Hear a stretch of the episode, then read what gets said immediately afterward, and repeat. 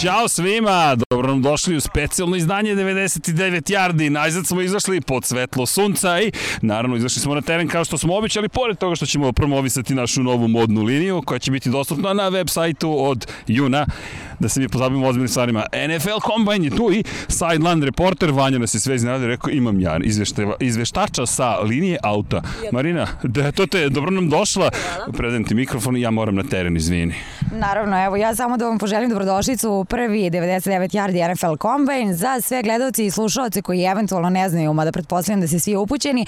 NFL Combine se održava svake godine par nedelja nakon Superbola i upravo na ovom događaju najbolji mladi prospekti pokazuju svoje fizičke sposobnosti trenerima, skautima, generalnim menadžerima. Mi nemamo baš takve, ali imamo ekipu koja je obećala da se neće obrukati. čekaj, čekaj da vas prvo predstavim, pa da. Imamo Vanju, imamo mladog. Mladih talenta imaju samo mla, jednog mladog. Mladog. E, ajde da predstavimo talente. Tu nam je Vanja, tu nam je Jimmy, tu nam je Srđan, tu nam je Miksa. I ko hoće od vas da nam objasni koje ćemo discipline Hoće mi se malo premijer. Jel ću ja uživati dok, hoću ja uživati dok vas budem gledala, eto to me zanima. To hoćeš sigurno, nije ko ovaj, želi nego ko mora. Šta ćemo da radimo? Prvo radimo ovaj pro agility, znači na 10 yardi, skrećemo od 5, idemo lateralno na jednu stranu. Pogledajte ovog našeg modela, on će vam objasniti. Na jednu stranu, pa onda na drugu stranu, do 10 pipnemo liniju i protrčimo nazad ovamo kroz 5. To je drill broj 1. Drill broj 2, Drugi idemo staviti. evo, ga, drugi modul. Nemojte da ih pomešate, jako su ovako slično obučeni, šort se razlikuje. Znači, krene se ova sredina, lateralno, u levo pipne se linija, nakon toga promena pravca po 90 stepeni, s unutrašnje strane čunja pravi se osmica popularna i onda speed cut protrčava se kroz kapiju koju ćemo kasnije namestiti. I naravno ona najpopularnija za koju se nadamo da neće biti stravičnih posledica. 40 yardi, nismo trčali dugo, 40 yardi sprinta, evo, ja ćeš ti Vanja da budeš model. Ne, imamo model, ajmo Jimmy, ajmo Jimmy, model, opa. kao Usain Bolt, kao Usain Bolt, ne mora 100%. Ubrzat ćemo u postprodukciji. E, nakon toga, ako bude ovaj, ostalo volje vremena, uhvatit ćemo po neku loptu, čisto malo da se gledalci upoznaju kako je to kada se baci uhvati lopta i naravno teretana, bench 100 kg, skoku dalj, skoku vis. Nema mi su, o- ozbiljni smo, mi nismo se ozbiljno spremili, ali smo, ali smo ozbiljno rešili da ovo odradimo. Šta da vam kažem, da vas ne zadržavam ja više, ovo je naš prvi 99 yardi NFL Combine, uživajte.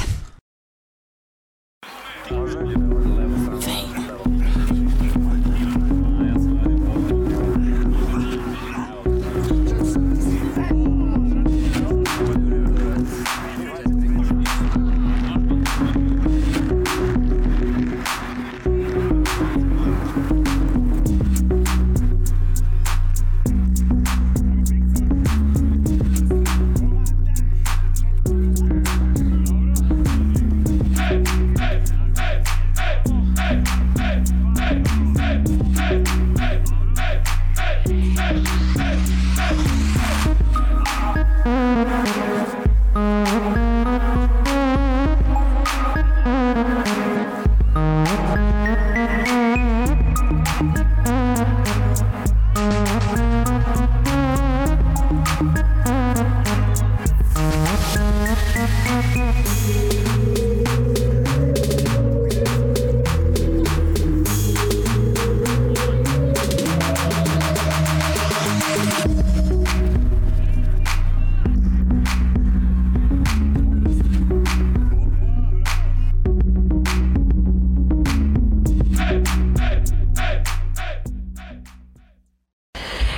Završena je prva disciplina, bilo je teško, iscrpljujuće, naporno. Kako ste preživjeli ovo?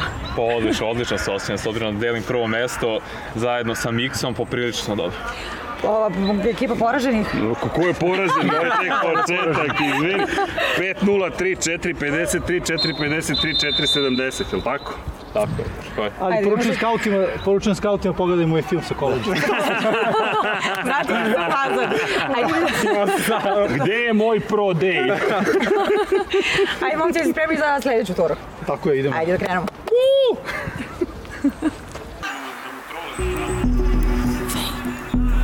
was it?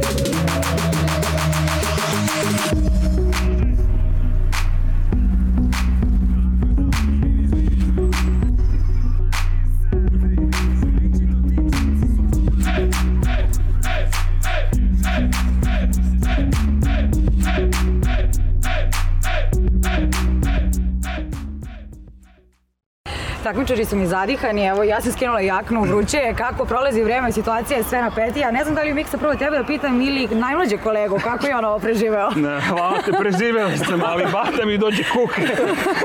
Ovo je bio take two, ali okej, zadovoljen. Ajde da čujemo tebe. Pa ne znam, nisam zadihan nego uzbuđen što imam najbolji rezultat. Pohvale, pohvale i sad nam kreće najgore. Poručujem i skautima da pogledam. Hoće ovo da manje da nam najavim šta nam sad sledi, sada je najteže. Kako bi Jimmy rekao, kraljica discipline, sad 40 yardi trčimo i verovatno umiremo na kraju, tako da ovo je najzanimljiviji deo. E onda ovo morate da pogledate. Kraljica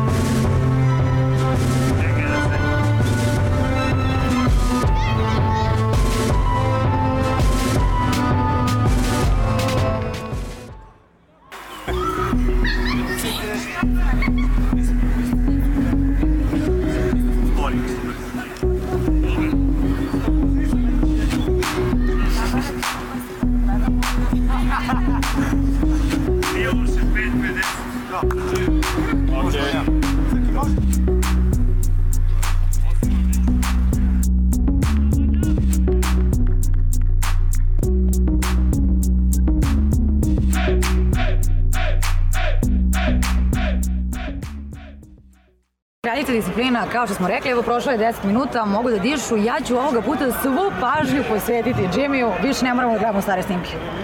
Ne pogledaj, stare snimke, ali da, bilo je odlično, bilo je odlično. Uh, hvala svim uh, učesnicima, slash protivnicima, slash kolegama, kako već da kažem. Uh, ne, super je bilo stvarno, jako smo se dobro zabavili, ali nije kraj, što bi Srednja rekla. Definitivno nije kraj, sa nama i Vanja, čula sam iza kulisa kažu prirodni talent. Prirodni talent potvrdio sad na kraljici najbrže vreme, tako da je ovo bilo ultra pozitivno i zadovoljno. Momci, vas dvojica, kako ste zadovoljni? Pray for 99 yardi, idemo u teretanu. Ovo je moj domen. Ovo je tvoj domen. E sada, gdje ćemo sada? Jel ostajemo ovdje, završili smo ovdje, tako? Ne, ne, Gotovo moj je? domen idemo, idemo. A e, pa to čekam da najaviš. Idemo u teretanu, koja je teretana? Idemo u Planet Gym. Idemo u Planet Gym da vidimo šta će tamo momci da radi. Dobrodošli u prvi 99 yardi NFL Combine. Evo nastavljamo, ista ekipa, samo druga lokacija, nalazimo se u Planet Gymu. Momci, imali ste malo vremena da odmorite, jel ste spremni za nove izazove? Ne. Ne. Nalazimo se, kao što sam rekla, u Planet Gymu, sada slede neke drugačije vežbe, to su više za tebe, da? Ili to Da, uživaš? da, da, apsolutno. Ja svaki dan redovno vežbam, tako da je ovo moj domen, kao što sam rekao. Stigli pokaži. to stigli smo u, mo- na moj teren. E, hoće neko da nam objasni šta ćemo da radimo. Vanja, Ajde, Jimmy, hoćeš ti? ajde ja ću. A, dižemo bench, a, 100 kila ili manje. skačemo u vis i skačemo u dalje. Dobro, prvo ćemo da... A, prvo dižemo bench. Jeste spremni? Miksa? Ne, Pa, ovaj, pored crke. ne, ne, naravno da smo spremni. Budi mi A, bre, budi spoter. Ne, dižemo 99 kg. Može, šta ti kažem. I najmlađi član. Ništa, došao da dominira i to je to. Ajde da vidimo tu dominaciju. Pogledajte njegov film. Pogledajte njegovu dominaciju.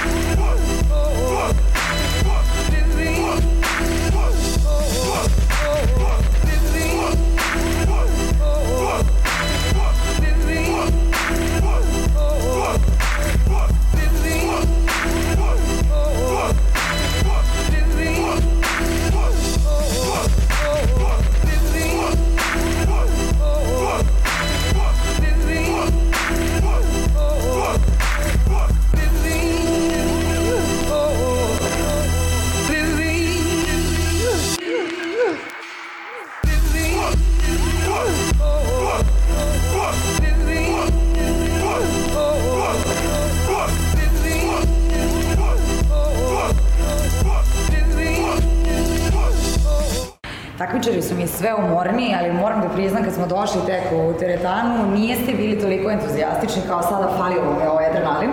Tako je, tako je. E, Moj stručni konsultant nije hteo da mi kaže ko, je, ko se najbolje pokazao sada u ovom prvom delu, pa ćeš ti da mi objasni. Ja. Šta sad sledi? E, Možemo malo realnosti. Skokovi sad sve. Previše ste mi umorni, ajde da... Nije, nije, zadovoljni smo. Svi smo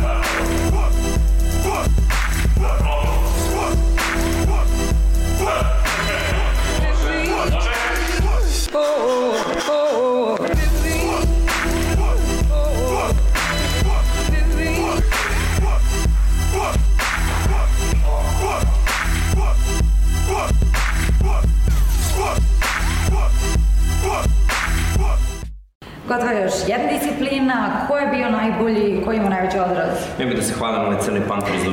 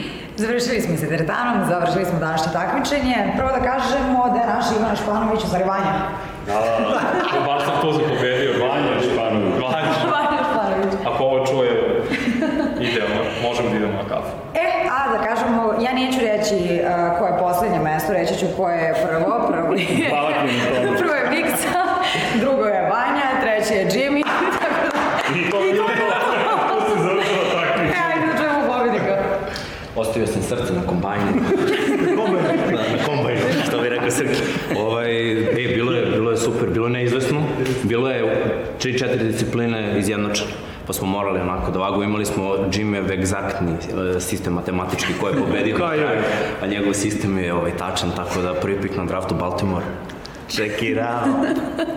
Ajde da čujemo i drugog plasiranog. Po ultra zadovoljno Baltimore dobio svog hvatača napokon. Ko će mene izabere, vidjet ćemo. I ne znam još koju poziciju igram, ali to je na njima da procene.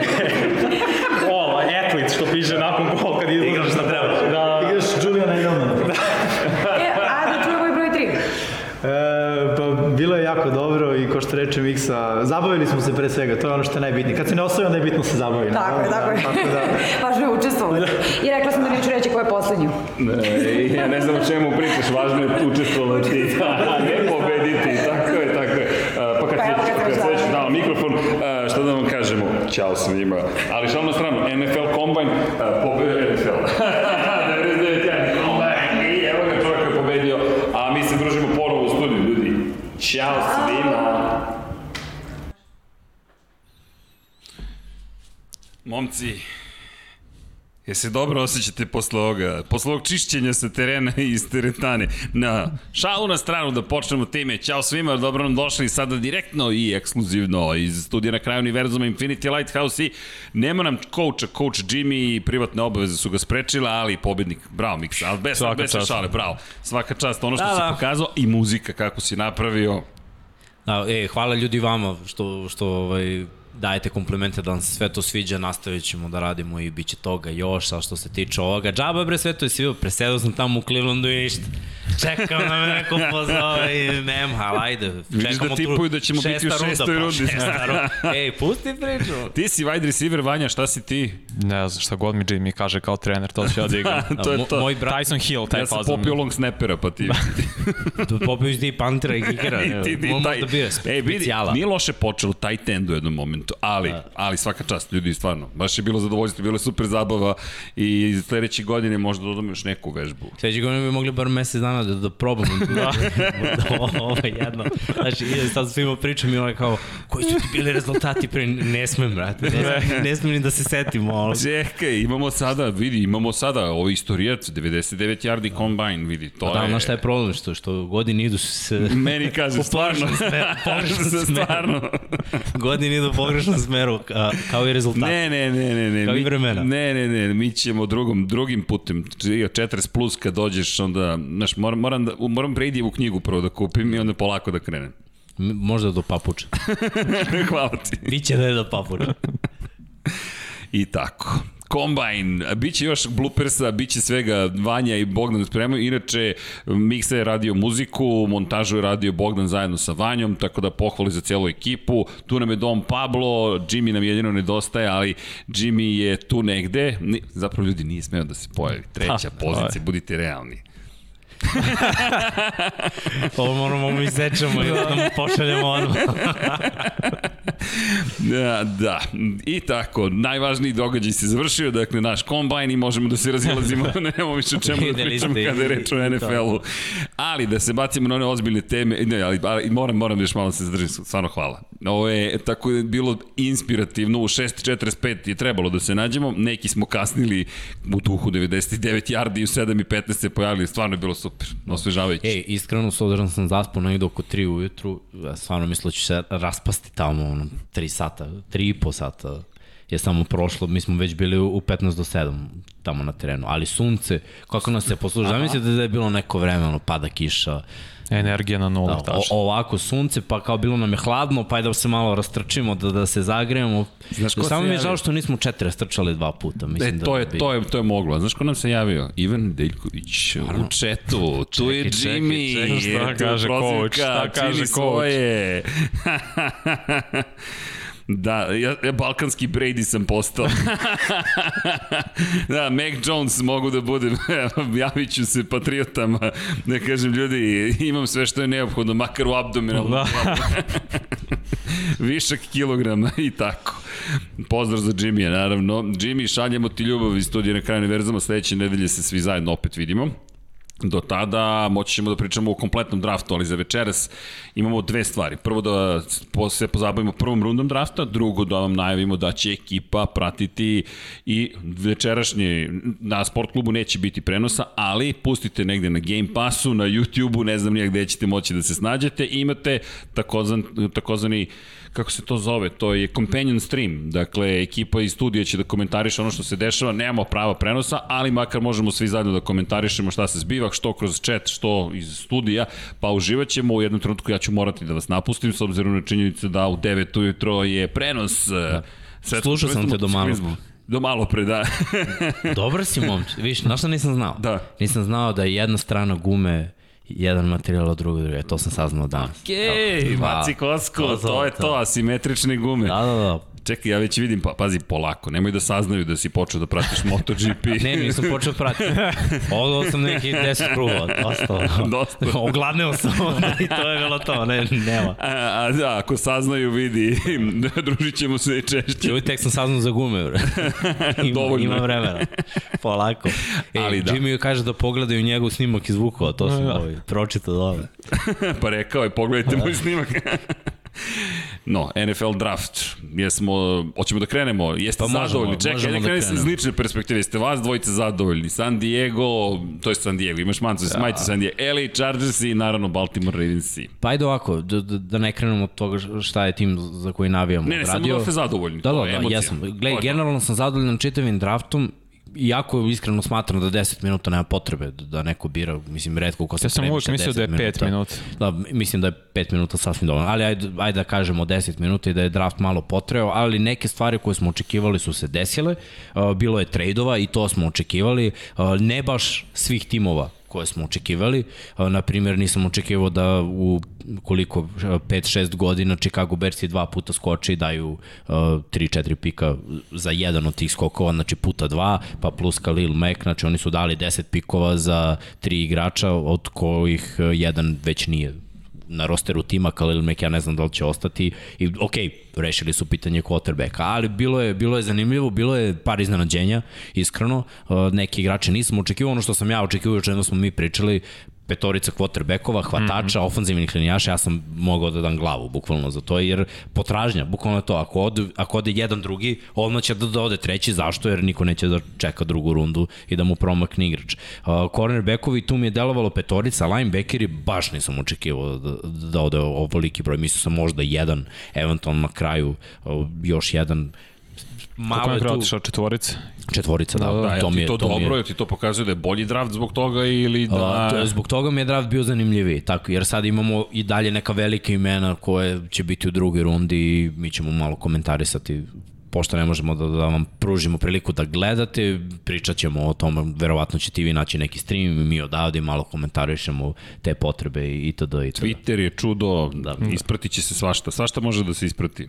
Pa, Uh, Ima način. Da, što se tiče Ravensa, ja sam i tekako zadovoljan, mislim da je Bateman jedan od uh, top 4-5 hvatača na, s ovog drafta, moma koji je i visok, sjajno trči rute, mekane ruke, bio je, mislim, kad pogledamo ovako atleticizam, i skočan, i brz, uh, hoću da kažem da, da je Baltimore bukvalno trebalo nešto što je potpuno drugačije i od Semija Watkinsa i od Markisa Brauna i to su i dobili. Znači ovaj momak je onako možda kao AJ Green kada se, kada se pojavio malo je niži, ali jako dug i način na koji on trče rute, sve to deluje mekano i jako lepo. Mislim da je Lamar sada nema nikakvo opravdanje da ne podigne svoju igru na, na viši nivo, jer kad pogledate skill set, odjednom izašla ona slika J.K. Dobbins kao running back, pa Mark Andrews, top 5 tight end, Marquise Brown i Bateman i na sve to veteran Sammy Watkins, Daverny koji je prethodne godine bio u trećoj rundi, mm -hmm. ali na tekstu se bio on sad mora da bude slot i to je to.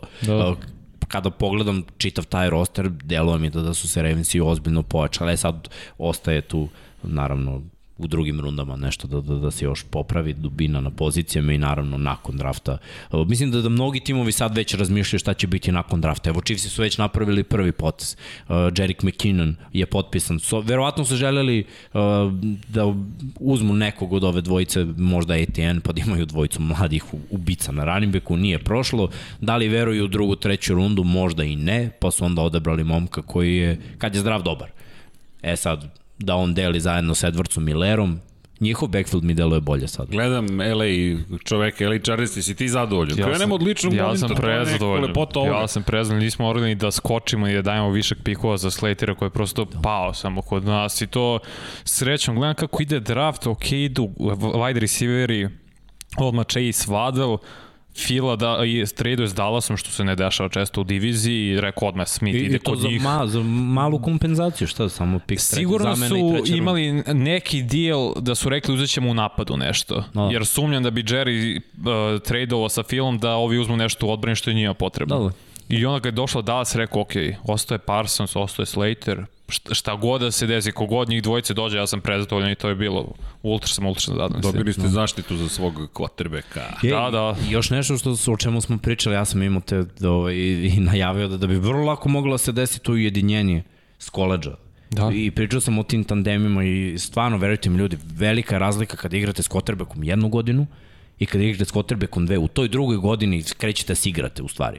Jer ono prva godina je bila ajde da radimo, da dođemo do te hemije, ajde sada svaki izlazak iz rute, gde ide lopta, koja ti je ruka bolja, da li je niže, da li je više, kakve tendencije imaš kad hvataš na dugačkim loptama, koje rame više voliš. Sad se već prepoznajete. U drugoj godini kreće igrarija, ono, bukvalno quarterback već zna sve tvoje afinitete, gde možeš da pobediš i bukvalno, čim sam vidio, znači ono prvo što smo pričali, ja sam rekao, ja očekujem Cincy da uzima online.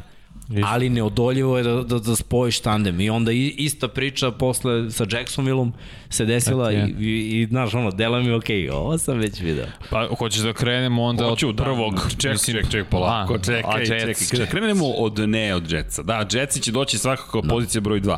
I tu, sam teo, lično... tu sam teo da, da pomenuo sam te tamo u prenosu, jer baš bilo ono sve što smo pričali, pa, ovo, jako pametan potes na kraju. Kada pogledaš i, i, i ofanzivna linija mm. i, i quarterback i to je ono što smo želeli no. i moram priznati da sam iskreno super ovo je sa Zach Wilsonom, dakle nemam pojma kako će to sve da ispadne, ali momak je zaista visoko kotiran, držim palče će to ispasti kako treba, ali to što smo uzeli ofanzivca me obradovali. Mm. Sam, ok, ovo već obećava, ovo je već neka priča o kojoj si ti pričao i to je to je sjajno. Šta će ti quarterback ako nema ko da ga čuva, ako nema ko da ti otvori prostor za running backa, baš problematična situacija, ali ljudi pred, draft pre drafta, Aaron Rodgers i Green Bay Packers i ta da, priča. To smo baš u studiju pričali. Da, da, da, da, ne znamo šta gotovo će biti. Znaš, gotovo. poruka je, ja neću da ostanem ovde. Pa da, e, a gledaj, čitao sam danas ovo šta je tražio i, i bila je kao priča, mislim, s obzirom da on zarađuje ispod 35 miliona, što čovjek MVP, sad, ja razumem ako želiš da osvojiš, ne možeš da zarađuješ više, mislim, to je realno može, mogu ne ti nakantaju nekih Ali 10, miliona, 10 miliona preko na, na neke bonuse, mm -hmm. ako osvojiš Super Bowl i to, da, mislim, imaš, ne znam, 4, sad već 5000 yardi i 30 plus touchdownova, može to za sve da bude, ne znam, po 2 miliona gore. Ali on mora da sklopi neku ekipu oko sebe da bi osvojio. Da li mu je cilj da zaradi ili da osvoji? To, to je pravo pitanje. Druga stvar, on očigledno želi od Packersa da mu oni ovako kažu, ej, imaš ugovor na, ono, za garantovane 3 godine i da zarađuješ top 3 u lig, znači 40 plus miliona da bi on ostao. Znači on očigledno ne želi da se okreće za leđe da gleda Jordana Lava. Želi osiguranje sve. I, i, ne, I želi mnogo para. Jeste. I u jednom trenutku, mislim ja sam pročitao da su 49ersi stvarno davali i ovog trećeg pika i još dosta toga, ali nije se desilo jer verovatno Green Bay ne želi u konferenciju da, da, da, da pusti Georgesa da ode, to je broj 1, a broj 2 sigurno su tražili ono, ne znam, tri pika prve runde. Sigurno. Pa minimalno su to morali da traže, ali opet ne znam šta je plan uh, Green Bay, jer konstantno sami sebi pucaju nogu i sad sa ovim draftom koga su izabrali i prošle godine. Da, to mi je jedini šok. To mi šok, šok. Ne, nerealno što oni rade sebi i onda posle očekuju, pa kao zašto si nezadovoljan? Pa, A, dobro, drama, i Rodgers je malo drama. Ne, jeste, apsolutno, on je diva, da se razumemo, on ima to u sebi, mislim. I on može da ih ucenjuje, što je najgore, kao pa ja neću da igram za vas, ja mogu da budem u hostu Jeopardy, šta? No.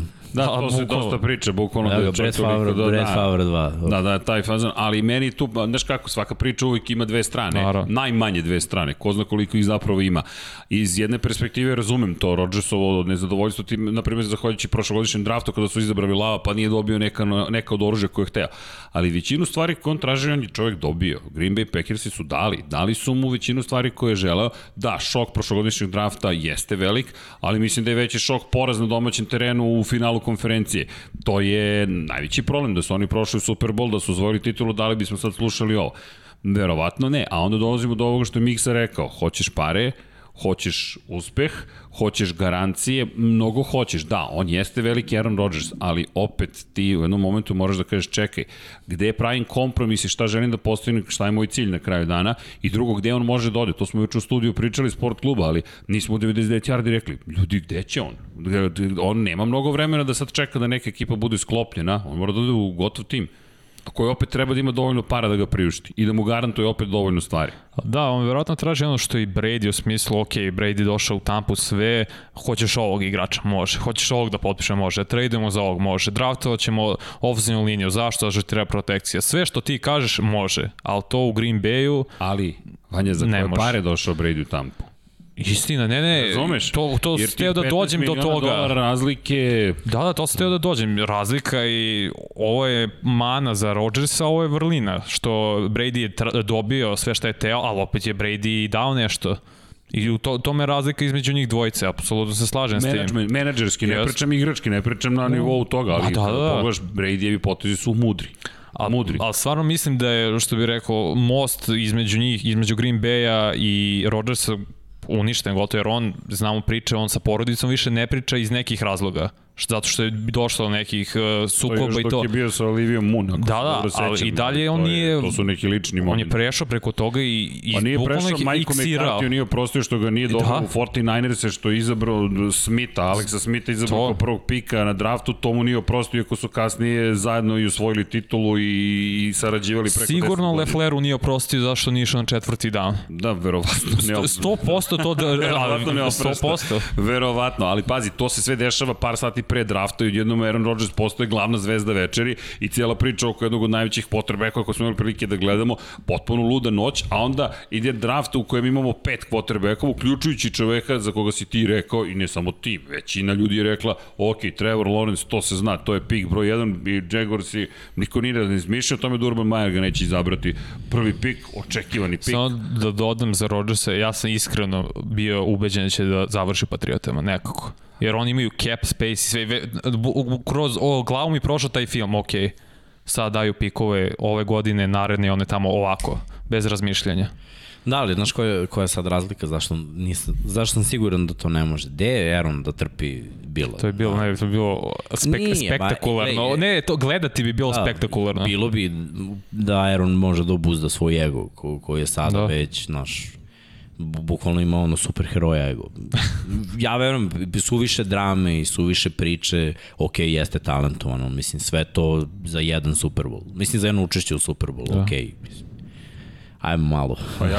ajmo malo da budemo realni. Zato, na, vidi, Zarađuješ, ja znači, zato... među najplaćenijim igračima si u ligi, uh, imaš jedan super Ne možeš sve, vidi, vidi, baš je redko da dobiješ sve. Pa ne može ne, da ne, ne znam sve. kako možeš da izvedeš. Da, da, u dakle... košarci jako teško da dobiješ sve, da na rosteru imaš 12 igrača, a od tih 12, ajde da kažemo da da 8 ulazi u igru. Opično trener pravi rotaciju osmorici igrača. Da. I tu je jako teško da sklopiš tu neku ekipu koja se gotivi i da svi zarađujete kako treba i, i da ostanete duže. A on to hoće u ekipi od 50. Došao je do ugovora, zadržala se ekipa, imali su šansu, nisu osvojili titulu, godine idu. Jedna godina je otišla.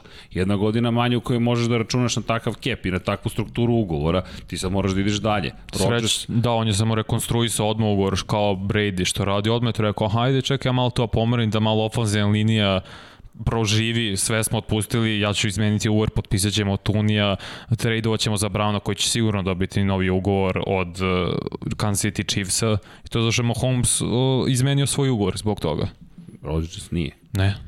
No, pa i, pa i nikada i neće, znaš, Ni- takav, takav je tip. Prosto takav takav karakter. čovjek, da. I ide dalje, ima jednu titulu, bit će uvek zapamćen kao jedan veliki igrač, ali jeste na trenutak oteo noć drafta i meni deluje da nije slučajno uopšte što je to saopštio baš na veče drafta i da je hteo da izbegne situaciju u kojoj Green Bay Packersi ne biraju baš ono što, Ma što bi on želeo. Ali... Srki, veruj mi, to je ono, pustite draft, gledajte mene. Attention freak, klasičan. Ja mi ja se više slažem, slažem nije- sa Srđanom da je baš jedini. teo na draft. Ali mo, moguće da je kombinacija stvari. Da, Znaš, moguće, da, je, da je i moguće. poruka Packersima i da je ovo što A, si rekao. Gledajte me, mislim kao Russell, Russell isto to sad počeo da radi, znaš, ono, pogledajte mene, ja sam mnogo važan, Da. ja sam mnogo bitan. Ali vidi, mislim, ja sam tamo, jesti, brate, igrači nas, ali, ajmo ono, Ali vidi, juče, da piva. šta smo rekli, to jest nismo mi, citirali smo, ne znam tačno ko je od naših američkih kolega rekao, da Aaron Rodgers čovek koji je sprečio da glavna zvezda draft večeri bude Tim Tebow, o kojem no. se priča kao čoveku koji će se vratiti na poziciju tight enda, ni manje ni više, nekadašnji quarterback Denver Broncos, ali dobro, lepo je bilo čuti ponovo nešto Tebow, meni on i dalje zanimljiv lik, uvek nekako mi je bio pozitivan, bez obzira na sva ludila koja su ga pratila, meni Tebow... Dobro, njega ništa negativno nije Ne, pratilo. upravo to, meni njega je su Tim pratile Tebow- pozitivne stvari. To što je. se priča o nekome ne mora uvijek da bude negativno. Tako je. Čovjek, ono, pozitivna cela priča, mislim i, i njegov učinak u ekipi, Pa on je gurao ekipu na, na bolje, mislim, možda da. on igrački ne posjeduje, ne posjeduje neki kvalitet, nije bio ono najbolji, ali mislim, Ali bili su bolji od njega. liderstvo ima, ili? tako, bili su bolji od njega Bili igrači, su voljni da ga prate. pa nisu došli do, do play-offa, a on jeste još i pobedio jednu utakmicu. Lider. mislim. Vidi, Baš to je to. Bio, postoju se, ja ću da vas vodim, idemo, verujem u, u, u sve što treba da... On veruje prosto čovjek. Mislim, na stranu ne pričamo o religioznosti, on jeste i, i veoma religiozna osoba, nego on čovjek zaista veruje, to ti je potrebno, da veruješ da je nemoguće moguće. Mislim, igrao je malo tight enda za Jetsi. U nekim plevima. Potražili su još kad izlazi za koleđe da bude tight end. Da. Ma, možda ga i vidimo, ko zna. No, ljudi, da se mi bacimo na Trevora Lorenza, da se bacimo na, na draft i ono što smo počeli da pričamo, čovek je bio zvezda i pre drafta, ostao je zvezda, Jacksonville Jaguars i nije bilo sumnje koga će izabrati, prosto ceo draft se vrte oko Trevora Lorenza, ka, kažu taj takozvani generacijski talent.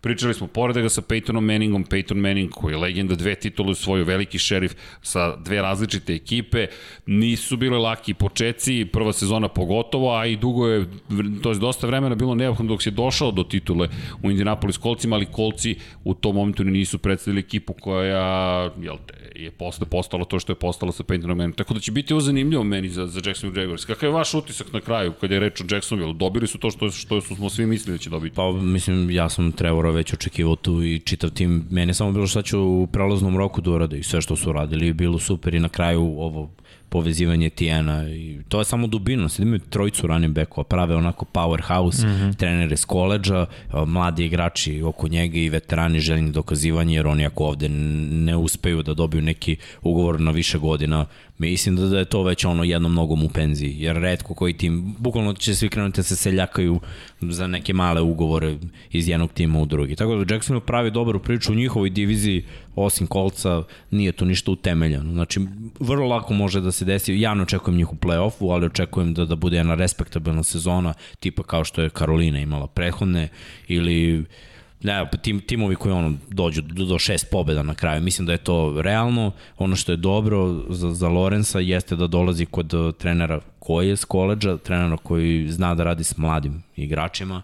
Ako se sve bude pokazalo kako treba, on može da, da napravi taj kao značajni uspeh on je ipak, li, ko što kažeš, lice franšize, poznat je mnogo. Beće na društvenim mrežama, tako i, i vidimo odmah su već krenuli igrici i, i sve navijači oduševljeni zato što on dolazi. To je velika stvar i mislim u tom Jacksonville-u hteli mi da priznamo ili ne, on je sad najveća zvezda. Nema tu dru, drugog igrača kogo god neko bio tu ili bio produktivan ili sve. Od njega trenutno nema veće zvezde u, u Jacksonville i to je ono što njima treba, jer su oni jedno mrtvilo već 20 godina. Njihova to, prethodna zvezda, ako ne računamo ovaj Pro Bowl, ali to je bilo nekoliko igrača, ušli jednom u play-off, pre toga najveća zvezda je bio Morris Jones-Drew, ali onako zvezda u NFL uvek na malo duže staze. to, među najboljim running backovima je bio prepoznatljiv, evo ga sad radi na NFL networku, znači o, ovo je za Jacksonville velika stvar. A Jacksonville i Zvezda bio tim zapravo, kada su ušli u finale konferencije, kada su pobedili Pittsburgh Steelers, se to usvežio i u novijoj istoriji, to je taj moment i bio je taj pokušaj, kada su na neki način, hajde, krenuli da, da završe praktično s tom generacijom, dovodiš novog quarterbacka, pokuša s nekim sa Nikom Folsom koji je osvojio titulu da kao nešto se desi, prvo bacanje, uspešno bacanje i prelom ključne kosti kao da se sve to završilo u tom eksperimentu i ne zaboravimo da je Tom Coughlin tamo bio i da, da, da to, to nije uspeo eksperiment prosto na toj poziciji. Sve se promenilo u Jacksonville i njima ovo baš treba. I što si rekao lepo, prva velika zvezda posle mnogo vremena. Pa da, još ako uzmemo obzir da je Lorenz u žiži javnosti već tri godine, od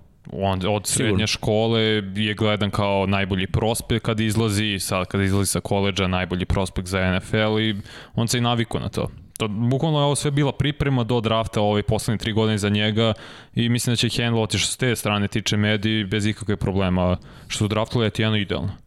Da, da. Treba ti dva running backa sada. Ne, da, sad imaju trojicu. Mnogo je teško da budeš sad workhorse jer gledamo McCaffrey koji ima realno po 30 dodira po meču, ako računamo i hvatanje sve, povredi se. Barkley povredi se. Zik više nije taj isti igrač. Mnogo je teško sad budeš taj running back. Može Henry sa 191 i 110, Samo, 15 kg mižića. Da napomenem, 25. pik je bio. Mm -hmm. Etienne su doveli pred kraj prve runde i 25. pik to su da, dobili od Eli Ramsa. To, to se očekivalo. Running backovi tržište to diktira. Da, da, to je, da je prvi running back otišao na broju 3, verujem mi da bi drugi otišao na broj 10, ali kad da. prvi running back ode na, na broj 20, normalno... U 24 Steelers je odmah pa, ali da, Harrison da, što da su kasnije. uzeli, to je, to je isto zanimljivo, ali pričat ćemo o svemu tome. Da. Krenuli smo od Lorenza pa spojili... Pa i, i, i samo ovo još da kažem, samo još ovo da dodamo za Jacksonville kad govorimo o tim zvezdama, da kažemo da je ta ekipa koja je došla do finala konferencije, oni su onako baš bili, ajde, ajde da citiram Tupac, ono, tag life ekipa. Yes. Znači, bukvalno jedna gangsta slačionica Kriminal. gde kad se, po, bukvalno, gde, gde kad se pobeđuje, sve je u redu. Prvi poraz, odmah kreće pljuvanje jedni po drugima, ono bukvalno samo treba da ne izvadi pištolje da se poubijaju u slačionici, ali pa, tako mi je sve izgledalo. I, i, su bili na granici tako, i, I zato je najverovatnije ono, ta ekipa morala da bude raspuštena i baš juče taj bio podatak da od 10 posljednjih godina oni su šest puta birali u top 10, ni jedan od tih pikova nije u timu. Ono što su zadržali je Josh Allen, mm -hmm. uh, Kelevon Chason od, od prethodne godine i bukvalno to je to. To je to. Pa jednu bludu teoriju prema što se prebacimo na ostale, na ostatak drafta. Gledam sad razmišljam poslednjih 10 godina koliko su pozicije kvotrbeka postala bitna i koliko su napredni prospekti ali delo mi je da je to smanjilo, uh, aj kažem, rok trajanja jednog quarterbacka od 2010. Sad gledam ko je ostao i ko je trenutno top quarterback. Da vam pada na pamet. Ja, o, šta? Od 2010. Da. Pa mogu da kažem samo, samo, samo Dak. Ali, da, pazi, Russell Wilson je treća runde. Ja gledam sad uh, pikove prve, prve, prve runde. Prve dve, aha. Uh, prve, može i prve dve. Jer realno... A od prve runde, gledaj, ja od prve runde ne smatram da, da je od od Dilaja Meninga bilo, on je poslednji iz prve runde, da je bio ekstremno produktivan. Pre njega Ne, od 2010. pusti sve to da, da, pre... što je bilo pre. Da. Ali čak i da odeš još 10 godina unazad, al, samo je jedan. Ali to, ali oni su trajali. Čini bizarnim ovaj ceo draft. Meni pa i da. dalje ono što sam i ponovio više puta, ja i dalje verujem da mu treba da...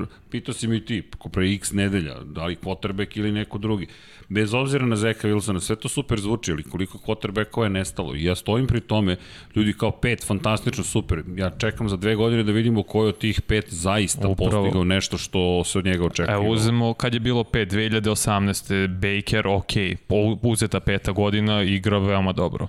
Lamar MVP lige super, Josh Allen možda i trenutno najbolji. Darnold, nova šansa, vidjet ćemo Rosen out.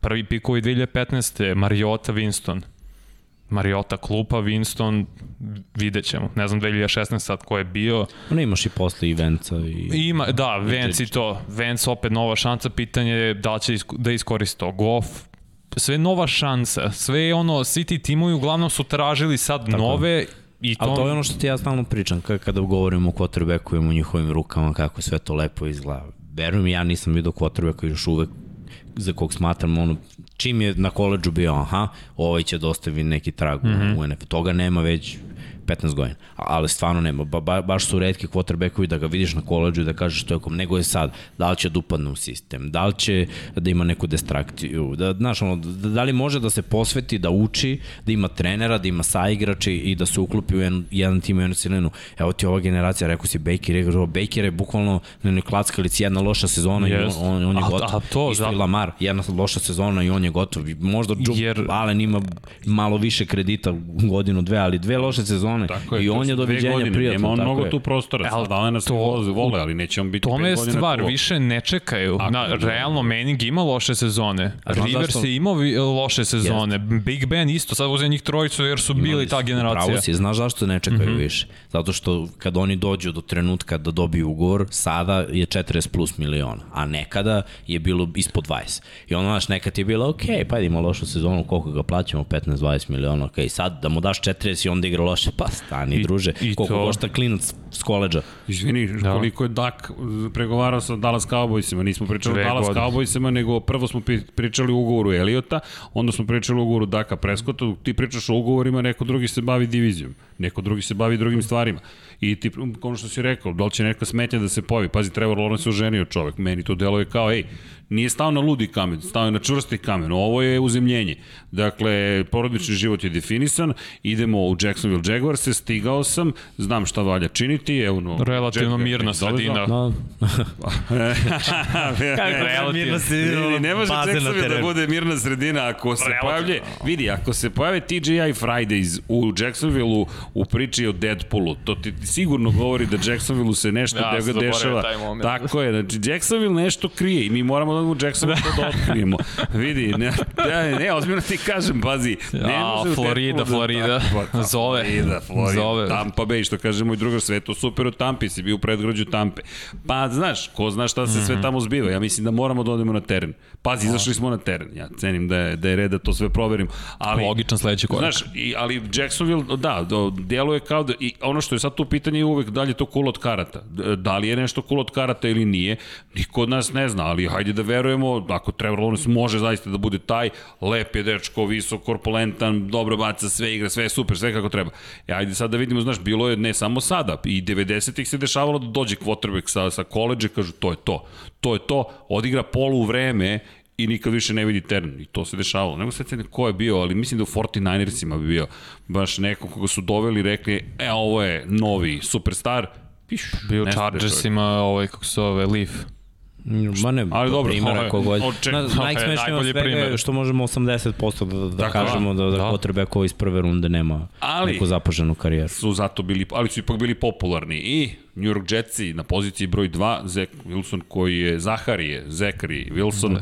ode u Jetse, on, nije neočekivano bilo, pričali smo o tome, međutim to opet moramo da spojimo celu priču, ono što smo rekli na početku, ti kada pogledaš, on bez 14. pika, to jest bez toga da, da, da su Jetsi od Minnesota zapravo uzeli pik, jer mm -hmm, to isto bilo važno tradovati i uzeli Takera, pitanje da li bih ja bio zadovoljan sada kao novo komponovani Jetsa, pa ne ozbiljno, jer to je ono što se stalno ponavlja, ali ovo delo je sada kao dobar potez, delo je kao dobar potez, ali opet, mačka u džaku je uvek quarterback, ti ne znaš šta će biti dok ne izađe na teren, da ne bude ko s Darnoldom, vidim duhove protiv New England Patriots. Pa da, pa sa ovakvom linijom koja se gradi, mislim, to će se graditi dalje u kasnim rundama, ostaje Jest. free agency, koliko momaka neće biti draftovano, pa to se nikad ne zna. Naravno. Evo ti, ja uvek kažem, Orlando Brown je meni klasičan primjer nekoga kog su svi ocrnili, biran u trećoj rundi, dvostruki pro bowler na oba tekla.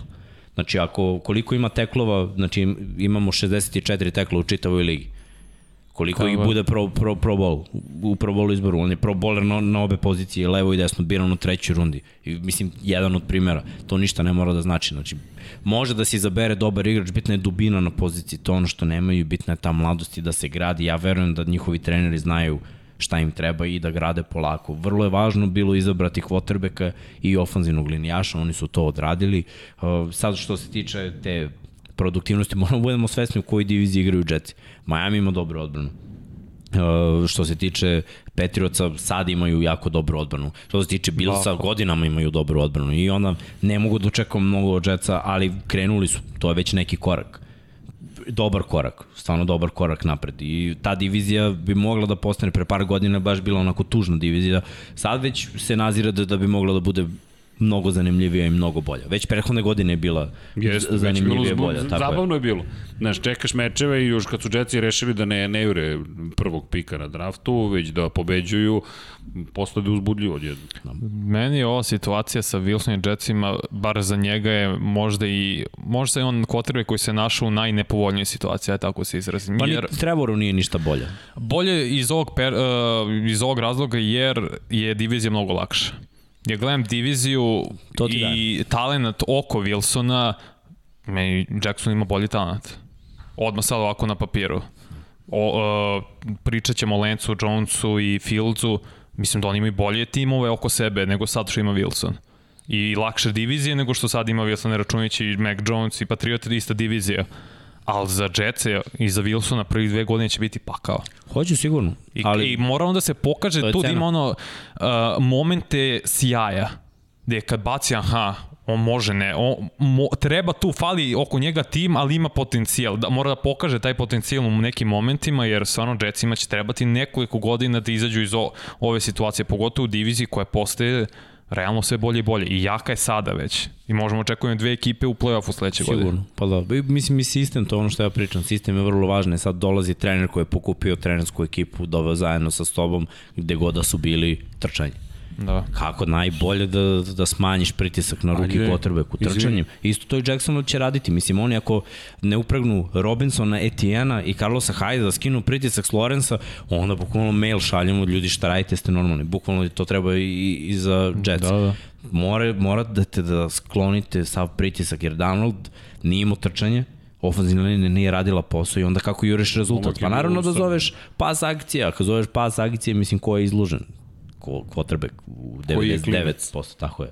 Šta će, on, šta će on drugo da radi nego, nego kad vidi puštene slanca defensivno da. jaši dok Naravno će se paniči, mislim.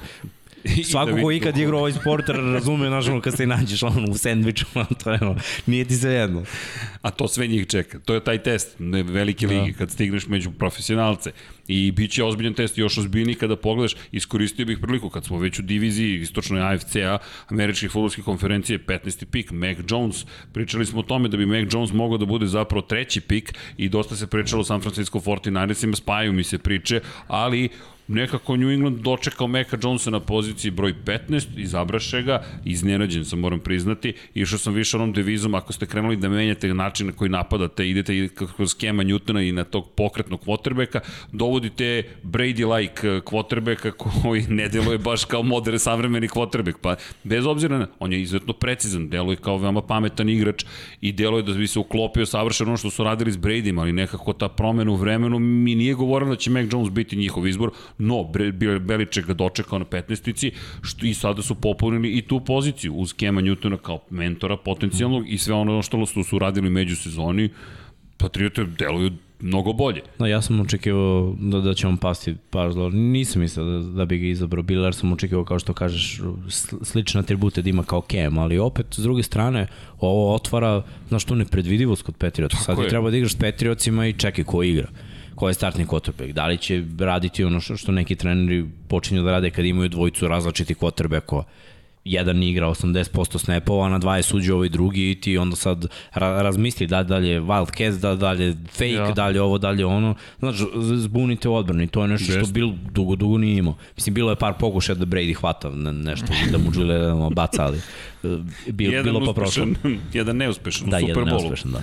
Ali ovaj, kad, kad pogledam kakav je njihov tim, to je tim koji je već bio skockan, malo toga je falilo, oni su heavy run tim i prethodne sezone, oni rotiraju trojicu, četvoricu running bekova, ofanzivna linija može da se skocka, da bude još jača, odbranu su nakrcali koliko god su mogli, sad je ta odbrana bolja nego, nego što je bila još od, od Superbola, ko, mm. kojim kada je odbrana u stvari i osvojila protiv Remsa. Tako da meni deluje da su oni odradili dobar posao. Mislim da Jones nije spreman da igra u NFL-u. Um, mislim da to vatreno krštenje mora da se odloži i najbolje je da uči za nekog profesionalca. Kem je ozbiljan, što se toga tiče, njegov pristup je ozbiljan, uh, njegovi uh, kvaliteti igrački su onako opadajući. Dosta povreda, rame bacačke ruke, sad mogu, ja verujem uvek da, da, da će on da da 100% i da igrači iza njega stanu, jer uvek će igrač da stane iza nekoga ko radi Kada vidiš da neko radi, da se trudi, ti, ti ga podržavaš, ok, možda je loš, ali brate, on je tu na svakom treningu. E, prvi je na svemu. Kada radite neke drillove i, i tu, mislim, on uvek radi sa skill igračima i uvek je među najboljim, ima najbolje rezultate, kako to da ne poštuješ i možda je ta tranzicija, on je potpisao, nije potpisao na 5 godina ugovor sa Petriocima, nego je tu samo da premosti, da bude, da bude taj most.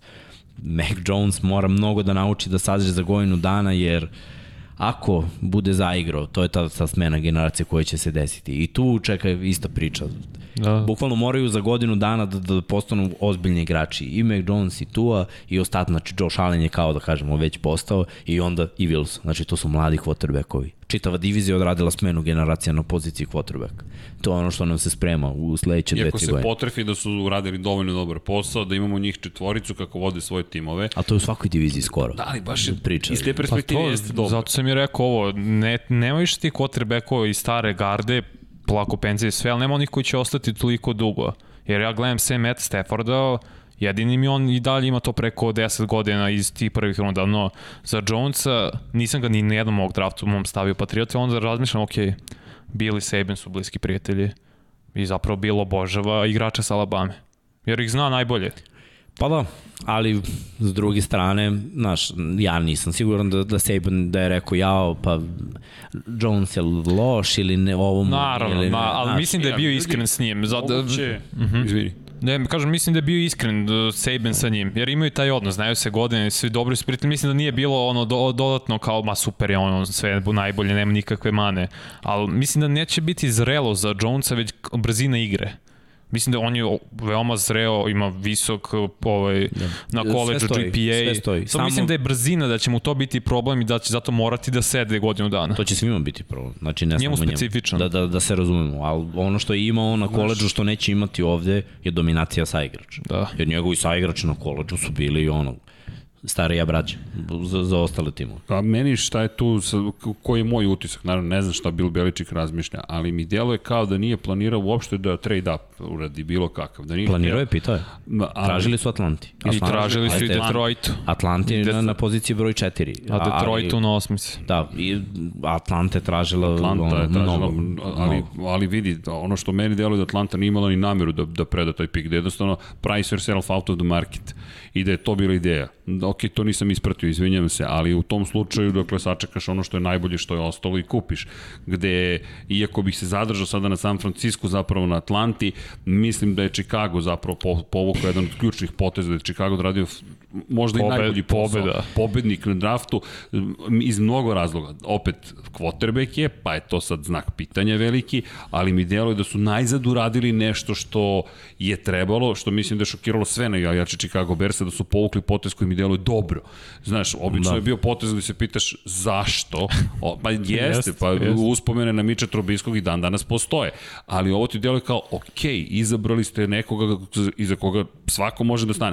Jer ako pogledaš, Bearsi su bili 11. Justin Fields je na kraju 11. pik bio to nije nužno baš očekivano u celoj toj priči o quarterbackovima. Pa dobro, ajde sad plan, mi smo pričali gde, gde može da ode i šta, pa ajde da krenemo od šoka, meni šok bio da Trey Lance ode kao broj 3. Da, Trey Lance, ma, ma da se sećaš što smo pa, pričali? To je pobeda za San Francisco, verujte mi, to je San Francisco ovde sa Bercima najbolje prošao. Ja, ja, izvini, nisam verovao da će uzeti Mac Jonesa, ja sam pomislio jednom trenutku na Trey Lance. Ja sam mislio da će Fields, ali glej, ali... bilo mi ono, quarterback, to, to sam bio siguran, samo bilo pitanje koji od ove trojice, jer je bilo ono, ovaj, ovaj, ona i to se menjalo iz nedelju u nedelju. Ali lepo su prikrili, ovo sve vreme bio kao Jones i favorit I, i na, za, za klađenje isto, Jones je bio favorit za treći. No. I lepo je Kyle Shanahan prikrio, uzao Trey Lance, dečko. Ne, njegova situacija da, je najbolja jer dolazi u kompletan tim, da. kompletan mlad, perspektivan tim gde je trener dva puta bio u Superbolu, uh, tim koja je ono pobednička franšiza, bogata istorija, talentovani igrači, pikovi prve, druge runde uglavnom ili igrači koji su na, trebali da budu prva, druga runda, a nisu bili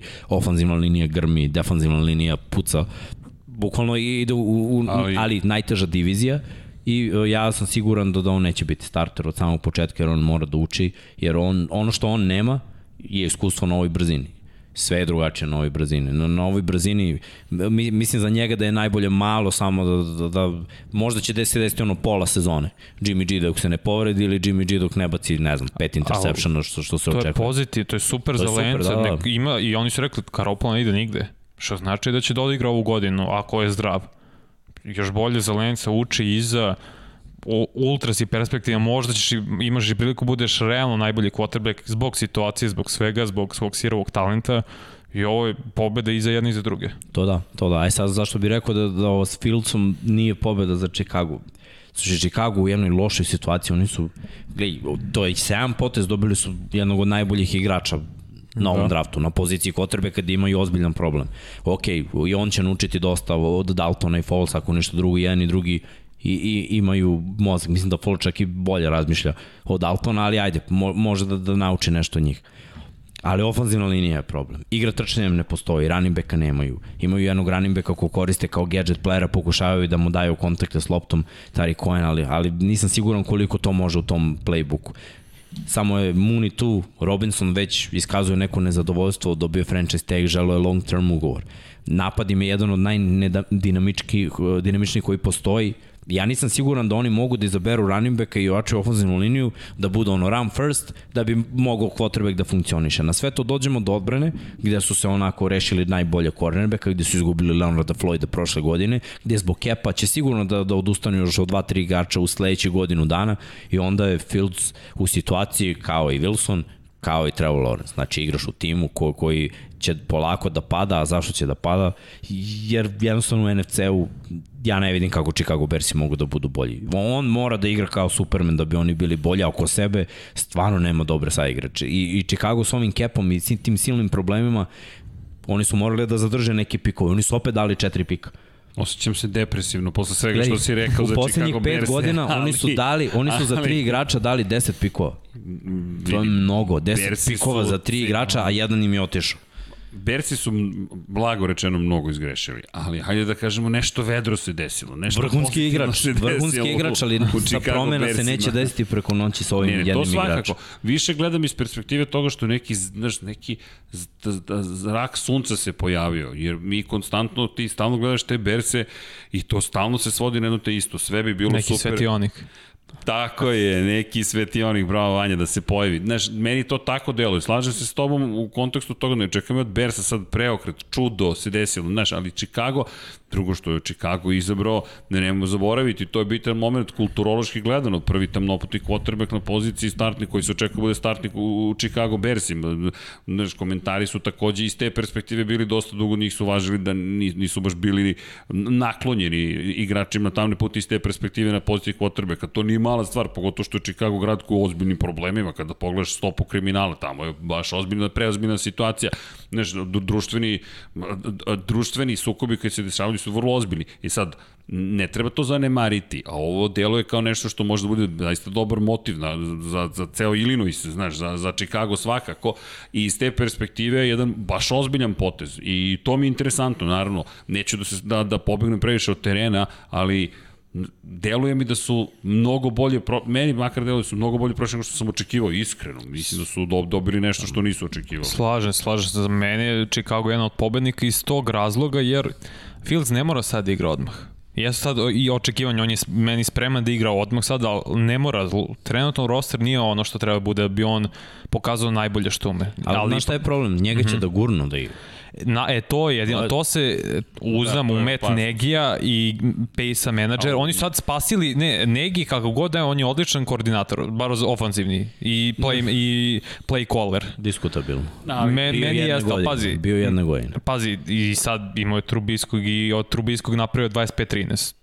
To je... Gledaj, u te, te godine odbrana najviše, najmanje dozvoljenih da. yardi, najmanje primljenih poena, najviše postignutih touchdown, najviše turnover. On je kao glavni poena. trener sa quarterbackom Trubiskim ima 25-13. To je... Mora da razumeš u američkom futbolu, kada dobiješ loptu kao napad sa 20 yardi, ti daješ poena. Pa znaš, da. kada dobiješ loptu, odbrana ti stavi, znaš, kada sve vreme prelaziš 20-30 yardi, protivnička odbrana mm -hmm. je deprimirana, a tvoj napad je, evo ga, vrate, bot za 10 ne, yardi za touchdown. Ne, ja razmišljam o majici, gde, gde, gde verzija Majte, sad ću ti kažem zašto, znaš, ne, ne, ne, te godine, ali, te godine Trubisky odigrao dobro, ali, ali odbrana je bila najbolja u ligi, pa pet mesta prazno, pa druga neka. Pa bila istorijska odbrana, realno. Jes, samo da se razumemo. Pa je, ne, Zato jeste. je napad bio okay. Oni su s ovim skupili još sebi vremena u Chicagu, i menadžer Yes, i trener. To, to si u pravu, kupili su sebi I vremena, ali mislim- će ispasti glupi, Da. jer će Andy Dalton da bude, sad ću da ga, zašto? E, Andy Dalton je stari Andy Dalton. Ja sam vam pričao prošle godine kada je igrao jednu Yes, dobru utakmicu, ne dao su šta je Andy. Dalton.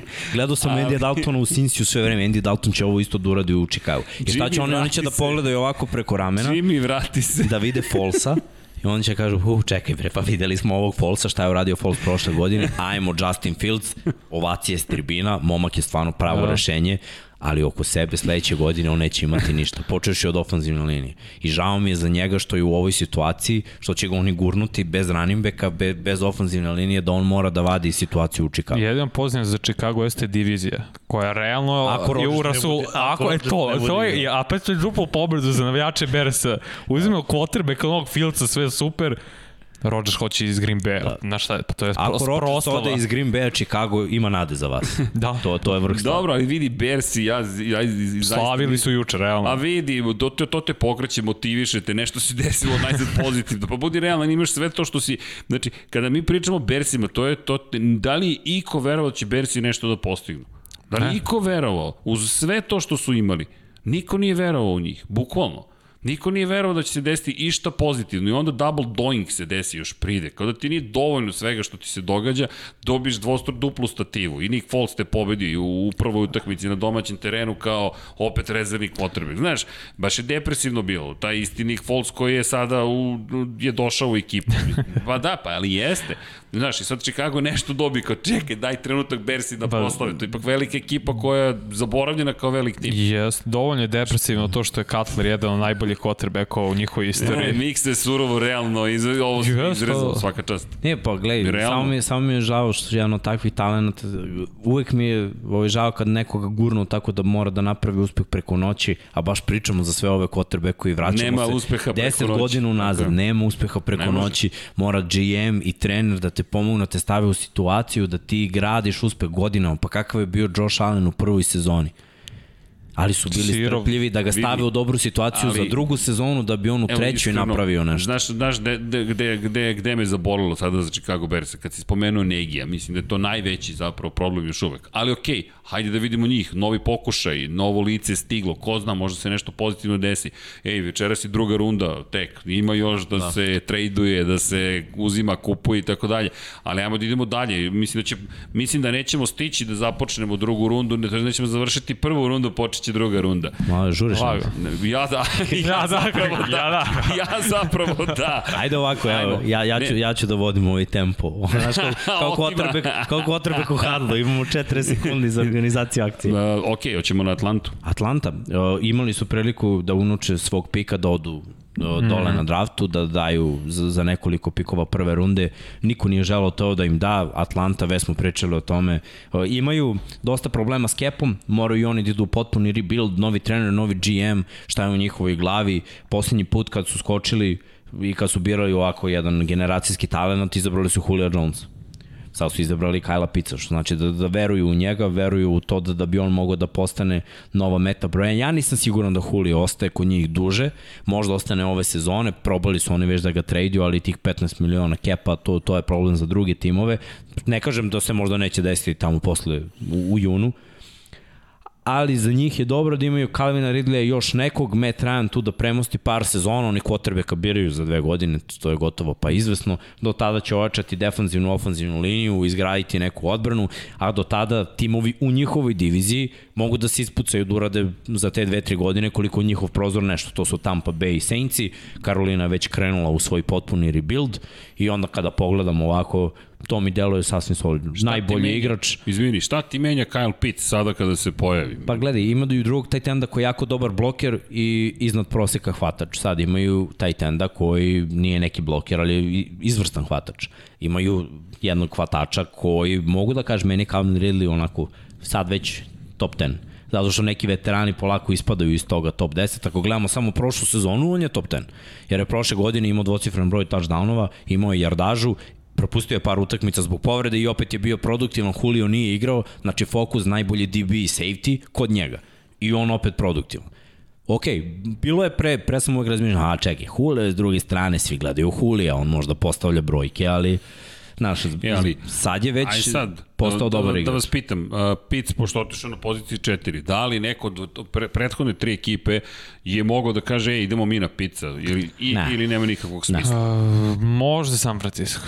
Ali imaju al, al, to je pre, ne, mo, to je ono, Previše bi bilo, previše bi bilo, jedino, jedino San Francisco ima smisla. Ne uklapa se on u njihov sistem. Njihov sistem je, e, pazi, zonska šema blokiranja, run first, pa onda se tight end otvara. To znači da bi on morao da bude brutalan bloker, a nije. A, nije. a ja mislim da bi Šenhen nešto ne, ali stavio, bi ga, je... stavio bi ga tamo gde, gde mu ne treba. Ima dobre hvatače, ima brutalnog tight enda koji je u njegovom sistemu. Yes. Ima i fullbacka koji je kao tight end. I onda samo dodaješ a ne treba pa to, to. a realno quarterback ti treba. Zanimljivo, znaš, iz perspektive toga da meni se dopada što su ostali dosledni, što su uzibrali taj tend. Da li su mogli još i nešto bolje ili korisnije, Verovatno, ali opet ako on zaista toliko dobar ili toliko se ispostavio da je dobar i u profesionalnoj ligi kakav je bio na koleđu, ej super, to je ono što si ti pričao, oni su ljudi hteli, baš su hteli Julio Jonesa i Julio, evo, Julio je i dalje Julio. Pazi, oni su da. hteli Tonija Gonzalesa pa ga nisu uzeli, pa na kraju kad je došao kod njih, oni su imali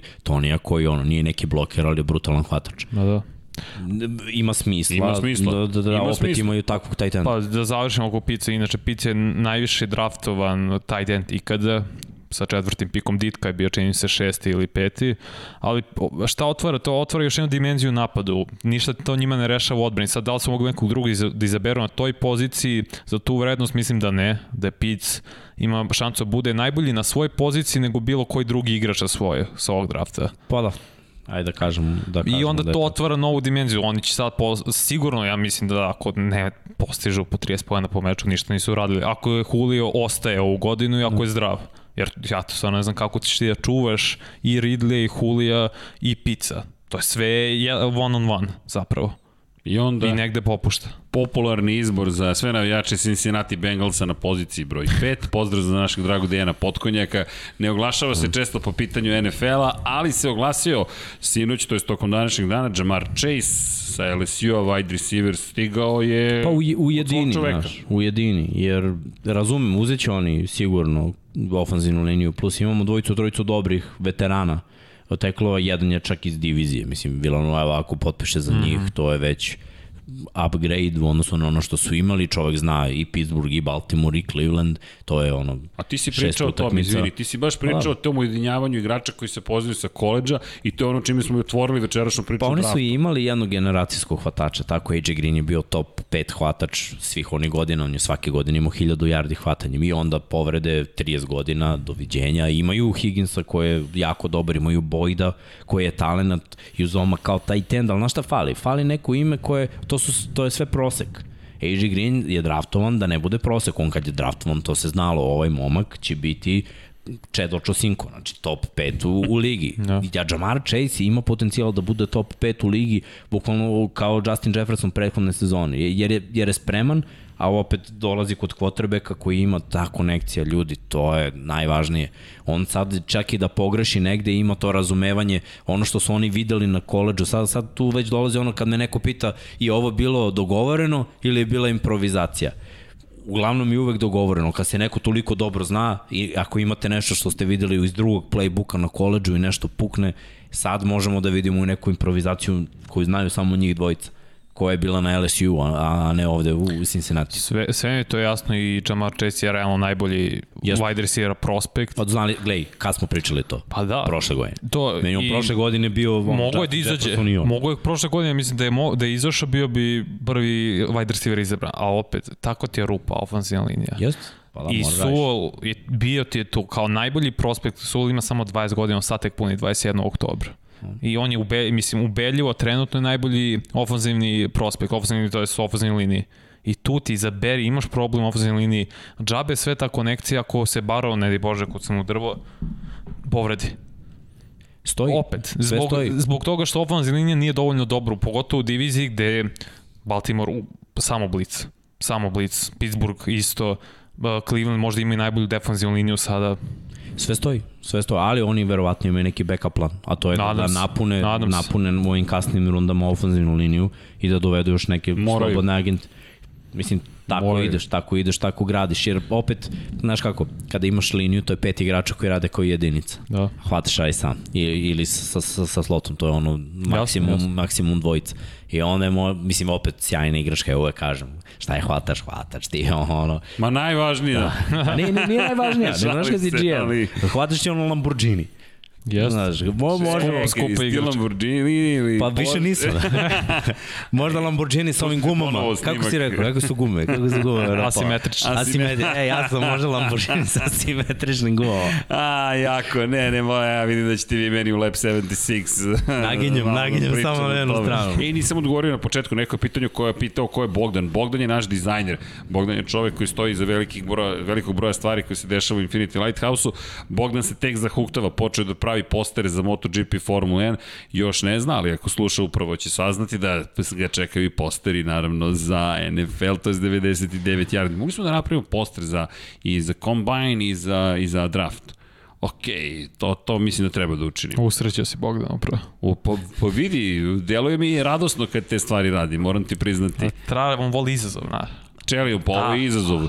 Bili smo na futbolskom terenu Rakovica, nek prikaže Rakovicu, Košutnjak, Ne Miljakovac, to. Ja, jeste videli pogled koliko je dobar? Ono ujutru, sunca, basket, Super je, mm. super I, I klinci koji su igrali futbol, klasični futbol. Mogli smo da ih navučemo malo na američki futbol. Polako. Niko nije prišao. ne prilaze, ne zanima njih. E, prišli su roditelji, za koju televiziju snimate? Za Infinity Lighthouse. Šta? Okay. Ima to, ima to u nekom paketu. ima. Gde to ima da se U najčem paketu. Zove se Infinity Lighthouse. Čekaj, kad smo već kod tandema, idemo dalje. Ajmo, idemo peta, na, idemo šesta pozicija da, Miami. Idemo na Vadla, znači opet je. sve isto i oni su mogli da pojačaju ofanzivnu liniju. Nisu, zašto? Zbog te konekcije, jer quarterback ponekad, gledaj, quarterback kad veruje, ja uvek kažem, kad Rodgers je u problemu, on će baciti loptu Devonta Adamsu, pa čak i da ovaj nije otkriven. Čak i da separacija ne postoji, jer on zna gde će biti separacija i kakvu loptu ovaj može da uhvati. Tua prehodne sezone imao situacije kad je mogao se oslobodi lopte, ali često je zadržavao. Fitzpatrick je quarterback koji veruje svima. On, on je bukvalno, to, to su ono burazeri, brate. Evo ga moj hvatač, hvati matori. bukvalno bacam po svaku cenu. Sada Tua verovatno posle godinu dana, pošto je sve video, zna da, da nema pritisak iza leđa, zna da je quarterback franšize, za sada ima hvatača s kojim ima konekciju, koga veruje, plus još dvojicu, trojicu s kojim je stekao neku hemu. Ja mislim da je sa Gesickom, Gesickim stvorio neku vezu bolju nego sa Parkerom i sa mm -hmm. Williamsom njihov napad je dinamičniji nego što je bio, mislim da, da je velika stvar uh, još što, što će u kasnim rundama birati i popuniti malo i backfield, to je ono što njima i tekako treba i može vrlo lako da se desi da, da, da ovaj Miami bude efikasniji ofanzivno nego što je bio pa, prethodne godine. Mora da bude, jer meni se Vadl kao prospekt mnogo sviđa, on je meni najbolji bio wide receiver prospekt i gledam njegov tape, Mislim, ljudi, da se spomenem, on imao bolje brojke od Devonte Smith.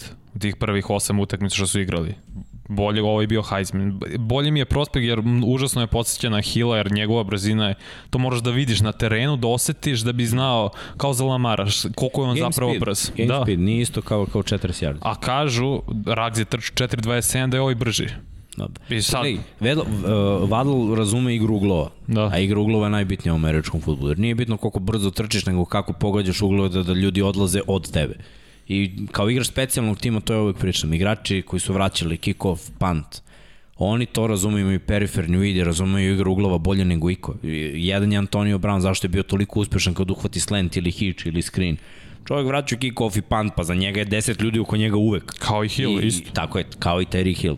Zato bi ovo dobar potez, plus ja verujem da on od starta igra prve godine u specijalnom timu, da će biti kick-off i punt returner. Oni su imali Jackima Granta koji je radio taj posao sjajno mm -hmm. i mhm. vraćao za touchdown, sad imaju još jednog igrača koji to može da radi što je dobra stvar za Miami. Tako da ovo ocenjujem dobro, možda je mogla ofanzivna linija, ali znaš, kada toliko patiš i kad nemaš ovaj, hvatača, quarterback mora da raste, imaš quarterbackove koji prave uh, hvatače boljim, a imaš hvatače koji prave quarterbacka boljim. Da, da, jasno sada mislim da je došla neka era gde, gde quarterbackove moraš da okružiš dobrim hvatačima, jer oni neće nikog napraviti boljim. Oni sad moraju da, da rastu, da sazrevaju.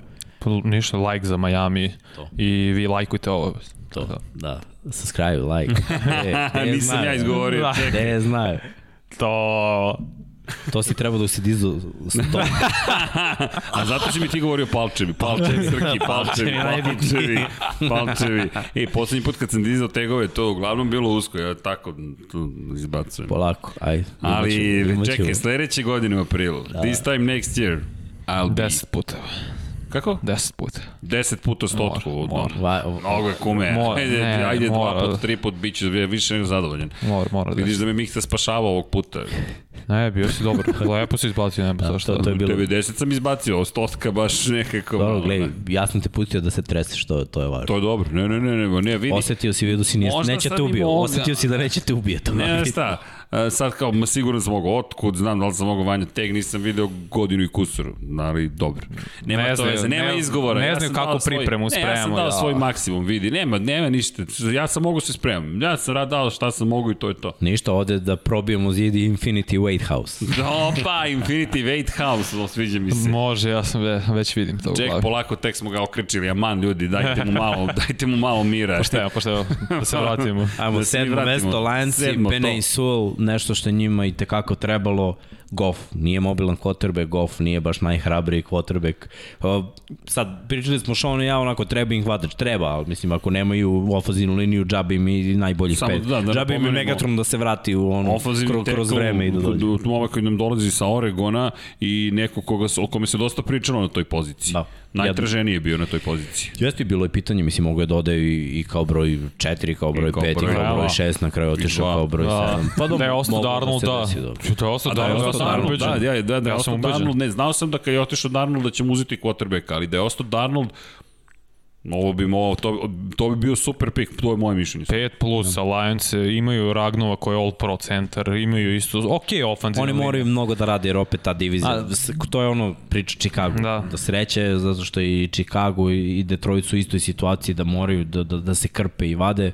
Green Bay vidjet ćemo ako Rodgers ne bude igrao, onda je to šansa za sve da budu bolji. Ako bude igrao Green Bay se šeta kroz diviziju, Minnesota je tu jedini neki kandidat jer pa, ja, ja, oni do neka imaju. Sve zavisi od A. njih zapravo za ove ostale dve ekipe. Ako Minnesota bude dobra, oni su tu oko play-offa, onda Detroit i Chicago ništa. Ma da eto, ta ista Minnesota par povreda i prehodne sezone dno lige. Bukvalno. Dobro, izvini, kad spomenjem 23. pik Minnesota imala i to da. od, New, od Jetsa preko Sijetla i izabrali su ofazivnu liniju, to je izabrali su Kristina. Pa gledaj, prošle godine Kazans je baš bio, trčanje radilo, mislim da, da, da je kazan sa onim vremenom koje je imao upošljavao svoje hvatače, da, da je to bilo okej. Okay. Defanzivno su imali ogromne probleme, ali opet imali su ono falinke, nije bilo tu startera u defanzivnoj liniji, u, u boksu. Ono, front seven im je bio slabiji, defanzivni bekovi očigledno slabiji i onda naravno pad forme. Ali da je, na primer, napad mogao sve vreme da bude konstantan, a nije mogao zbog tog pritiska, bilo bi malo bolje. Sad oni moraju mnogo da grade, za njih su ove kasnije runde i tekako važne i nakon toga potpisivanje tih slobodnih agenata, rešili su cornerbacka, doveli su neko ko je iskusan, neko ko, ko ono, može i tekako da doprinese pa ajde idemo, rupa po rupa, ne, ne, ne možeš ono da, da sve zapušiš, mora jedno po jedno. Da, i ovo je za mene isto 5+. Plus. Deriso, ti si tradeovao, ti se spustio na 23. opet njega draftovao, dobio ne višak pikova, super, lepo i trebaš liniju skrimidža da popraviš, sad defanzivno trebaš, što se tiče, što se tiče sekundarija, Peterson će pomoći i mladim, uh, Drensleru, Gledniju to da napreduju, Mike Hughesu, pa ćemo vidjeti. Dobro, ima i Viskim da igra u Da u tandemu dole na safety. Uh, osmi su Panthersi birali JC-a Horna, meni je bilo ono, Srten ili Horn, bukvalno... Da, cornerback. Ali al, to ti je ono ubeđenje, ko, ko je bolje, ko će prvi ne mora, ko, ko više paša na tvoj sistem. I jedan i drugi su bili on sjajni na koleđu, bit će starteri od prvog dana mo, mogu da igraju na različitim pozicijama i sad za Karolinu je važno, oni, ba, ovo je baš ponako postepeno se gradi, postepeno se buđi. Ja nisam očekivao da će oni izabrati quarterbacka nakon ovoga što se desilo s Darnoldom, uh, postali su Tedija Bridgewatera, očekujem možda u kasnim rundama da bude jedan quarterback onako izabran, da bude iza Darnolda, zašto da bi bilo zanimljivije malo uh, na trening, ali jeste to, to vole treneri, znaš, da, da bude konkurencija, jer ako je Darnold sam i zna da je starter, možda Darnold ne da 100%. Jer Donald već bio sami starter u Jetsima i nije, nije morao se okreće, ali sada bi moglo se desiti, pa možda čak i u drugoj rundi.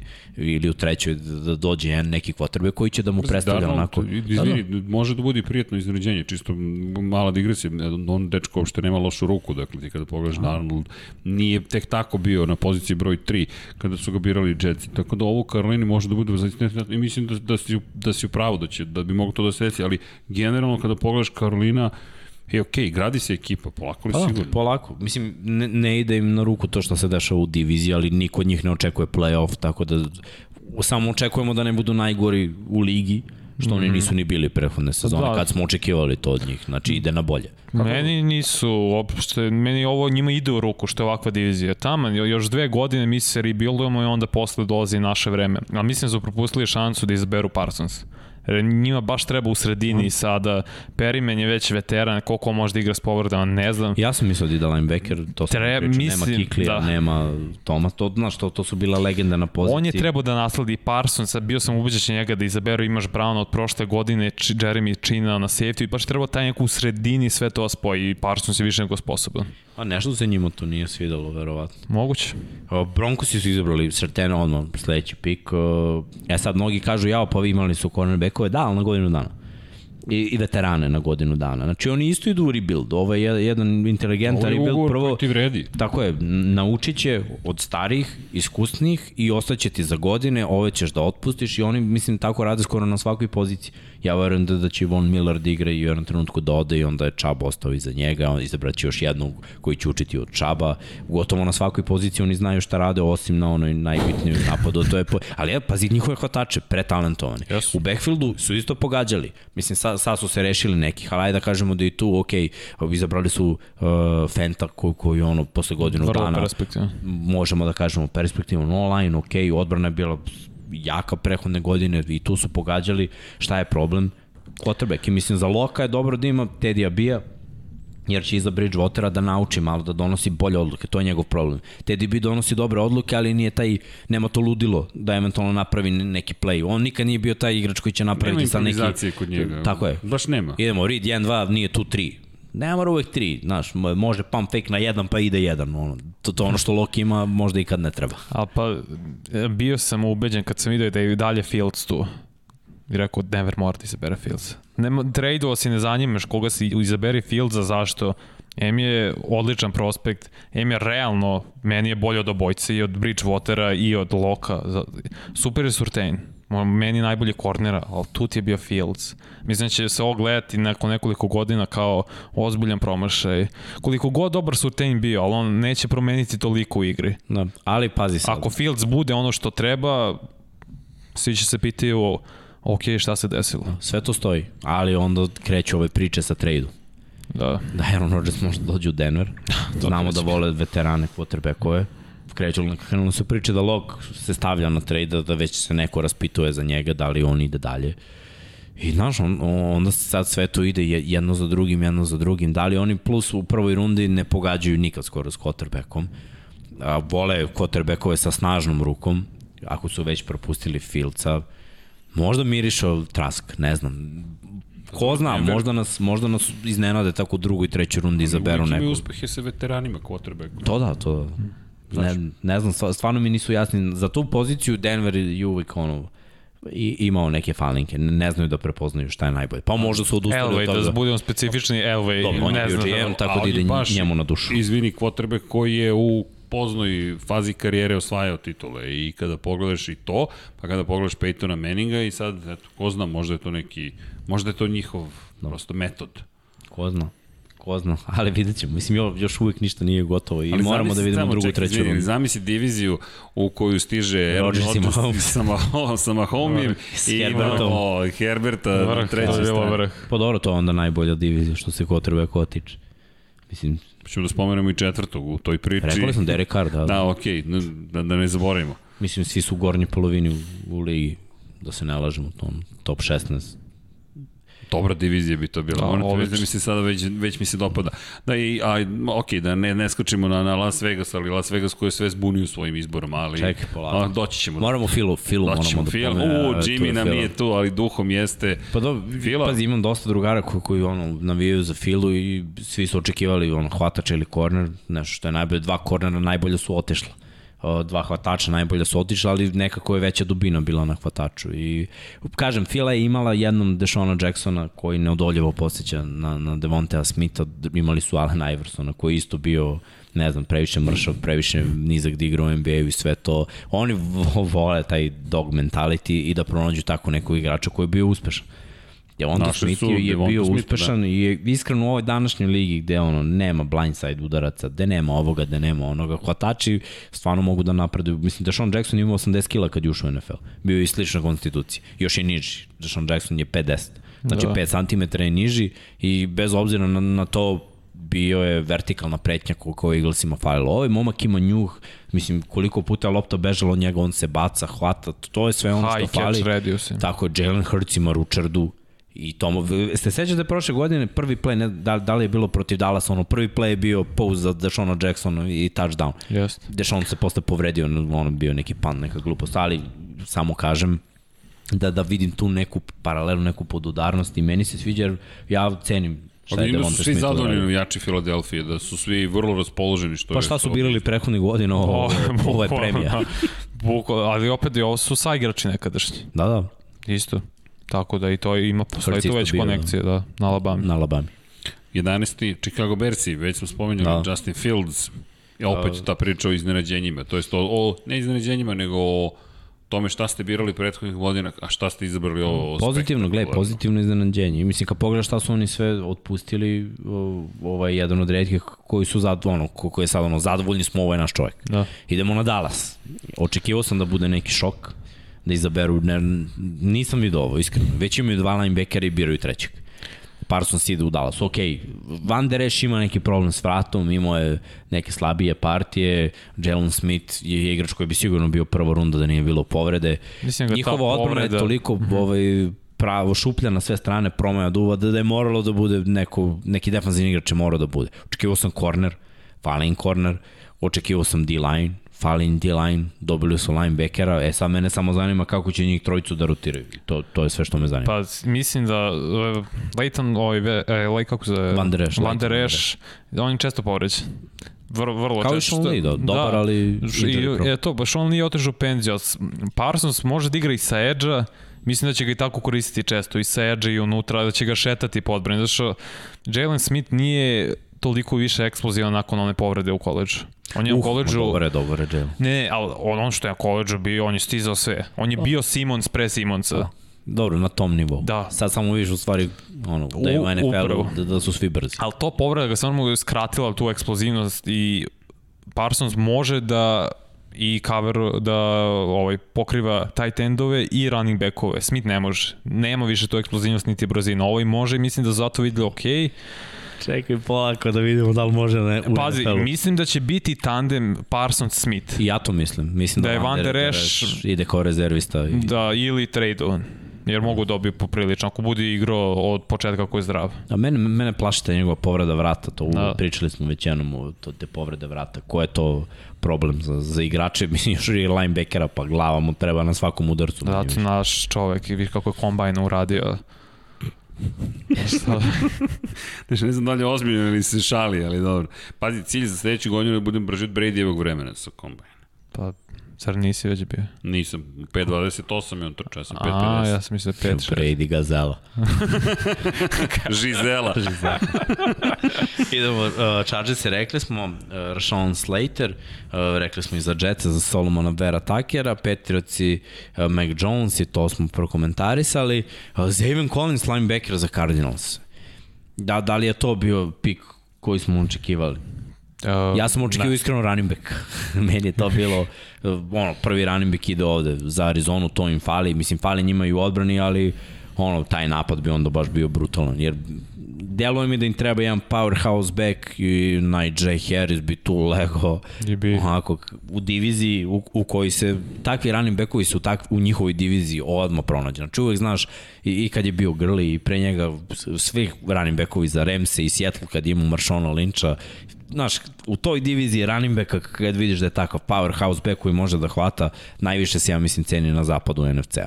I delovalo mi je, to je to, međutim, bam, linebacker, ok, mogu da razumem, žele da ojačaju odbranu, ali do kraja ovog drafta oni moraju running backa da izaberu, ja ne znam. More. Conner je injury prone, Edmunds je mali. Mislim će ciljati jednog od ove dvojice North Carolina, ako ostane, pogotovo Javonte Williams. Treba im, treba on je, im ba, on je baš pa, powerhouse. Jeste. Williams je opasan back. Ali ja sam mislio da će Farlija da izabere. Cornerback, No. jer je bio tu. Peterson takođe otišao, fali Da. mi cornerback. Ozbiljno, pa ja sam mislio cornerback da ide, ali okej, kombinuju sad sa Simonsom. Videli su kao Tampa, ok, dva brutalna linebackera, možda možemo i mi da imamo isto ovo, Simons ima potencijal da bude taj tip, vidjet ćemo za kolonicu, možda na to misle. Meni je, znaš šta je meni, da ne zaboravili smo da kažemo negde na početku, za one koji eventualno ne znam, međutim većina prati NFL pa je uz 99 yardi, ali NFL draft je zapravo ono što smo pričali, jedan od ta tri dana koje su spet posebni u NFL-u. Super Bowl je Super Bowl, to je najvažniji dan. Tu se sve titula. NFL draft je kalendarski gledano sledeći veliki, veliki događaj u godini. Ako gledamo po sezoni, draft pa NFL kickoff, pa onda Super Bowl zatvara sezonu. Međutim, kalendarski, ovo je sada sredina godine, bliži nam se september, ali draft je takođe veliki moment za sve te momke koji se spremaju praktično ceo njihov život, je koliko god da su mladi, život su posvetili tome da budu izabrani na draftu. I koliko god da si siguran da će te neko izabrati, dok ne, ne zazvoni telefon, to je ozbiljna drama. Ti, ti čekaš, a telefon ne zvoni i dovedeš celu porodicu i sad čekaš, čekaš, čekaš, čekaš. 10 minuta svaki tim ima vremena da, da napravi pik, to traje potencijalno 320 minuta. Traje Srki, veruj mi, u glavi ti još duže da traje. Znači, Znam. krećemo dokle bre ovo traje. Ćemo do Vratio 7 da sam- budemo. Ja sam zaspao. Da, da stavio sam sluški, pa slušat ću, ma ne, samo sam se ugasio. Ali, ali činjenica je da ti momci sede, sve porodice su tu i to je taj moment koji, koji toliko energije nosi, toliko emocija. Ti si pričao sa timovima, očekuješ poziv, ali kad se ne desi poziv, to je katastrofa. S druge strane, kada se desi poziv, zašto mi je zanimljivo? Zato što je Zayvon Collins bio, ne znam da li ste čuli njegov razgovor. Ne znam da li ste čuli Vidio razgovor. sam na Instagramu, ne sećam On je čovek psovao i psovao i psovao i psovao. Sve ćemo ih pobiti. E, To nije psovka, nego sve ćemo ih e, pobiti. Sve ćemo ih pobiti. Vlasnik, GM, trener, svi su morali da slušaju, nemoj ništa da brineš, idemo po Super Bowl, dolazim, sve ćemo ih pobiti, sve ćemo ih, we'll kill them all. I onda na kraju sva trojica, ovo je bilo intenzivno. Kad su spustili slušalicu, kao, keep the spirit, otprilike jednog u Tulsi čeka, već danas su ga valjda pokupili i kreće, ali koja je to energija koja se oslobodi i sad ti dovodiš te momke sa koleđa, naravno kad su upoznali sa NFL-om, što kaže Mike Tyson, svi imaju plan dok ne popiju u zube. Ne sad, Kad bude video. J života, vidjet ćemo. Ali- Chandler Jones isto. Ne, Chandler Jones je atlet i to, ali JJ stvarno izgleda, mislim, znaš, kao, kao da si ga zoomirao, ono, klika. Dva, tri puta. Gambi. Ko Hulk čovjek. Da, ovu referencu samo ja znam, nažalost. Drugi, ok, pa se A koji? da se smijem. A to ti je priča zapravo iz Red Hit. Ne, znate uopšte koji je film Crveno usijanje? Znam sa Schwarzeneggerom. Tako je, O, kad kaže kad, James Belushi i Arnold Schwarzenegger, kad mu kaže izdaš kao Gambi, da, on je ono modelu plastičnom sovjetskom, znaš, ali to, dobro je taj njihov, taj njihova hemija. baš Zaboravio sam tu repliku. Walter Hill u najboljem izdanju. I od kad nismo pričali o filmovima. Polako, Ali ne, da ne, mi da nećemo, ne nemamo mi vremena, tamo. nemamo mi vremena za to. Samo 10 minuta smo na ovaj, po piku. Čekaj, rekli smo za Ra- Raidersi nismo rekli, Alex E. Leatherwood, ovo je važno. Jeste. Uh, meni je bilo u glavi Raidersi online i mora da bude online jer pola online više nije tu. Uh, prvo, kada biraš u prvoj rundi running backa koji je produktivan svake godine, mora da mu obezbediš kroz šta da trči.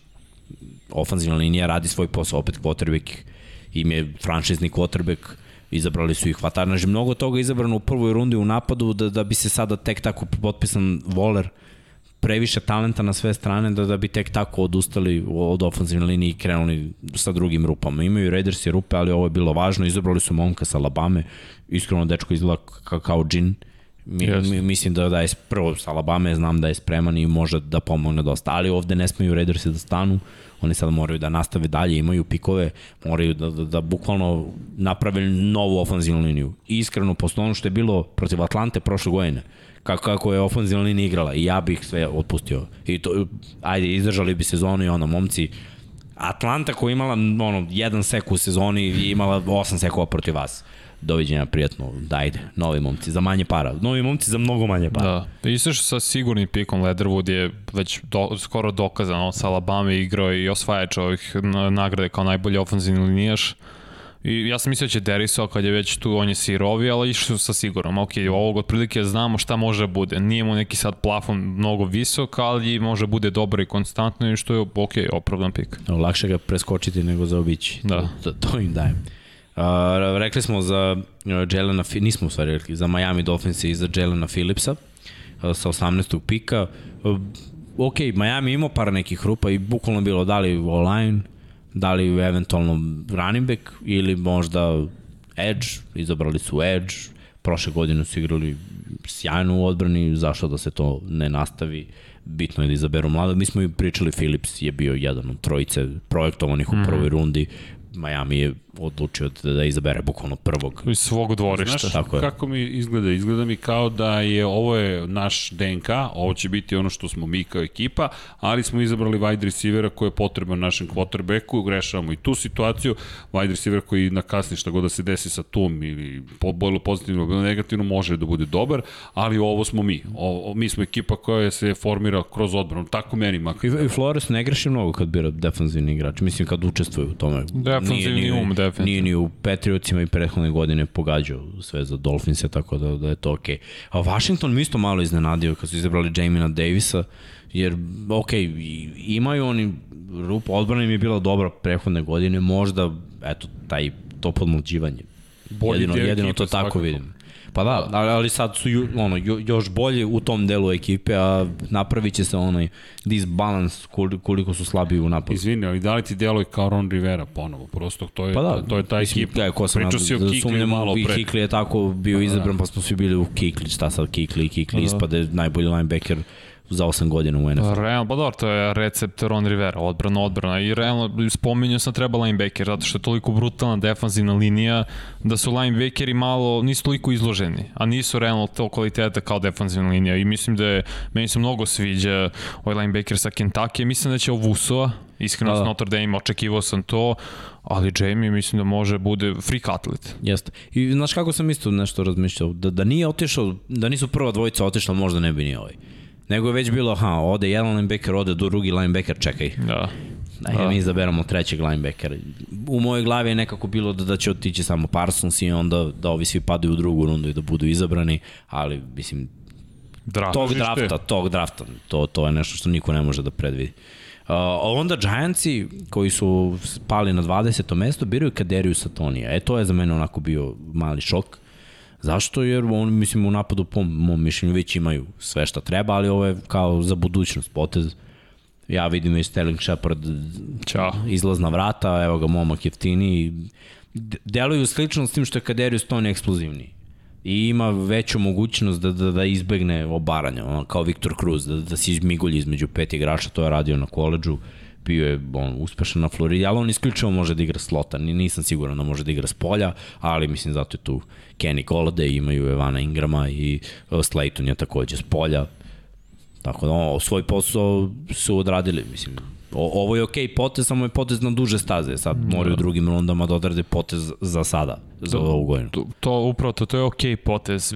Opet se vraćam, Deris je bio to i dalje. Jeste da, ja bi online. I isto, jer Solder već ono godine sve nije, ne ispunjuje realno kvalite kako mu je cena, to bi bio laka tranzicija ovaj da bude rezerva godinu dana i nakon toga bam starter od druge godine, mislim da to bilo idealno za njih, ali dobro, to, to nije okej. Okay. Nije, no. dobar je pik, nije loš sigurno. Da, ja ga nisam očekivao u prvi rundi, iskreno, ali ne mogu da, da osporim. Ne mogu da osporim talent. Definitivno pokretljivost, rute, sve to on ima. Uh, kolci biraju Kvitija Peja, to mi isto bio ok potez. Ovo momak ima neverovatan ono, motor, njegova priča životna i sve što je prošao, ono, i beskućnik i majka koja je pobegla s petoro braće iz Afrike, došli u Ameriku. Mislim i on koji je molio nju koja radi 3% da mu da, da, da nekako skupi pare za srednju školu pa da on onda obezbedi stipendiju na koleđu što je sve uradio. I kada sam pogledao kako u teretani njegov trening, kako izgleda dečko, znači prvo me je posetio na Teralak Saksa neverovatno ovako likom. I mislio sam, jo, kad bi on pao tamo, negde na kraj, ali nije se desilo, ali ovaj, mislim, mislim da je dobar potez. Jedan od boljih, izgubili su Denika Otrija, Justin Houston je sve stariji, nije mlađi, čak i da se vrati, ovaj momak će da nauči Justina Houstona, a oni imaju dubinu. Sad, očekivao sam možda i taj levi tackle, da to bude uh, igrač koji će doći, ali opet tu je Kelly, tu je Villanueva, ima ih par mm -hmm. koje možda mogu da potpišu kolci, plus kasnije runde, mislim, ko zna. Ne znam, meni delo dobro. On, generalno, ta cijela njegova priča je prava američka priča, priča o američkom futbolu, nekako se izborio za sve, koji je veliki radni disciplinovan. Eksplozivnost mu je neverovatna kada pogledaš... Što ti bre koliki on čovjek? Šta? Si ho koliki on ne, čovjek? Ne, da, ne, ali, ali, ali koliko je on brz, koliko da. on zapravo impresivan. Edge rusher, to, to kalibra, ako može to da radi što je na NFL-u, da se pomeri ka tome u NFL-u što je radio na koleđu, on, on bi mogao bude spektakl. Brojke mu nisu najimpresivnije kada pogledaš, ali to, kakav, kako izgleda, kak, kakav talent posjeduje, ukoliko dobro radiš sa njime, mislim da mogu mnogo toga da, da posjeduje. Znaš na koga me podsjeća? Na Ezeki Lansa. Da, da. Užasno me podsjeća njega. Možda malo što je, već. Krupniji, da. Krupniji dosta, ali... Da, ali taj stil igra, ta eksplozivnost me užasno podsjeća i koliko mi bilo potrebno. Edge, mo, treba ti Edge. Da. I ovo idealno za njih. Meni je da, bio najbolji i, Edge prospekt. Da, bilo ili Edge ili tekl. Ali već su teklovi otišli, otišao jedan Edge, tako da je bilo lako. Mm. Pa onda Titans i Kele Farley, o, meni je očekivano, izgubili su mnogo prvo Adore Jackson je bio njihov pik, on je otišao, Logan Ryan im je otišao, pa su doveli iz Chargersa Kinga, pa i on otišao i kada izgubiš trojicu ili četvoricu defanzivnih bekova, onda već mora da, da, da se naš počešaš po glavi i razmisliš, čekaj brevi, imamo mi dubinu u novoj poziciji i kako ćemo da igramo. Sad fali nam dosta toga, ali ajde da krenemo od toga gde smo naj, najtanji. Na cornerbacku sada duva promaja hvatač, bar imaju jednog, da, da kažeš AJ Brown, pa ajde da, da se dovede neko slabim rundom, imaš jedno koje je pro ball kalibar. Moraće, tenis je baš mora do, dobar posao da odradi. U, slo, u, free agency su doveli defanzivnu liniju, vidjet ćemo to, to isto nije zagarantovano da će biti dobro. Ali ajde da kažemo, baš taj isti Denis Kotri, kog smo malo prepomenuli, u tandemu sa Badom Duprijem, to može da bude dobro. Ako se sve sklopi kako treba, ali secondary je važan. Pa da, meni Farley je odličan prospekt, odlična igra, jedino me brine njegova lista povreda, ta istorija. To je jedini znak pitanja. O igra uopšte nije znak pitanja, već to koliko će njegov telo da izdrži u NFL-u. Da. Pa, e, sad dobija, šta si rekao juče, Srki? Novo zdravstveno osiguranje. Mnogo je lakše u NFL-u, bre, pa to, medicina. Šta te boli, sutra te ne boli. Vikingsi, Deriso, to smo rekli. Steelers i Najee Harris. Ajmo ovome, ovo, ovo je onako big splash. Nije da, rekao sam ti. Jesi, da, znaš kao, meni se isto postavlja pitanje kao i, i za Raidersa. Gde je ofenzivna linija? gde, će, gde će ono trči? Oni sad moraju stvarno da rade brutalan posao. Jer ja ne vidim da će Siko vratiti, mislim, Villanueva se neće vratiti u Pittsburgh.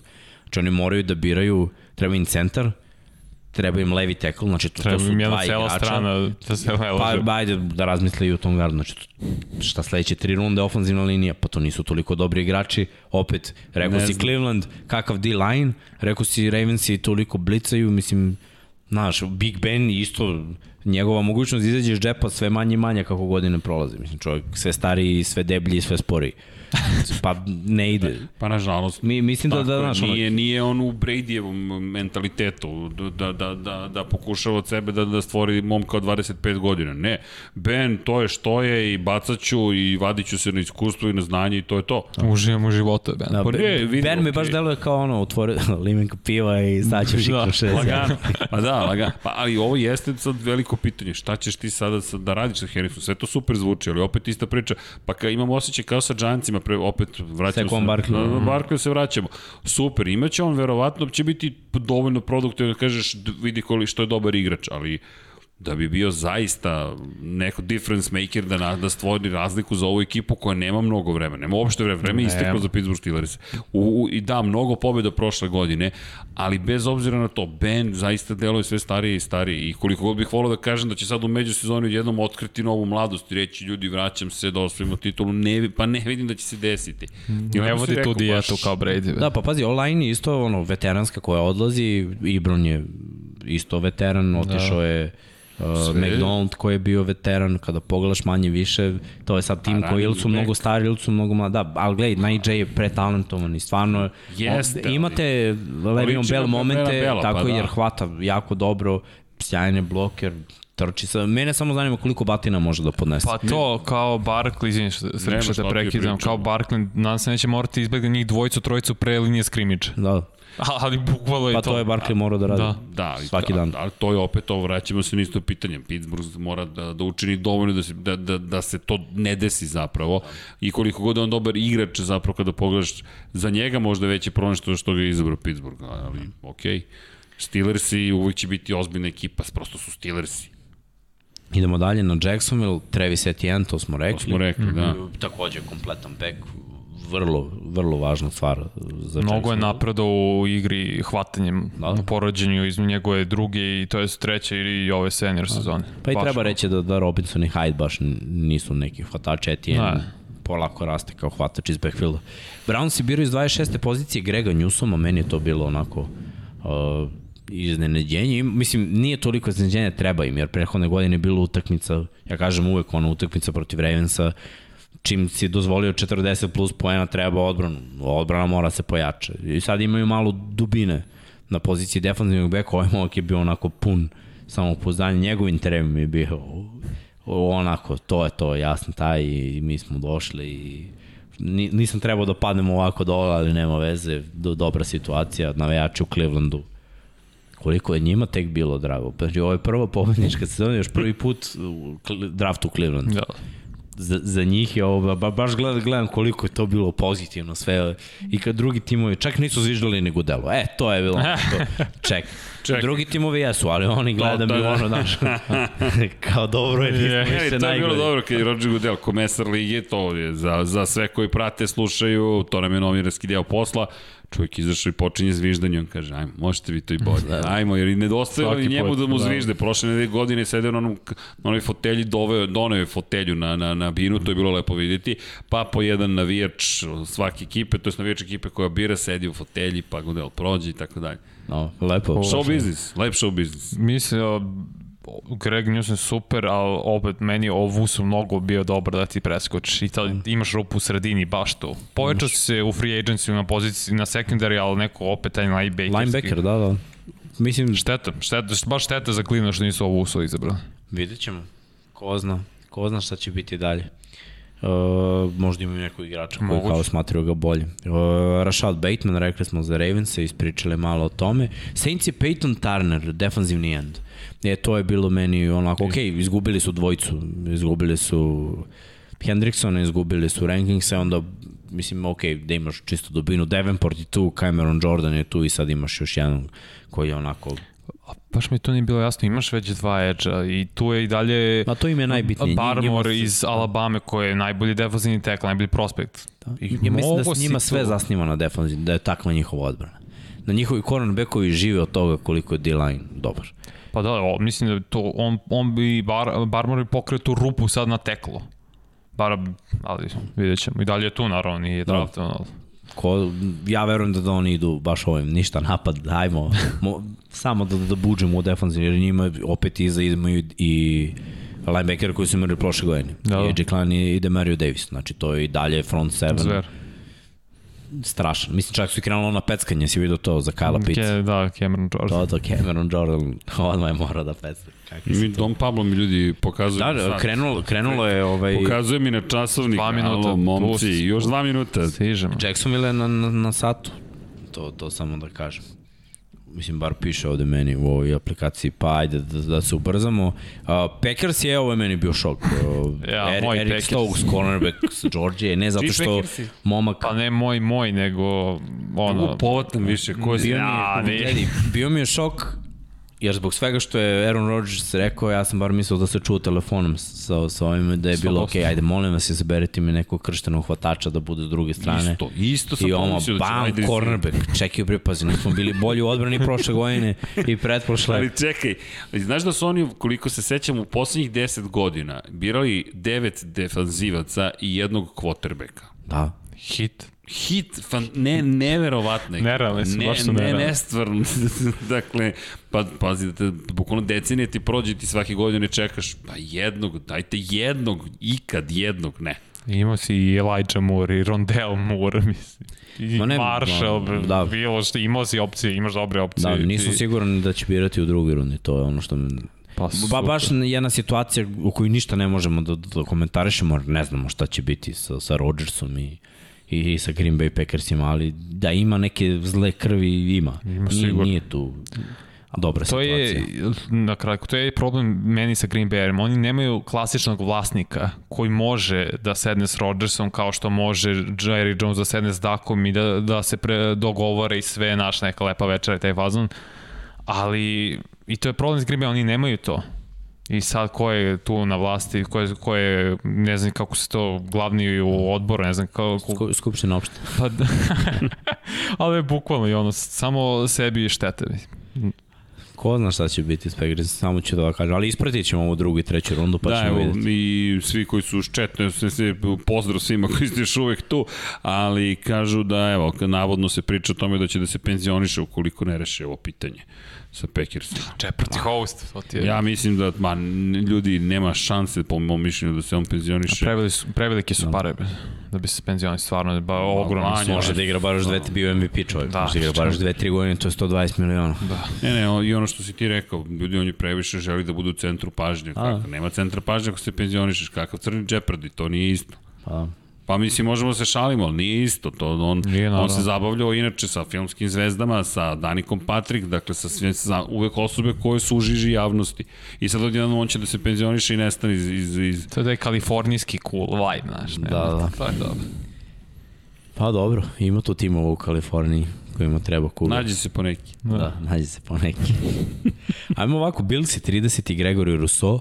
Pun pogodak. Uh, mislim, njihova odbrana je ono, krcata. Ja, ja sam razmišljao nešto, ok, možda jedan running back koji hvata, Williams mi je bio onako jedna od opcija, ali u odbrani šta god da su uradili, samo bi bili bolji. I, i stvarno su potpisivanjem Rousseau bolji, mislim da, da će on još izrasti kao igrač. Nije X faktor od prvog dana, on ne mora da bude taj je upravo igrač, jer je oko sebe ima dobre igrače i bili se dobro biraju već nekoliko godina unazad. I evo Jed Oliver je postao sjajan igrač. Za, Da, da. Ne, i nije bio X faktor od prvog dana, ali je dobar igrač i jako važan uh, šraf u toj odbrani. Ravensi od Chiefsa pik, 31. od Fe ove, iskreno nisam, mislio sam da, da će Rousseau biti taj igrač koga mm -hmm. oni biraju, ali onda kad sam vidio koliko je ovaj momak atleta, E, to mi je bilo, hm, pa uopšte nije loše, jer bi mogao da, da radi sve što je radio Judon, to mi je ono broj 1, broj 2, 40 yardi, ono, ispod 4-4, 4-3-9. o, odraz, ono, vertikalni, kao, kao mislim, odraz vertikalni skok u dalje, kao da je hvatač, a ne, a ne da je to, pokazuje. To da. da je ultra eksplozivan. Da. Pa da, Samo, i, i to me ono oduševilo i mislim, u ovom sistemu Baltimore nikad nije birao neki igrača koji su onako najbolji iz koleđa, ali eto i za Darius Smith ispada jedan od najboljih, Judon. Judon je odigrao ono, solidno, nije jedan od najboljih, ali Pa overall je. u svemu je dobar. Da, da. Može coverage, mo, može da odradi posao i kada je rush i contain, za sve je tu, pa ajde da kažemo da, da će verovatno taj sistem biti naklonjen ovom momku i ono, navijači, bi, vi, koliko vidim i neki analitičari ocenjuju da je Baltimore on odradio A draft. Pet. I na kraju Baxi biraju Edge-a, uh, Joya uh, Trajana, šta meni ovo govori, samo da smena generacija sledeće godine odlazi su, ko zna da li će JPP. zadržati da JPP-a, ovo je neko ko će biti godinu dana tu iza njega i onda se smena generacija napravi i oni dalje imaju za mnogo manje para uh, dobrog igrača. A da vidimo Da, tamo, ali Na satu su kapiramo ovo za Tampu, ali Mori kao najbolji safety ubedljivo je tu i imaš tu potrebu za safety, mislim da će njega da skoro poklapa idealno. Ali Isto, pa da, delovalo mi je da bi moglo da bude, ali eto na kraju nije se desilo. E sada mi ne možemo da vam pokažemo draft jer nemamo pravo, ali možemo da gledamo kao što gledamo i da pričamo. Druga runda je već krenula, već šest minuta i Jacksonville Jaguars su prvi, sad gledamo neke najbolje igrače koji, koji su ostali, Jacksonville Jaguars mnogo i dalje. Šta procenjaš ti? Uh, ajde ovako da kažem, da bi vrlo lako moglo da se desi da ovaj sledeći igrač kog oni biraju bude defanzivni. Uh, s obzirom da, da je Schober tu kao linebacker, moglo bi da se desi dubina u defanzivnoj liniji, imaju tu par igrača, ali Ngakwa je otešao i možda neko ko bi mogao da nadomesti da bude kontrastrana od Josh Allen. To mi je mm -hmm. ono pa kao prvi hint. Da, drugi hint bi mi bio eventualno safety. I Morik. da vidimo Moriga da izabrano Meni je kao, ili kao to, igrač. ili Morig ili tackle. Jer tu i dalje tako Jenkins. Je, tako je, tako je. Jer zašto da ne? Tako da. mislim da ima, može... Ima, oni imaju rupa, treba im dubina i treba im neko mm -hmm. za mhm. budućnost, a ima 4-5 igrača i 4-5 pozicija, onako sve se poklapa neko ko je pao tu u drugu rundu. Momci, da. vreme je da za slušalice da možete da čujete šta se tamo zbiva. Oh yeah.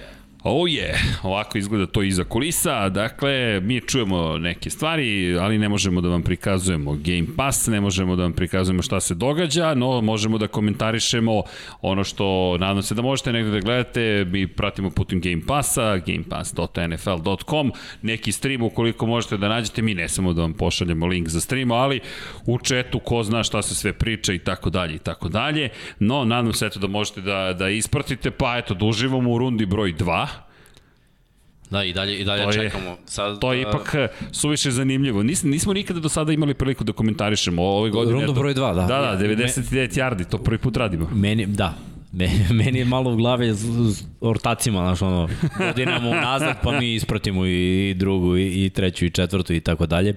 Ali ovaj, ovako, da, da se komentariše ono i svaki pa dobro, ove da bude u etru. Pa, ne, samo što ide na YouTube. Samo ide, to je to. Znaš, ono je bilo u četiri zida uz mnogo hrane. ok, to kalorije, primedba, kalorije kasne sate. Primedba produkciji. da, Jeste. Ja, možemo da zovemo nešto, jel neko radi? Va, de radi? Pa ne znam, možda radi. Ej, pa nekom, sigurno može nešto. Pa edo, ja to ostavljam IT-evcima. O, ja, IT-evcima, ja, kako je ovo prebacio na... pa moram, moram. Čekaj, jesam ja izgubio na Combine, je li tako? Pa, niko pa, nije izgubio. Niko nije izgubio, ajde, to je. Svi smo dobili. Tako je. Da. ja kažem, sledeće godine, pre, i, evo, ispod 5 sekundi, 40 yardi, bench barem 5 puta 100 kila, skok uh, vertical 70 cm minimal, što ono bio plan. 70, pa ti Vanja, okay. pa, u tvojim godinama to mi je bio standard, da. Mora. A, ali ne mora, jer to stvarno mora jako i krenulo je danas veoma jako teretanje. Opa. O, ne, pa kako. Morat ćeš da podeliš s nama tvoj trening. Pa mogu sad kad Jackson ili izabere ili pre, da kaže šta sam radio danas. Evo kad izaberu, kad bude pik po poslu toga. Vidimo, Packers i slave, samo ne znam šta slave. ja ne znam šta. Pa dobro, slave što je kamera tu, a evo, Jetsa, dakle, to je, to je ta ekipa moćna. Okay, Srki, može ova kapica s dredovima. S dre...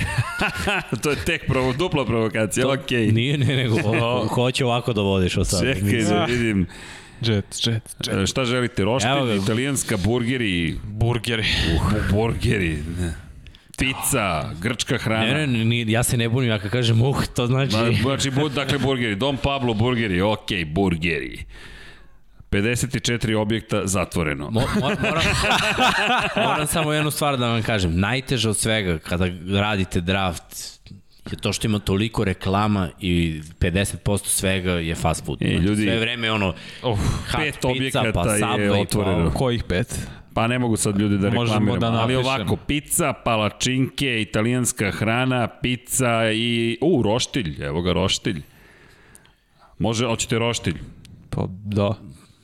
Okej. Okay. Dom Pablo se pita. Da. Ajmo Dom Pablo. DP, šta ti kažeš? dakle, e, kaže Sarajevski ćevapčići, šiš ćevap, gurmanska punjena pljeskavica, pljeskavica, pileći file, pileći batak. Stvarno moram da pročitam sve. Hoćete juniću džigiricu, ne razumem. ne. ne moraš da čitaš sve. Ajde da, ovaj, da kažemo ljudima da je Gudela izašao, da su uh, igrači koji su Hall of Fame izašli, da. da i dalje imamo dosta zvižduka Tako da, ono, par su navijači ostali dosledni. Ja ću da vam naručim, pa šta vam stigne, stiglo vam. Ćevapi.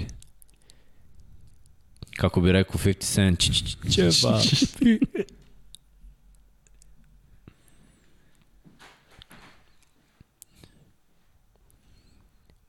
Inače, Jacksonville Jaguars i nakon dva pika u prvih 33 Tri pika. Tri pika, tako je. Tri jako dobre igrača i to nije kraj. S obzirom da oni imaju, imaju 13. Pet. pika u drugoj rundi. Dobro. Takođe, znači to je 45. ukupno. Znači u prvih 50 oni imaju četvoricu.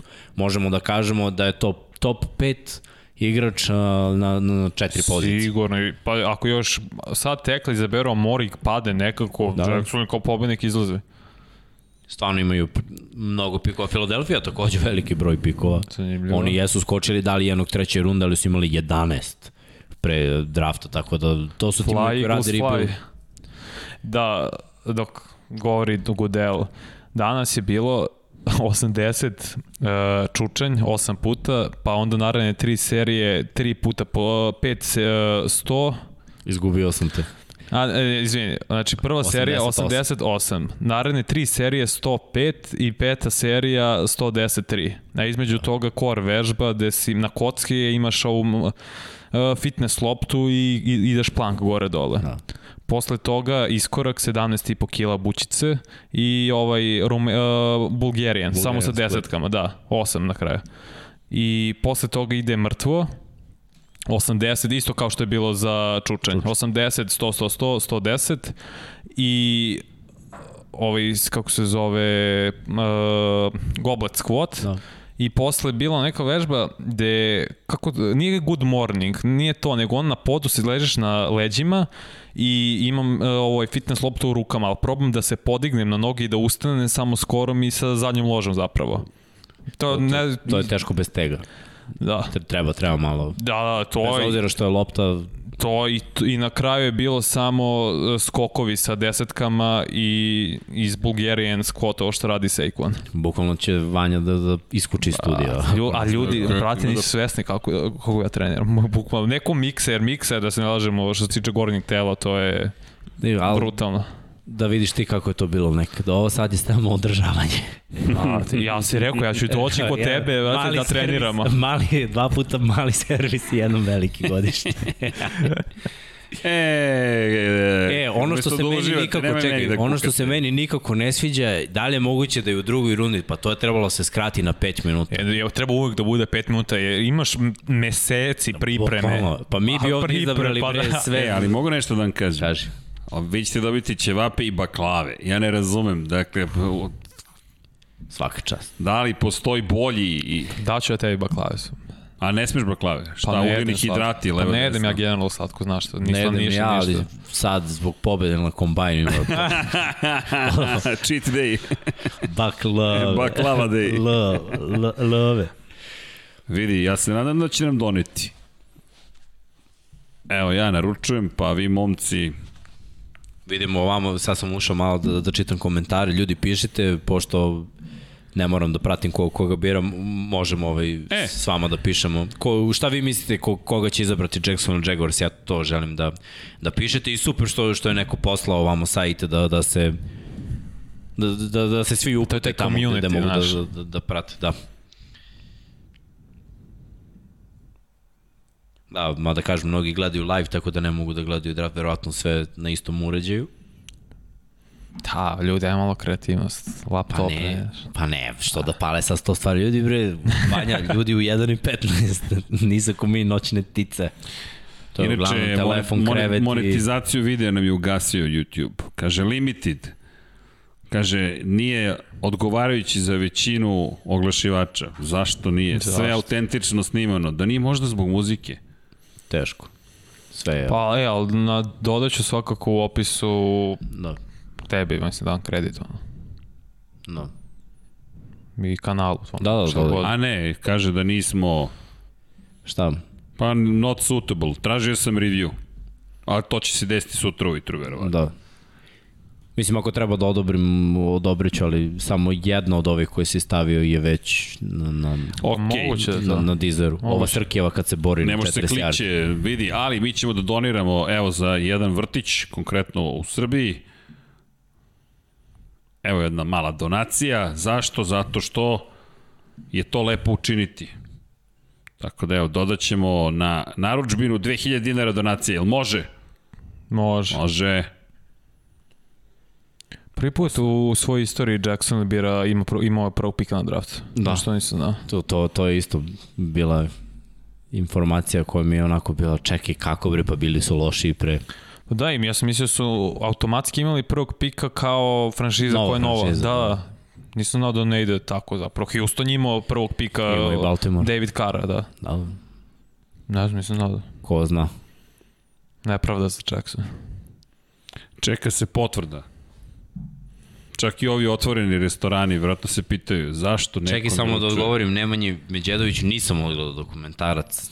Ne bi verovao. Nismo još, nismo stigli još. Ma, ne, nema se vremena da se pogleda ništa. Još, ono, klinci imaju sezonu koja tek počinje, pa Kad krene. kreće to sledeće nedelje? Izvješća ovaj će biti vidi. dostavljena za 74 minuta. Opa. E, lepo. Idealno. E, lepo. Do, do ta ćemo dočekati če, četiri pika, verovatno ovde. Idealno. I jao, pa dobro. Dobro, donirali smo za vrtić, tako da je to okej. Okay. Buhu. Sad gledamo i tu piše, šta? Čekaj, komentar najjači.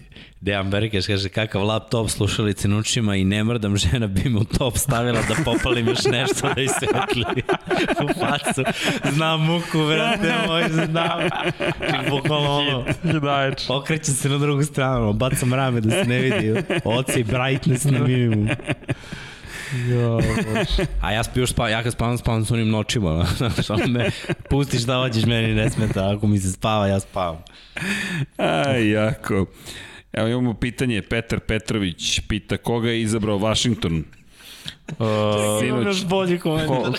Kol, Kolinca je izabrao, čekaj, Zé Kolinca je izabrao Colin Bakera, Stulce.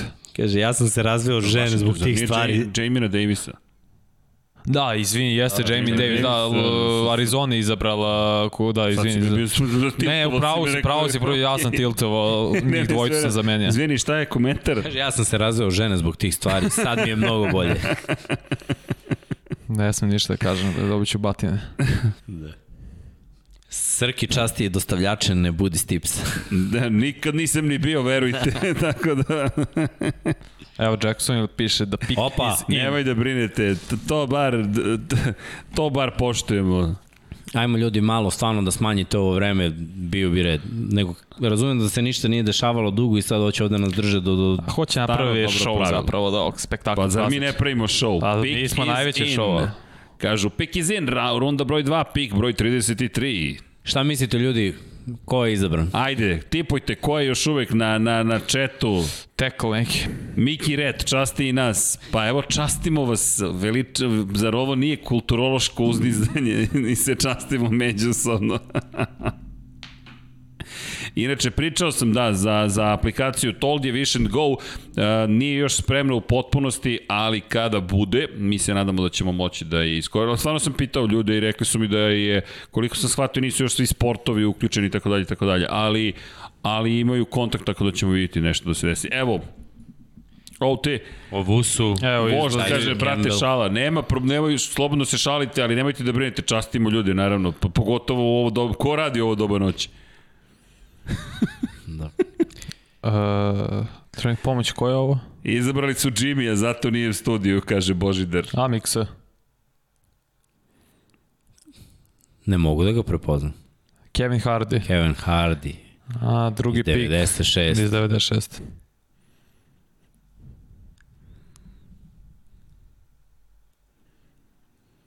Tyson Campbell. Bravo za Du. Filipa Međedovića, pogodio si cornerback. Bravo. Potreban. Realno mislim da on može da startuje pre Griffina. Ja, da, pa i pričali smo o tome, mislim, izgubili su i Bojeja i Remzija. Mm -hmm. Šalimo se vožda, i mi radimo u ovo doba noći, zato se i šalimo. Uh, ko je njegov saigrač što je izabra, pa bolje da što Green Bay izabrao, meni je Campbell bio mnogo bolji prospekt nego pomozi kako se zove pik Green Bay-a. Čekaj. A je. Z, z, zaboravih.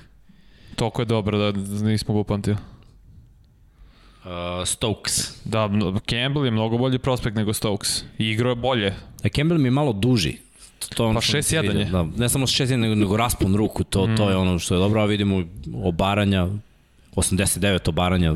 4-3, samo ti kažem. Nije, nije baš uh, što se tiče interceptiona tu kao taj ball skills, ali to može da unapredi. U ostalom, Jacksonville... Ali samo da znaš, upropastio si čoveka, Dejana. Koga? Pa nasmeo se i sad je gotov. Ej, jao. Evo te proslave, nažalost ne možete da vidite, ali... Samo da znaš, Srki, ja sam ti već pričao jednom u pola noći kad sam se setio onog tog za start formule, kad sam krenuo se smejem ko budalac. Dobio sam isto to šta je bilo, tako. Znam i tu muku. Nego sreća da, da, da ovaj, da, da je pas bučni uvek. E, dobro. Šta misliš, Srki, s obzirom da su Jetsi na satu? Pa pazi, evo Emir kaže o Vusu. Ima smisla. Ima smisla, kako nema smisla. Ili još jedan online. Znaš, te vidi, ti si me zarazio tom boljkom, odmah da ti kažem. Treba im, mislim, dobro, Jetsi imaju falinki dosta. Koliko hoćeš. Da kažemo, da ne bi, ne bi bilo greško uzeti ni safety-a, ni cornera, edge rushera, linebackera ili ofenzivnu liniju. A pa, pa možda čak i najbolji running back, Williams, koji je ostao. Tako da, ne znam kako, kako je njihova tabla, ko je njima najbolji igrač, koji mislim da tako idu tom logikom. Ko je sledeći najbolji igrač? Pa, okej, okay, ali... Misliš to je ono filozofija Bila Beličika, šta je najbolje što je ostalo, to izaberi. Pa, kad ti mnogo toga treba, onda biraš tako, ne po potrebi, to, nego to ima smisla. Ko, ko je to ima najbolji. Smisla. Ko je najbolji. Ako ti treba 4-5 pozicija, biraš najboljeg igrača koji je ostao na svojoj poziciji. Ima smisla. Zaista ima smisla. Ne znam, u Vusu, kao što si rekao, potreban je, s tim što on čovek koji može da bude safety, može da bude linebacker, u svakom slučaju neko ko će biti tražen. Kaže Lazar... Jetsi neće da traduju 34. pika, da. nećemo naravno. Kaže Lazar Kurt, znam se da Jetsi ne uzimaju Javonta Williamsa, hoću da to ima dobrog running backa pored njega. Pa, vidjet ćemo. Previše potreba za Jetsi, mnogo manje potreba za Miami, tako da s te strane. Da, i Javonte Williams nije tako visoko kotiran u celoj ovoj priči. Može da se desi da budu dva kornera odmah, kao prva dva pika u drugoj rundi. Baš to i kaže Božedar Marković. Pa evo, može da se, možemo da, za sada Wilson Vera Tucker, to je ono što smo izabrali, dakle, već sada je dovoljno dobro, ali to ono što smo pričali, Jetsi će biti, bit će prepuni pikova i uh, lepa pozicija iz te perspektive da biraš, a sad šta će izabrati, kao što si rekao, previše rupa, mnogo igrača je otišlo, naravno nije da je bilo nešto pretredno impresivno viđeno prošle godine, tek dve pobede i jedna baš loša sezona, stigao novi trener, pa eto Jetsi se nešto, inače danas sam saznao, pričam sa drugarom i on nešto pričamo i komentariš, pa dobro, za koga najviše rekao, vidi, publika je izrekla za Jetsi, i on kaže, a, to je, to, to je krug dvojke, kažem, ne razumem, kaže, a da, krug dvojke za Giants i za Jets je navija. Zanimljivo. Okej, okay, prvi put čujem da neko navija za Jets. Još nisam upoznao osobu koja navija za Jets, ali važi. Pa, ima, vas, ima vas više nego fanova Chargersa, tako ste tu dobar. Da šta, dva i vas yes. i jedan. e, nemo tako. Be. Pazi, ja mislim da Jetsi trebaju running back. Ja mislim, ovog Javonte Williams... Pa, Evo sad je čovjek pisao da, da se nada da neće biti, da nećemo izabrati Javonte Williams. Ne znam zašto. Super. Zato što on želi za sebe, za svoj Miami. A, to ti želiš drugo. Šalim se, ne, okay, kapiram, ali mislim da treba Javonte Williams, da je još više olakša životu Zach Wilsonu. Da, evo čujem da sad se zove Zach City. Hrabro. Plaši me uvek to, nije zaigrao još, nije bacio loptu već ceo grad, Zek City. Šta će, da šta će Danny napravi... Dimes onda da, da kaže? Samo da Tiger ne napravi remix. Da. Nećemo, be, nemo neka skrezo krenem, ali ne. Da, vidimo. Čekaj. Koga biraju Jetsi? 34. pik. Uuu, Elijah Moore. Elijah Moore. Elijah Okej. Moore. Nice. O, all, all offense, tako, I ta, tako idu Jetsi. Dobro, talent je neophodan ako želite da pobeđujete, hvatača talentovanih nemaju mnogo, momak koji ima 2500 yardi skoro hvatanjem, pa možemo da kažemo, ono je eksplozivan, a kod njega u, u kući je žurka, ludilo. Da. Vrlo brz, vrlo aktivno. Ima taj ono da te, što bi rekli amerikanci, burner, burner speed. Ako budeš previše blizu njega, samo će se proći por tebe od Tako je. te. Dobro, ovo je dobar pik. Mislim, ja sam očekivao više odbrana, ali ok, ako gledamo to što sam pomenuo na njihovoj tabli, mm -hmm. ko je najbolji igrač koji je ostao, hvatači najbolji su već otišli. Je tako, ovo je jedan od onih difference makera. Pazi, prošle rundi. godine First Team All ACC, a to je najbolja konferencija. Jako dobro trči rute mm -hmm. i ono, to poređenje s Tylerom Locketom. E sad ono što mene uvek brine za, za ovakve igrače jeste njihova konstitucija pri prelasku na drugi nivo. On je težak 180, znači to nije ni 80 kila. Ne. Uh, pet, nije ni 5-10, znači to je 1,75 175, da kažem 80 kg, A- a ljude brinulo veličina Devonte Smitha. Tako je. Tako da, Do dvostruki standardi ceo život. Jest. To, to, ali da, da ima tu brzinu i nije samo fast nego i quick, to, to ono što ja volim da kažem vr, da, niže. agilan je, mnogo, mnogo agilan. Ne znam, meni više bih volio da smo... Da Srki, ste zadovoljni? Pa jesam zadovoljan, svime ću biti zadovoljan, ali iskreno više bih volio da smo ovećavali ili odbranu ili da smo se ponovo bavili o ofanzivnom linijom. Iskreno da ti kažem, evo pričali smo sada baš o, o linebackerima i baš je bila ta diskusija. Moram ti priznati da mi se više dopala ideja da idemo ka, ka O Vusu meni bi bio... Pa ka, tako je, Ovusu je čovjek koji je spomenut. Iskreno, više bih volio da smo izabrali Ovusu, Jasno. zato što time postavljaš vrlo jasne temelje svoje ekipe. Wide receiveri dođu i prođu. Ne, Samo da vam kažem da imate ovde i navijači Jetsa i Chargersa koje... To, to. Pazi, ja se potajno nadam da će Vusa padne Chargersim, samo ću to kažem. Sam gledam kako pade. Pa. D- Da, nije nemoguće, na, na, na, ali moram te pristati da bih evo, šta misle navijači Jetsa, da li je da. Elijah Moore taj koji je trebalo da stigne, inače sa Ole Miss stiže, da le, ne vidim... Op, op. Opa, trade, je Trade, pao. opa, Denver trade-o. Denver, Trask. Misliš? pa, Mont. zašto trade? Mont. A? Ok, Kellen Mond. quarterback, ajde. Je može tako. Može. Se nađemo. Može. A čekaj, ko je imao 35. pre? I već je pick in. Da, pa, pa oni su znali šta žele. Falconsi bi imali trećeg pika. U, pa e, ali do, Atlanta sad radi ono što je trebalo da u prvoj rundi. Malo dobije na tom draft kapitalu.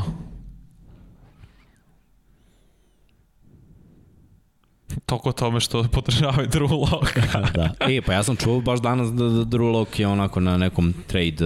I, o- I vidimo Da sad mnogi pitaju za trade za njega. da vidimo čel, čelnike Denvera su zadovoljni, čelnici skauti veoma zadovoljni zapravo ovim. Nešto su postigli.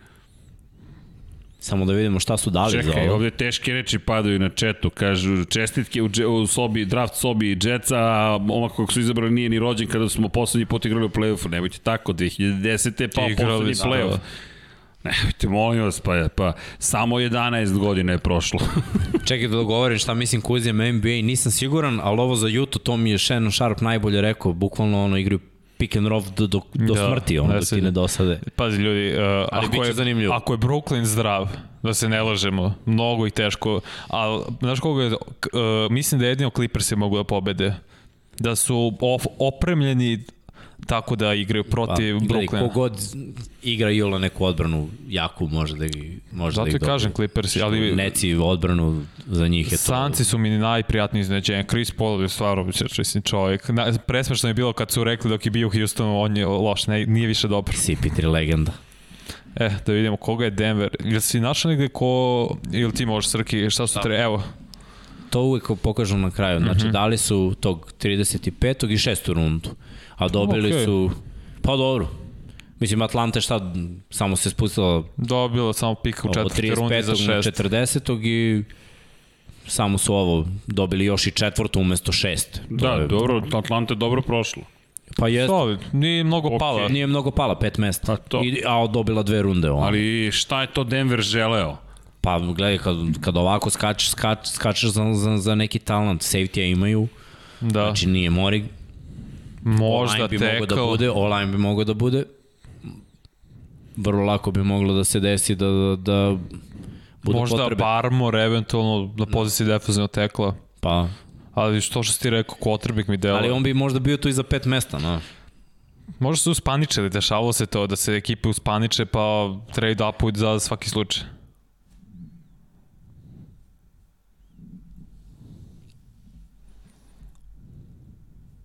Slušamo koga su izabrali Denver Broncos i 35. pik u NFL draftu 2021. godine je Javante Williams. Williams. U, pa zašto Running ne? back. Pa gledaj, ja sumnjam da oni veruju mnogo Roysa Freemana, Filipa Linzija su šutnuli i ostao im su je... šutnuli, da, bukvalno su ga šutnuli i ostao im je Melvin uh, Gordon. Melvin Gordon, ali Melvin Gordon Još jedna ugo, godina na ugovoru. Mo, Da. E, pa to je sad zapravo će žutnuti i Gordona na Da. kraju. i ostaje ovaj dečko. Jer meni je Javonte Williams tank.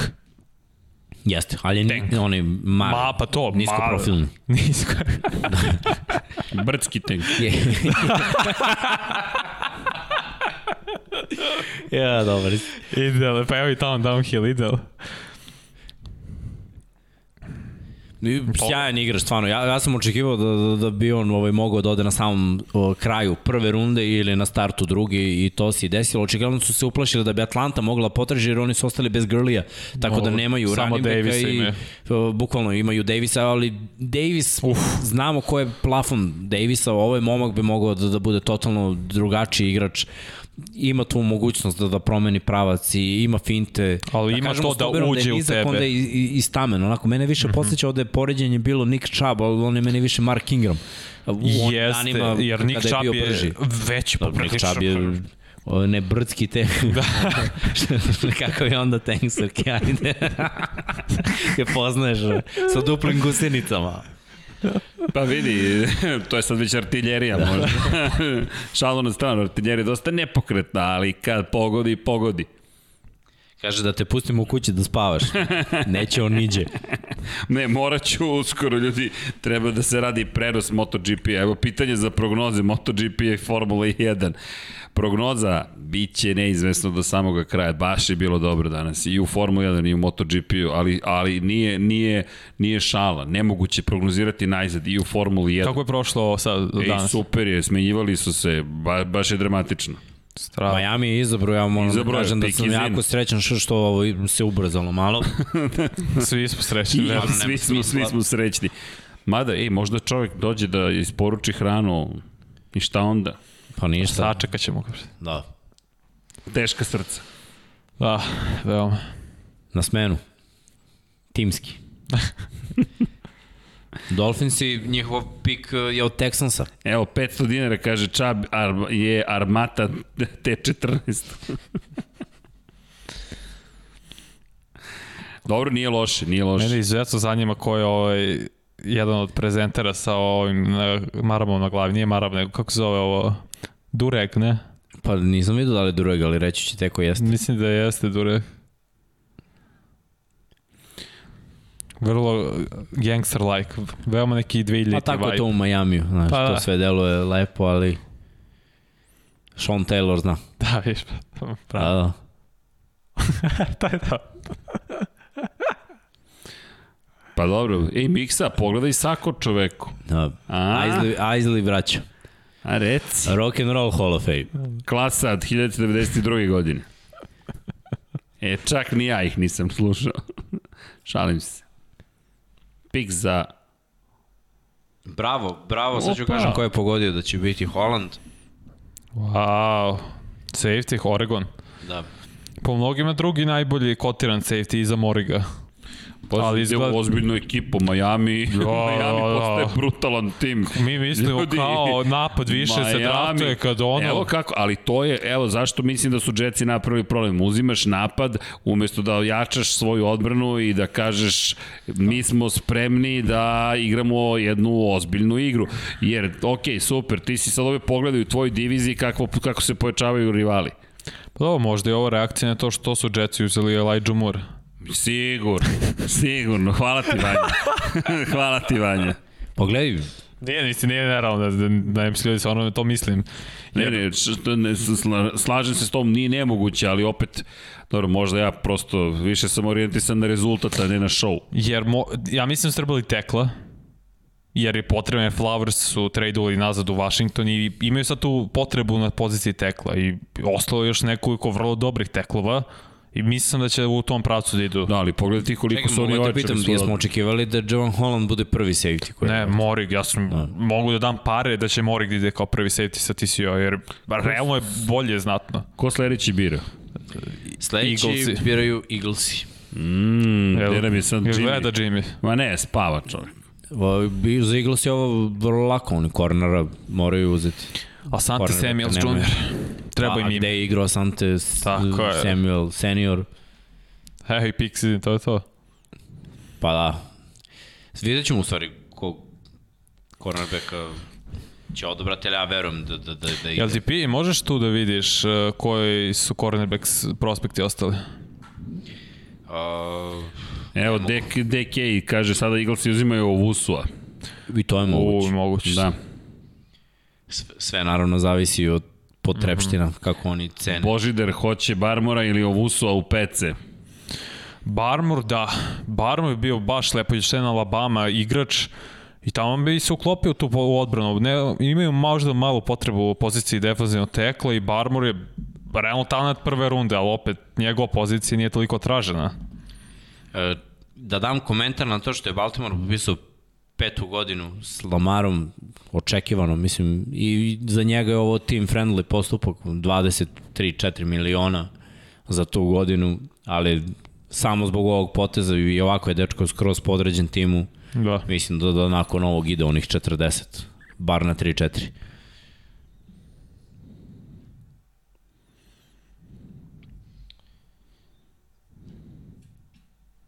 Kaže neko da su izabrali Barmora.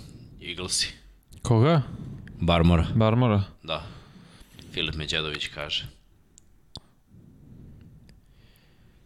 Te ili nama kasnije, jel? Da, ovo, je, ovo je Game Pass. A, pa...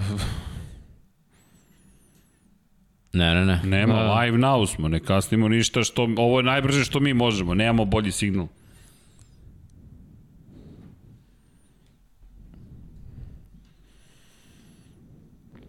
Evo, 12. maja izlazi raspored.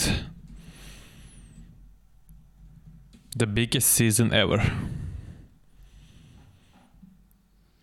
Inače, Patriotsi mm -hmm. biraju nakon Eaglesa. To je pik od uh, Cincinnati Bengals.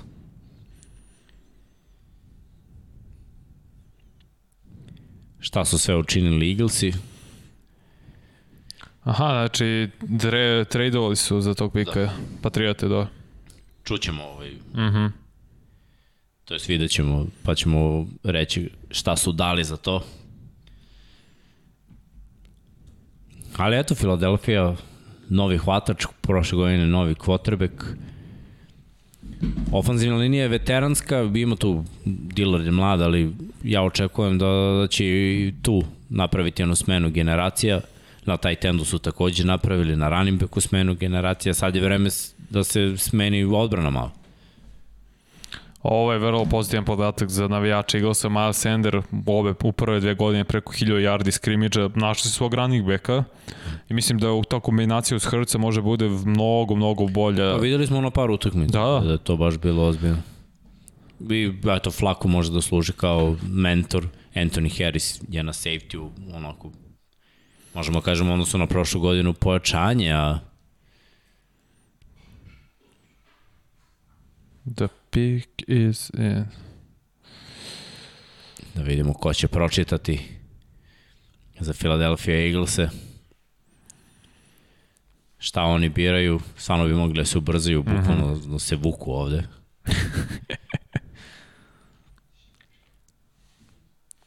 A, Mike Golik. Lepo, lepo.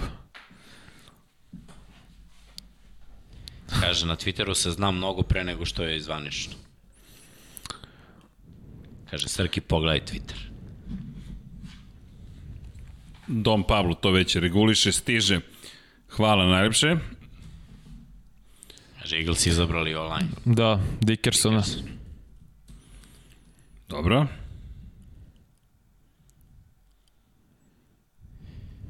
Još jedan igrač Alabama u top 50. Da, Dickerson inače na, igrao dosta i centra i odbio je osvajač ove naj, nagrade za najboljeg centra u koleđu ali može da igra garda i mislim da će mu to biti primarno zapravo sad kad bude izašao. Pa oni su prethodne godine mm -hmm. imali neku ideju da Jason Peters igra garda, zato je bio potpisan, pa je posle morao da igra tekla, primoran je da. bio, ali ajde da kažemo kad se Brooks vrati, to je desni gard, da ovaj momak može da igra na levom gardu, da je Kelsey, Kelsey centar i da imaju uh, Lena Johnsona i, i Dillardu, mislim, Super, to, to, jedno od najboljih ofenzivnih linija u diviziji. Ako su zdravi. Da. Ja mislim pa, čak dobro, i u konferenciji. Da, vrlo moguće. I mislim da može Dickerson onda da nasledi Kelsija kada ovaj ode u penziju, samo da se premosti na poziciju centra koji igrao zapravo na koleđa. E, ideš, možemo vidjeti da je igrao da. svih pet pozicija, što je vrlo impresivno i ti možeš bolje da obziriš koliko je to uh. Mora ne da budeš ozbiljan atleta da, da, da bi igrao sve, mada koliko vidimo skroz dole na, u srednjoj školi. A, da, da. Ajde da kažemo da, da je desno okay, tekli da, da, u srednjoj školi, ali četiri pozicije na koleđu, to na Alabami. Mislim, svi ofanzivni linijaši s kojima sam igrao, kod nas je to moranje, jel te, neko se povredi, neko ne dođe, neko ima Jasne. obaveze i onda kad se tako šetaju po pozicijama, tu vidiš u stvari koliko škripi, ali ko, ko može da igra nekoliko pozicija, stvarno znaš da, da je intelektualno i, i, i fizički uh, sposoban da nastupa na visokom nivou. O, da, ovo smo očekivali. Patriote su skočili na poziciju 38, tradili sa Sincijem. I šta sad kad pogledamo, Patriote njima je realno možda trenutna potreba defanzivna linija, zašto da ne, cornerback. Dobro, tu imaju dosta sada. Više mislim tackle, baš mislim sad i da. ciljam na Barmora, možda eventualno DB, još jedan. Ja bih rekao line. Dubina. Dubina Evo šta su dobili line. Cincinnati Bengals i 46. pika u ovoj rundi. To je... I četvrtu. Da. Dva, to jest u četvrtu. Dva. 122. i 139. I za Patrioti je pik. Mada, Morig, mesto Čanga i to mi ima smisla. Da, da, da. Ja sam očekivao da će Čang igrati, ali eto, Čanga nema, tako da... I opet bogatiji postoji bogatiji. Da. Ili još dubine na, na linebackeru i to može da se desi.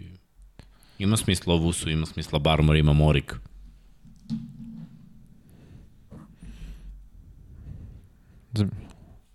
Mislim da je Barmor. Jeste. Nice. Sviđa mi se. Da.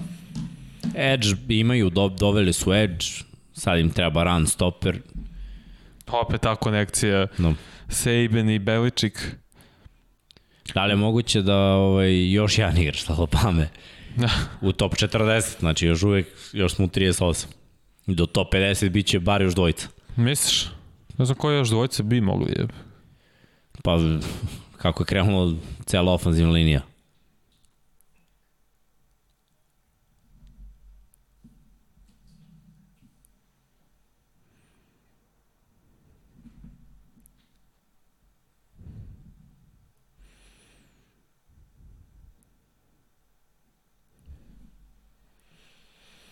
Gledam se ovde neki highlight vezano za Barmora. Dešavalo se ove godine da bude toplo-hladno. Imao je neke vrlo impresivne utakmice, pogotovo u college play-offu gde je prosto i u, i u polufinalu i u finalu bio brutalan. Imao neke mečeve gde ranije u sezoni nije bilo to to. Možda ima taj neki problem s motorom, ali mislim da će kod Bila to da, ne, da ne kažem ustroj, ali bit će to kako treba. Još imati nerealne saigrače pored, pored Hvala. sebe, tako da neće sav pritisak biti na njemu.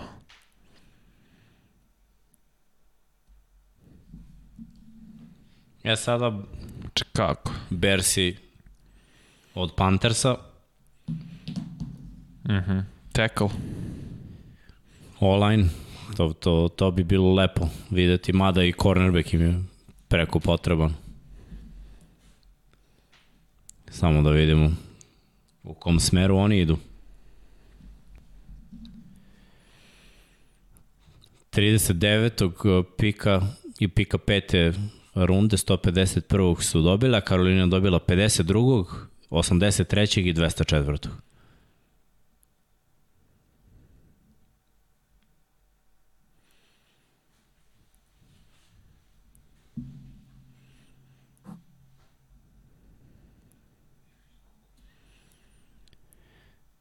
Da, čujemo. Mhm. Uh -huh.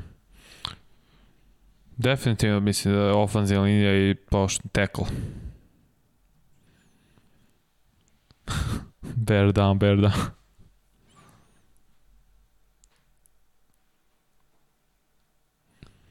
Rashid Davis, e njega se sećam.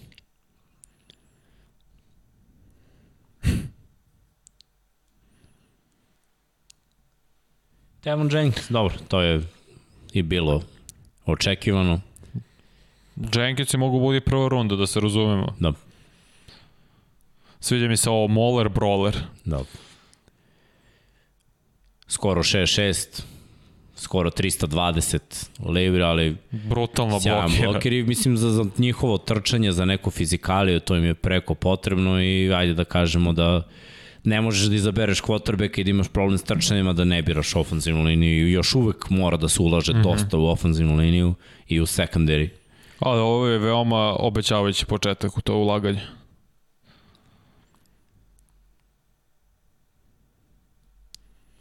Vidimo ovde, mnogi pozivaju Grudena na trade up. Falcons inače biraju sledeći, imaju od Broncosa. O, ja mislim da će, on, da će sad ići o Vusu. Potrebno. A njim, njima sve treba. Moraš da znaš najboljeg realno defanzivnog prospekta sada. Da, pa nemaju, Ili gledaj, nemaju safety-a, Morik. realno, Da. nemaju kornera, nemaju Ali linebackera, vrednost Morika, nemaju edge rusher. a nemaju ništa odbrane. Grady Jarrett, on je tu. I Dion Jones. Da, jedine dve zvezde.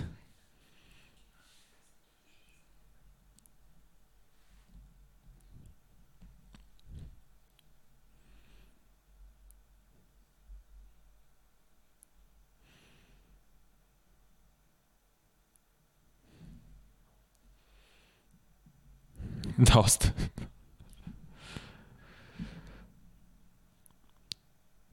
Sad treba... Žive Srki. To je, to je. Kaže, na koji stadion biste najviše volili da odete da gledate svoj tim u gostima? U gostima? U gostima. Žilet. Pa na Heinz Field ako pobedimo. Odlično pitanje. Vanje je svaki. da. Vanje, Vanje je domaći u gostima. Onda Sofoj, pa jes. Sofaj. Sofaj. Baš je tužno. Mislim da vam treba baš vaš grad, autentično to, to, vaš grad. San Antonio, to je sad.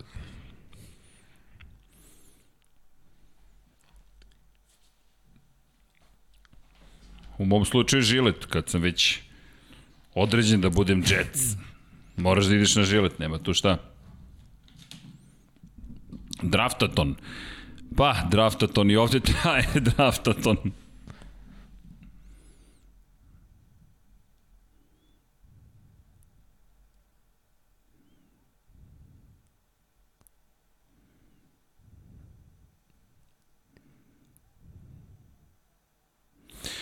Da, zanimljivo kako su Falconsi napravili akciju oko toga da se najavi pik Atlanta Falconsa i je ti stigao Twitter link?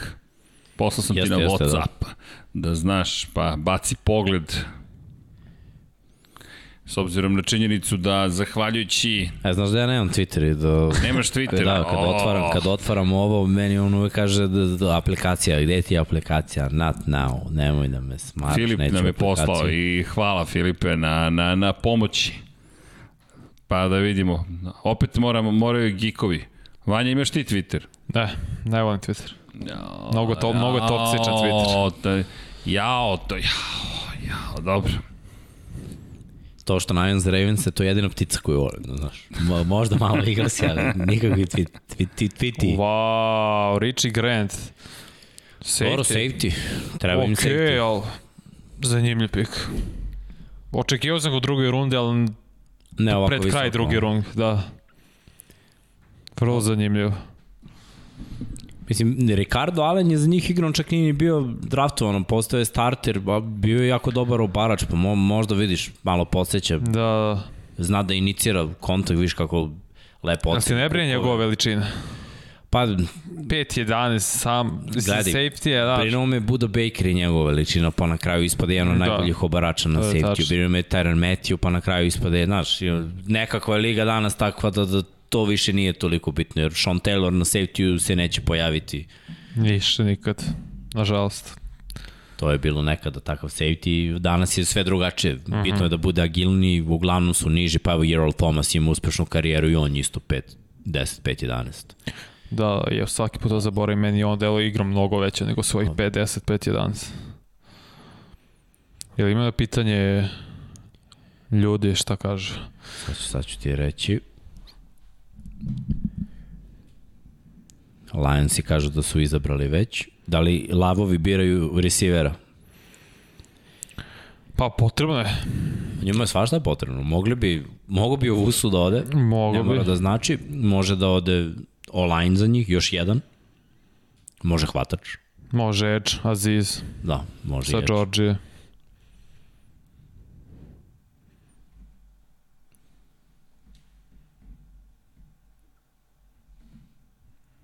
Evo, asistiram. Da. Defanzivni tackle. Defanzivni tackle? Da. Koji? A, levi On uh, Zuriki, ajde da tako kažem. Uh, aha, znam. Zanimljivo. Vrlo neki zanimljive pikove poslednjih par timova pravi što nisam sigurno da li će da se isplati ili ne. Više sam na toj strani da se neće isplatiti. Jer iz nekog razloga, ne znam, sad uzimamo Vusu kao najbolji prospekt koji je ostao, pada, uvek se dešava. Da. To da neki prospekt padne iz nekog razloga.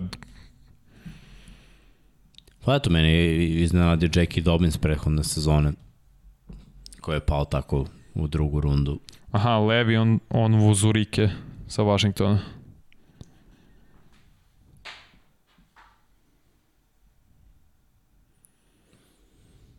Ali ovaj profil kvari kompletnu zabavu, dakle, da. ovo je, ja mislim da je isti to čovek sve, nemam pojma odakle mu informacije, ali da sada je dosta precizan. Hvala Filipe. Mislim, pratim ga inače, ali nisam znao da će ovoliko biti precizan baš za draft. Insider.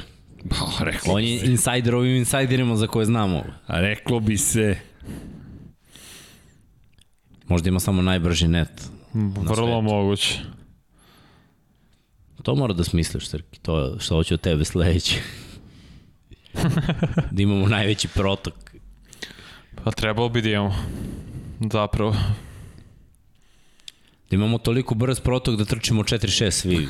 Do 40 Da, evo, svi se slažu da to kvari zabavu, tako da ajde, ga, gasimo to i gledamo live.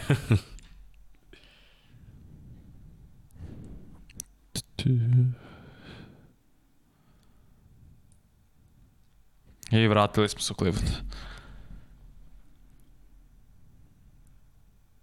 Giantsi su otišli nazad, eto i to da kažemo. Da, Dolphins sad imaju 42. pika. Da. Eto, Dolphins još jedan pik u top 50. I sad kad bude opet odbora. Dobro, postoji moment kada moraš da se pozabaviš i drugim delovima ekipe, ali... Mislim da mora ofenzivni teko. Gledao sam ovaj draft, draftaton sa Bradyjem, Kevin Hartom, Shannon Sharpu bilo hit. Bilo je mnogo dobro. Dion Sanders. Dion, da, Edelman isto.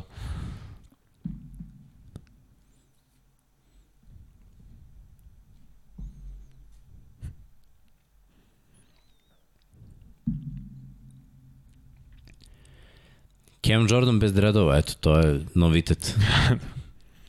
Sad je... Postaće, e, šta je sad rekao, agilni. Da, agilni. Znaš da imam intervju s njim sa Pro Bola prošle godine? Pa vrh. Strava. E, to moramo da izmontiramo i da pustimo. Ja, Vanja će to da ubaci tamo negdje između El Drilla našeg. Pravo iz Orlanda. Koliko traje El Drill, bit će cijel intervju ide paralelno. da. Raduju se ovde Lionsi, A, raduje se i Srđan, Ra, Srđan mora da vas polako, ali sigurno napušta, s obzirom na činjenicu da se približavamo mm. vremenu kada je spavanje neophodno. A baklave? Stiže. Sve je plaćeno već. Ma ne tobre, nego nećeš da jedeš baklave. O, evo ga. Da čujemo ovo. Da budem jedini ovde koji će da jede baklave. A ispoštovat ćete, brate, ja breš. Kao što smo rekli, evo, ovde se javljaju za baklave. Hoće ljudi da jedu baklave. Ne, može COVID protokol. Nisam jeo baklave od slave. Dobro, ajde da kažemo. Pa malo... 6-3, 290. Da.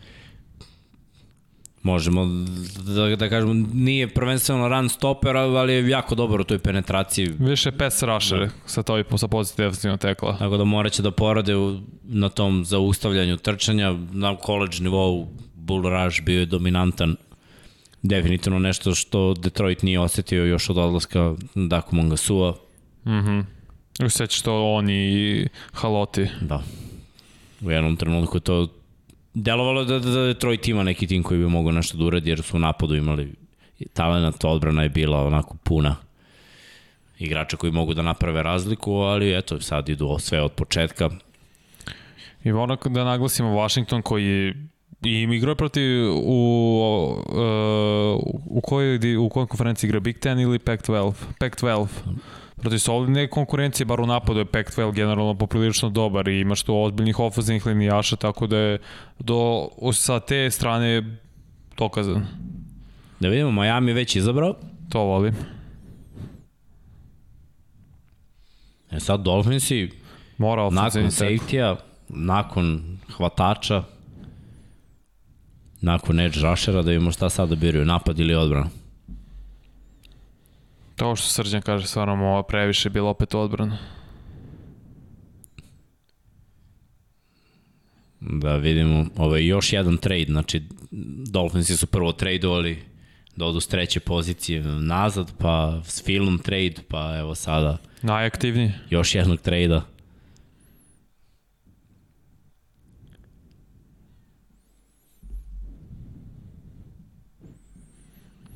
Notre Dame. Da. Liam Eichenberg, Smart. Notre Dame-a.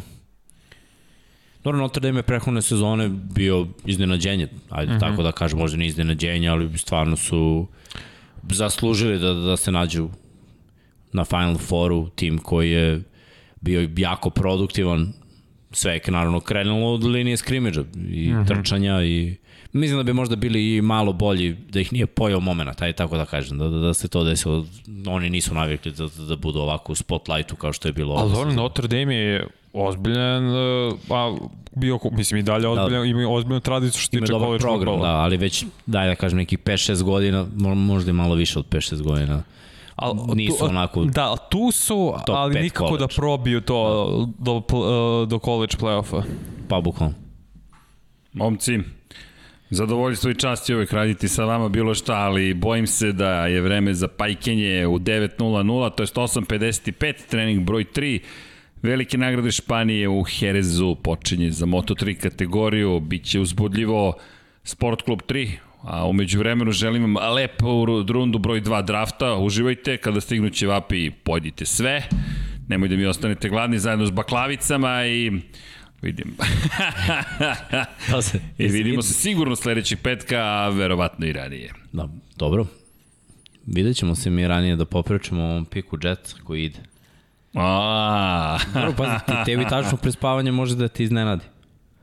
Pa dok stignem, dok legnem, dok... Kad imaju Jetsi? Operem zube. Ha? U trećoj. Trećoj rundi. Da. da. Zaspaći Srki pre toga. Misliš? Treba da odmorim. O, Vanja me poslao na spavanje. Hvala Vanja. Drugari, Čekaj, lagao si. Lagao si. Nemoj u treći. Lažeš. Dali su, pola noći. Dali su ga, da. Izvini Srki. Nisam te ovo da ti uradim da se nadaš, ali do četvrte runde za vas nema ništa. Da li ste Vikingsima pik? Pa ništa, vreme je da odemo onda definitivno na spavanje. Uh, ljudi, uživajte, želim vam laku noć. Ko ovo sluša u odloženom snimku, želim vam lep trenutak dana u kojem god da se nalazite. Da ne odjavljam emisiju, ona nastavlja da traje, pa evo, lepo se zabavljamo, nešto novo ponovo radimo. Jimmy, ne znam kako možeš da spavaš u ovom odsudnom trenutku, ali okej. Okay ode Srki na zasluženi odmor, neće biti dug, ali bar će, bar će čovjek da se nauživa sutra kada, kada krenu trke. Da, da. A da vidimo šta su Raidersi uradili mene, to zanima. Da li će da nastave da, da pa tre... ulažu u ofenzivnu liniju ili eventualno s druge strane malo? Pa malo u sredini te odbrane. Malo D-line, malo linebacker. Da, da. Nije se baš poklopilo sa Littletonom. Pa nije, ali da, to je opet sve stvar sistema. Littleton je bio super u Ramsima, ali kad to imaš ispred tebe Donalda da. i ostale, mnogo je lakša priča. Je u Vusu možda realno Plaši se to kažem, hoću ga vidim u Chargers, zato i da. čutim, pa, kao za Liven ovde. Ima do Chargersa 4-7. Imaš 4. Da, znam. A i da, u Vusu je bio logičan zapravo pik, ali poznavajući John Gruden, on neko ne bira najbolje prospekte koji su tu. Kao prošle godine što je izabrao Damon Arnett. Pa da, ali dobro. Kao što je izabrao. Ferela sa četvrtim pikom izabrao jeste, realno... Da. Pa dobro, bilo je previše rano za running back. Ne, jeste, ali bilo mnogo boljih prospekta tada na toj poziciji. I to, i to je istina. Ma da, ajde, on ima neki svoj, ide nosit će čovjek. Da, to se poštoje. Da vidimo šta kažu ljudi. Mhm. Mm -hmm. Stavite Tom Pablo u Srke u stolicu. pa, pa, pa da ne završimo večeras. Sanji i uspeh Jetsa. Hit. Jel ima neki komentara za vezano za kombajn naš ili to samo ljudi pogledali i vidjeli da, smo, da smo se izblamirali? I to Nije, je, komentarisali su dok je išlo, sad je fokus na draftu. Mislim, ono, vidio sam mnogo komentara, hvala vam ljudi, bilo je zabavno i to, tako da kapiram da, da, da mi se svidalo. A, da vidimo, Raidersi su dobili 43. pik uh, i 230. a San Francisco 48. i 121. Da skratimo pik sedme runde Raiders i pik četvrte runde 49ers. Prethodne godine 8-8, nisu bili u play-offu Nakon četiri početka sezone. 6-3 da. pali. Četiri godine nisu bili u play-offu, a pre toga to je bio jedan ulazak, onda kad se Kar povredio, pre toga je bilo. Kad je Kar realno imao odličnu sezonu. A pre toga povreda baš, palca. Bilo je par nekih, ne, to je ono kada je nogu slomio. Aha. Ta, ta godina, tad su bili u play-off. Kad je bila povreda palca? Ili je bilo to iste godine, ja samo ranije? Ja mislim da je to bilo iste godine, ali igrao kroz povredu a. palca, a nogu je slomio.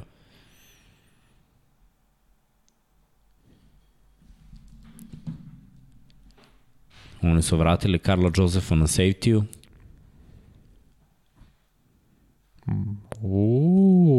Da, evo ga, Merik, safety.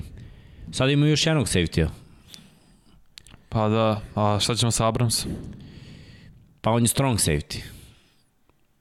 Abrams nije dobar u coverage. On je, Znam, on je udarač. udarač. Staviš ga dole kod linije skrimidža da, da, da bude kao neki hibridni linebacker, strong safety, a ovog momka staviš da, da bude o, free safety, žurka. a Karla Josefa rezervista na, na strong safety pošto on ima problema u coverage-u, to da. se videlo i u Raidersima i u Brownsima, ali je takođe dobar obarač kao, kao Abrams.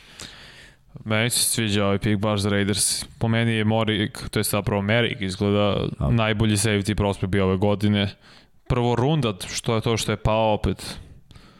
Idealno za Raiderse. Samo za nje da li Don Pablo zadovoljni s tim. Don Pablo ovde se smeška. Znači da, dobio odobrenje. Vidimo da je mnogo bolje u coverage od mm -hmm. ovih pomenutih safety-a koje Raidersi već imaju. A znamo koga, protiv koga će da igra u pogledu Travis Kelsey-a dva put godišnje. Noah Fant isto, Mike Williams, svi ti...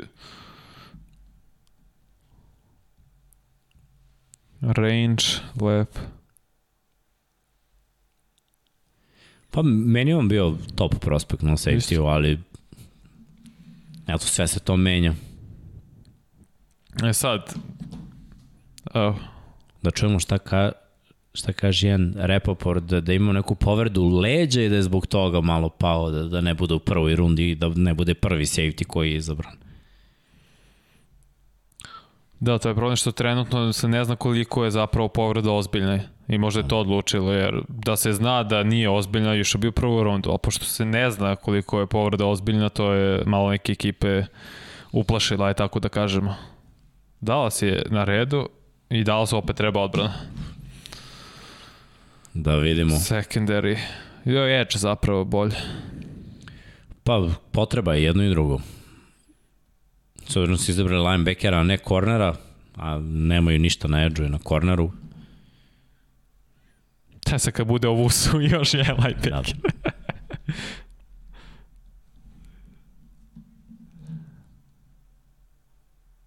Drew Pearson.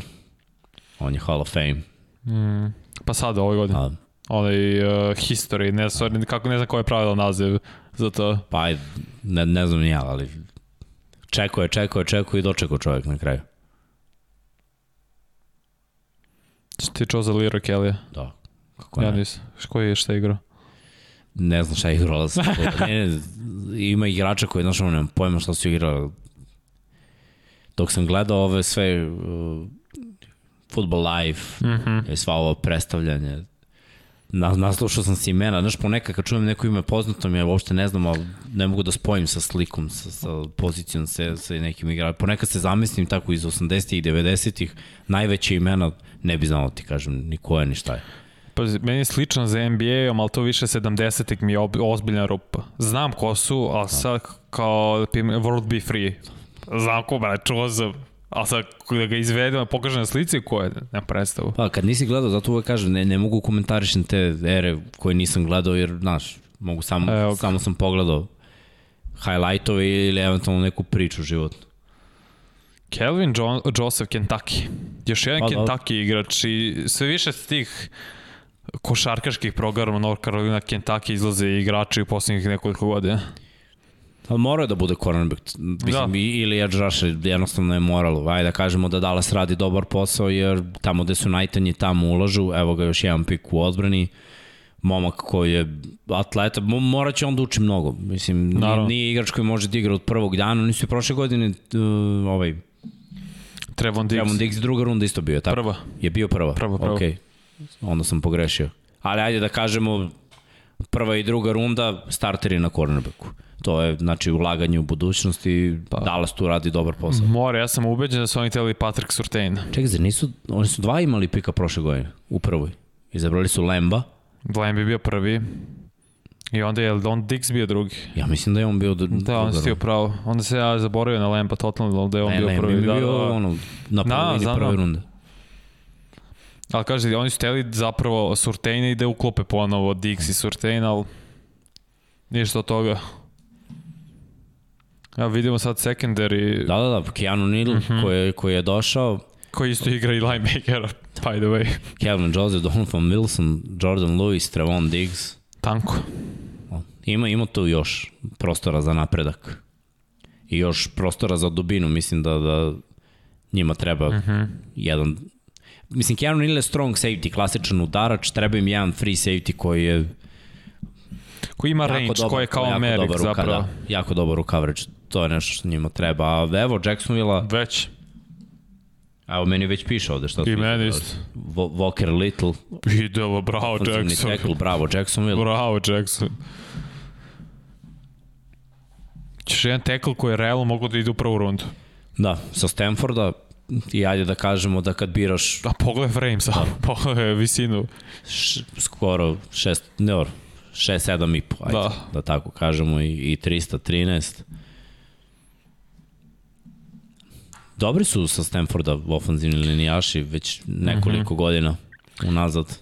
Nadam se da je Little iskoristio ovu godinu što ne igrao zbog COVID-a. Nije imao COVID, nego prosto je mogo da izabra da ne igra. Opšte. Tako je, da se oporavi od prethodnih povreda što ima. Malo to je bio problem sa, sa njegovim zdravljem, to je sa istorijom povreda. Nadam se da to iskoristio da je potpuno ozdrave i da će moći zdrav da uđe u trening kamp svež prosto, kao novo. Mislim, oni imaju, Jacksonville i ima prostora da, da napravi jednu mladu ofenzivnu liniju koja će da, da ide paralelno sa, sa quarterbackom, mm -hmm. sa mladim running backom i ne mogu da kažem da, da, da nije bilo potrebe da se ovo uradi, uvek je dobro imati mlade perspektivne igrače u prve tri runde izabrane u ofenzivnoj liniji, jer u ofenzivnoj liniji ti treba ozbiljna konkurencija i, i mladost, to, to stalno mora da se pomlađuje. Evo, malo, malo smo se sada zaleteli i već kreću igrači GM-ovi da biraju igrače brzo, da ne čekamo 10 Real. minuta, Bengalsi su već izabrali taj pik od Petrioca koji su imali 46. Izabrali su, aha. A šta treba? Meni delo je... E, pa gledaj, Beng... Defensivna linija. Online? E, da, Online. da, da, da, da, da, da. Ovo je možda bio igrač za njih, ali ajde vidimo šta su sigurno, to, to, to zapravo potpuno pravo. Možda će okoštati Bengals što A. propuštaju, već prošli su prošli koliko ofenzivnih teklova od kad su oni trebali od 38. Pa imali su, da. 1, 2, 3. Znaš, to je, propustiti tri ofenzivna tekla, mogu si da izabereš bilo koju te trojice. Da ne pričamo prvo rund. Da. Ajde da vidimo.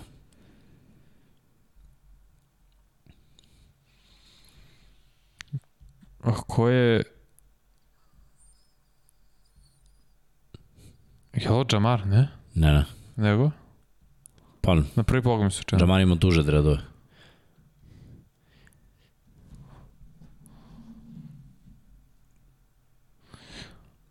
Mislim ali... da će najaviti Gudel kogo daje, ali... Da, da, da. Aha. Ali nije čudno da zapravo igrači koji su draftovani u kasnijim rundama da oni izgovore koga je tim izabrao. To se i dešavalo. Misliš da Jamar nema pametnija posla nego da čita? Ima, da, da. Već je tamo, on je već u Sinciju. Gledam možda Edge, ali ofenzivna linija, to Stefan se upravo, ali neko, kad je tu Aziz od Đularica, George i dalje, primamljivo je. Ajde da kažemo, mm -hmm. ima ovde komentar, Little nije igrao dve godine, nije igrao prethodne godine, on je tamo se povredio. Da. Imao je povredu koja mu je završila sezonu, ali mislim nije se desila ta povreda u prvoj utakmici. Tako je. Zato sam rekao da, da se nadam da iskoristio priliku da ozdravi. Hudej.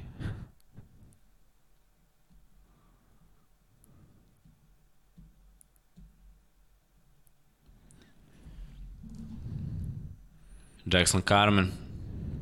Guard. Dobro. Tackle guard. Mogu da ga stavi na jedno i na drugo da. i to je za njih jako važno. Mislim, opet 6-5, 317 jako dobro kada igra trčanjem u pitanju, ali znaš šta je dobro? Uh -huh. uh, igrao je sa Etijenom, igrao je sa Trevolom Lorenzom. Igrao tako levog da, tekla. Tako je. Vrlo lako će moći da, da se uklopi ovde sa, sa Burovom Da, moram da samo kažem, ofenzivna linija Clemsona ove godine je bila prilično slabija. Sad, da li je to, mislim da je opala generalno svima igra, da. svih petorici, tako me to malo brine što tiče Carmena. Da, mada, znaš, on je imao svoje nagrade 2019. i onda... Da, dve, pre dve godine, da. To mi se ne ne sviđa taj pad u igri, znaš. Pa dobro, to ja uvek kažem, to je ta jedinica. Oni ili su zajedno dobri ili ne može jedan da bude dobar i svi loši. A ofenzivna linija ili dobra ili loša, ali gledaš kao celinu. Nikad nije ono kao i kad je Joe Thomas bio u Clevelandu, nikad nisi pričao, ja, on je dobar, ofenzivna linija je tada odradila posao, oni su stalno imali trkača koji je dobar trčao. Pa je Alex Mack igrao tada, isto sa Joe Thomas. Da. da. Ali generalno, znaš, tim nikad govori ofenzivna linija dobra. Ja. Ali zato imaš timova gde ofenzivna linija, kad je loša, džabe jedan dobar pojedinac. Živo isti. Evo ti, na primjer, Remsi, pre dve sezone najgora, prošle godine jedna od najbolja. Pa i pre tri najbolja. Da. I to, to mi je nevratno, taj najbolja, pš, najgora. E, jer imaju pojedince, ali jednostavno kao celina se nisu uklopio. Pa i sad Chargers imaju biri. Tu je Vus. Tu je Aziz. Tu je moja sreća. Na korner? A, ne, jer nije nijedan korner toliko dobro kao što su ovo dvojice dobri. Nije Sante? Ne znam, zato što je to više ime. Pa Može. Je, jeste, ali podsjeća, znaš, baš podsjeća malo. Može, ali ja bi pre, i, najviše bi ovo Vuso. Odba da... Ajde da kažem ovako, jedan ofanzivni, drugi ofanzivni, treći, četvrti. Ideš na liniju? Četiri ofanzivna linijaša sa sada u drugoj da, da. rundi. I delo je malo da, da, da je ova druga runda krenula onako da bude ofanzivna. Evo, ono što je zanimljivo, smo imali safety to, to baš se nije očekivalo tri safety na samom startu. Pa, očekivali smo Meriga zapravo u prvoj rundi, a pošto je on pao, ja čekam ovo. Vrlo zanimljivi match-upovi će biti da. sledeće godine. Prvi pik protiv drugog, Wilson protiv Lorenza, Mahomes protiv Lamara. Lamara. Opet. opet to će biti brutalno. Svake godine. Ne znam kako opet mogu da igraju. To meni je jasno. Kako Prvat... četiri godine za redom. Da, pa zašto su čisti prvaci divizije ove godine, a Ravensi nisu. Mm. Inače, jedna godina je bilo prvi prvi, da, da, da. jedna godina je bilo random. Divizija, divizija protiv divizije. I ovaj sad, verovatno, Ravensi kao treći tim. U stvari, oni su drugi bili. Ja mislim da su oni bili drugi, drugi Cleveland pi... treći. Da. da, da, Cleveland je bio treći, da Pittsburgh je nekako svoje. Što se te, koga, te, koga najviše očekuješ ovih igrača koji se vraćaju s povrede? Hmm. Pa Sekona Barkleya moram da kažem. Zato što mi je ofenzivna linija delo bolje, imaju mm -hmm. sada i hvatači, imaju neki balans, odbrana je bila bolja i mislim da, da me onako gledam neke klipove. Gledam kako ja. se sprema i, i deluje mi da, da je ono Mislim, možda bude i McCaffrey, ali mislim da je Barkleyeva povreda ozbiljnija i da mu je sezona bila gora, ona tamo, mm -hmm. i da, da mu je ono motiv da se dokaže još veći. Pa, pa bi zato rekao Pazi, da je on. i ko, uskoro mora i on ugovor njemu dolazi. Da. Tako da ima, ima to smisla. Pa nije čudo, gledao sam Barkley i znam šta da radim, da bi pojačao skop. Naravno, Barkley je... Zver, evo. Koliko god mi da radimo ono, da sumnjam.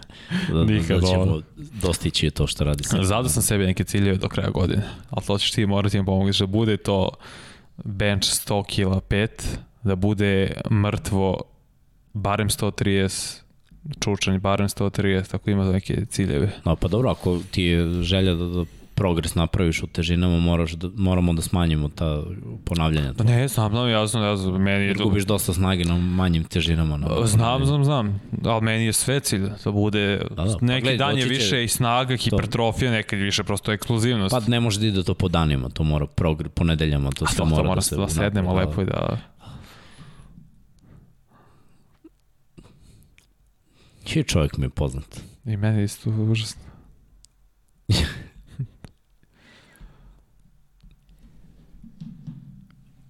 Hank Bauer. Former Charger. Three-time NFL special times. Yeah.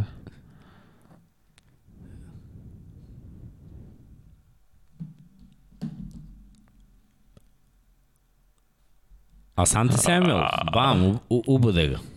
Ubode ga. Dobro, Case Hayward otišao. Jo, bre, teo sam vucao. Ali dobro, pazi, on Brat. kao, kao i, mislim, gle, on može da zameni Hayward, jer je Hayward isto bio ball hawk, gledao loptu, tražio loptu, a Sante Samuel senior je bio ball hawk, ali ono što ovaj radi za razliku od oca i obara, Sante Samuel da, iz lopta ga je, je zanimalo. Ono, zanimala ga je lopta i to, da igra coverage, nije ga zanimalo da, da ulazi u duele sa ranim bekovima, ali zato ovaj mlađi Ja, Gledao sam obaranje, tehnika u obaranju jako dobro. Mislim da, da, da, da je... Tešiš me sad, brat. Ne držim ti iskreno, ja, ja sam njega projektovao kao top, top 5-6 korner. Neki su otišli koji nisam mislio pre njega. Mislim da, da je to što mu je ime, bilo onako da, da ode dalje. Mm -hmm. Mislim, Derwin James i... Ne znam da su igrali Derwin James i Asante, nisu? Ili to baš uh, poklopili jednu godinu ili nisu ni to? Ne znam. Na lago, Florida State Florida, Universitet. La, lago bih, kad, kad bi rekao. Evo sad možemo da vidimo seniora. Da. da. Patriots i Philadelphia Eaglesi. Da ali on je bukvalno igrao samo na loptu Nosić, da. ima osjećaj, ali verujem da, da je dosta toga podelio sa, sa juniorom što se toga tiče. Sigurno, sigurno, sigurno. I, videlo se to, ali kažem, mnogo bolji obarač, to, to je nešto što može da raduje timove. U odnosu na oci i fizički je malo Ja gledamo cornerbackove, Bolje. Horn, Surtain, Farley, Newson, Stokes, Campbell, Joseph, da. Samuel. Znači, to je 8 u prvi 47. Da. Ali dobro, to, to je ono što sam ja i očekivao. Mhm. Hvatači i korneri u da, prve dve runde. Da, da, da, da Ali ne, nije, nema tog hvatača. Pa sad će polako. Otišlo ono što je otišlo i, da, da. i, i sad će da krene na kraju druge runde. Ja, bre, stvarno sam te obusao. Pa dobro. Da, dobro, ajde. Šta ide u, u San Francisco? O, odlično pitanje. Hmm, ta, Sekundar. Sekundari mora isto. Njima treba cornerback. Oni imaju tog pika od Raidersa. Pik je već tu. Da, možda ofanzivna linija, ovo je defanzivna linija, od, jer su izgubili nekoliko igrača, da. ali mislim da će biti secondary pre. Potpisali su igrače od prehodne godine. Bereta su okay. i je Mosley, ako se ne vreme, Mosley. Mosley. Da. Ali mogli bi mladu krv More. na poziciji cornerbacka imaju linebackere i D-line, mislim, jeste otišlo nekoliko igrača, ali dalje tu. Otišao Solomon Thomas. Dobro, Buckner je otišao još prošle da, godine, zamenjen Kinlom. Otišao je sad ovaj, uh, kako se ovaj što se pokazao sad tu, ko svi bili povređeni. Da li je Vigil, ne, ne mogu se setim. Otišao je 2-3 od da, defensivne linijaša i mislim možda i tu treba dubina se popuni. Jer znamo kako je zapravo San Francisco došao do Superbola brutalnom igrom na liniji skrimidža. Ja, ali dubina na korneru donekle imaju generacijski talent i dalje. Na, da, ja mi, slažem se, ja mislim treba secondary da se definitivno poboljša.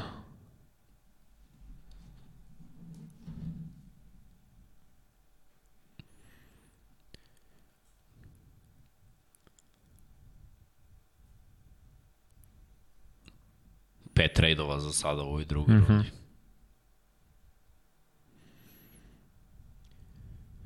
Imamo nekoliko već pitanja šta ide u Seattle, bukvalno nemam predstavu šta ide u Seattle. Mislim, cornerback bi bio ok da ode jer, jer su izgubili cornera, ali imaju oni falinki isto dosta. I online bi morao se popraviti.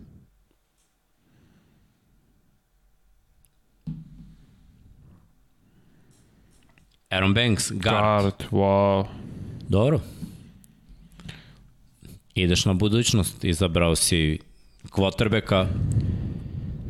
Dobijali su quarterbackovi batine prehodne godine. Ajde da kažemo da si s Trentom Williamsom obezbedio levog tekla, sada imaš još jednog mladog perspektivnog da, garda. Da, Meki Gliši je na desnoj, vrlo dobar. Ali evo vidimo first team all American selection. Aaron Banks od Notre Dame. Tako što pokazuje da je zapravo vrlo kvalitetan guard. Da, bi, mislim, malo pre otišao u tackle. Tako da tackle i guard s koleđa koji je ove godine igrao jako dobro. Odigra 31 meč za redom da završi karijeru, što je uvijek za ofenzivnog linijaša najbolje, ono, best, uh, kako kažu, best uh, mm, stavimo se, nastavi se, setit ću se. Dobro, nijedan sekund nije do, dozvolio prošle godine, a dva je samo mm -hmm. dozvolio u karijeri. Da 1160 akcije snapova. Da. bravo, bravo. Da, the best ability is availability zapravo. E, da.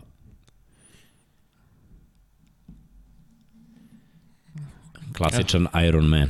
Da, e sad, Cardinalsima isto treba DB. DB. Vreme sad, da li će nas oni znati, ovo je bio još jedan ofanzivni e, a pazi, možda running back. Ovaj drugi sa North Carolina. Uh, moglo bi ovo da se de, da, da vidimo kad je sledeći pik za Arizonu. Tamo tek u trećoj.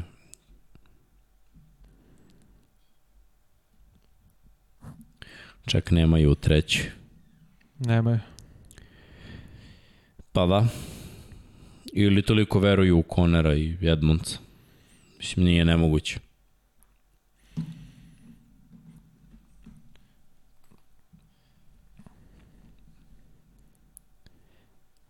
Da, znam, mislim kad ideš kao jedan od najboljih gardova u protiv na ideš na Donald. Da. Pa dobro, ne ideš sam, to je ono, ono što ti je olakši. to te teši. Još neko će s tobom Očigledno Cardinals je dosta razmišljaju o ovome.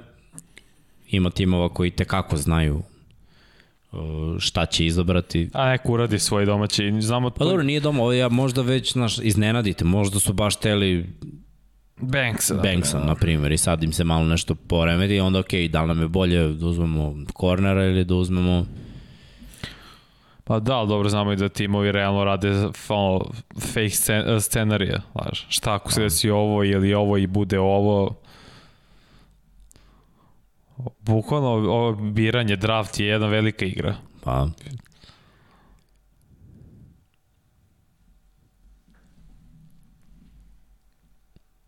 Kellen Da, Beacham. Beacham.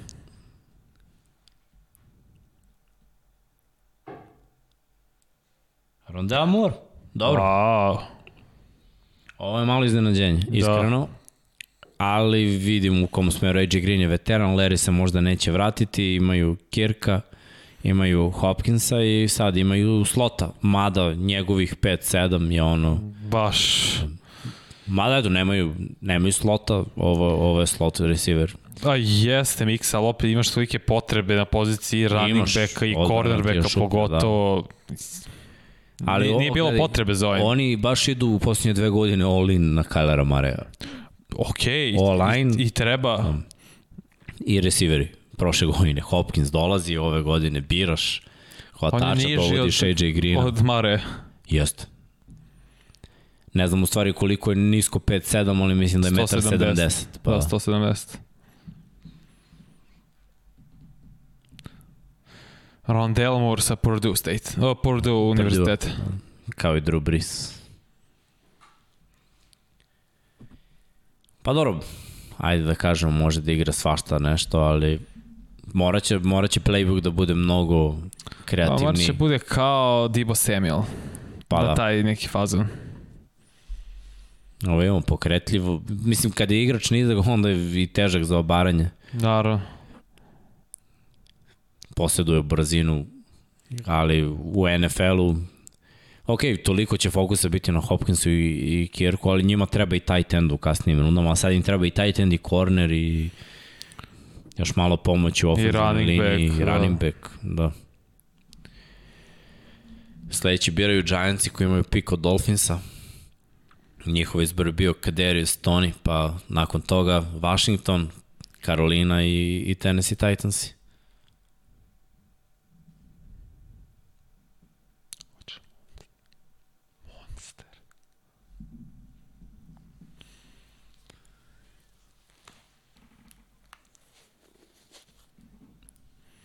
Da, zanimljivo da je Justin Fields i bio na Georgia. Da mu je Ohio State dao novu priliku. Pa, I pa, ali sad izgleda trend, znaš, nekada je bilo budeš tu pa čekaš svoju šansu, danas nije ti tu šansa, odmah idemo sledeći i tako, tražiš situaciju gde ćeš da se pokažeš da budeš bolji. Pa dobro da, ali koliko je to zapravo bolje? Mnogo. Ako, mislim, ne, Pa lakše. A Pa, misliš da... lakše, to upravo to, jeste lakše, ali mislim, po, treba da postoji taj moment, istina, ono, želim da se takmičim. Ne, aha, ne odgovaram i nisam, idem. Ja, zato meni je bilo Tom Brady, cela ta priča, Michigan, gde je on bio ono treći, četvrti kvotor kada dođeš do broja. A on u, u svojoj seniorskoj godini i on i Joe Montana su se menjali, oni nisu bili stalno starteri, nego su prvi 7-8 utakmica menjali na poziciji quarterbacka. I eto na kraju, u stvari ta konkurencija koja te gura, učinite samo boljim na kraju. Dobro, ja se nadam da će Giantsi ovo brzo rešiti, mada šta sve fali Giantsima, ima tu nekoliko potreba. Prehodne sezone odbrana je bila jači deo tima, zato su verovatno i odlučili da, da se pojaču. Ja mislim online, to bi mi onako delovalo kao dobra opcija.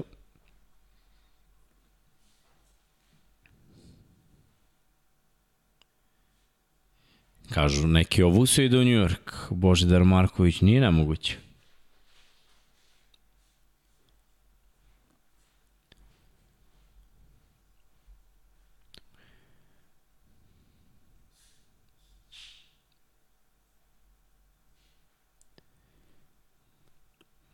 Hmm, hmm, hmm.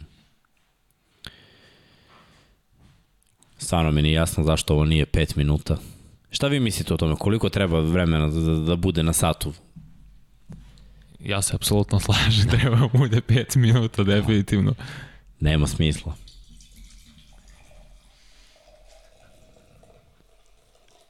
Do sad bi već prošli drugu rundu. Vanja, moram da ti kažem da ja nemam baš snage za, za, za treće ronda. Da, evo i ove tri minuta podržavam. Momci, bukvalno podržavam.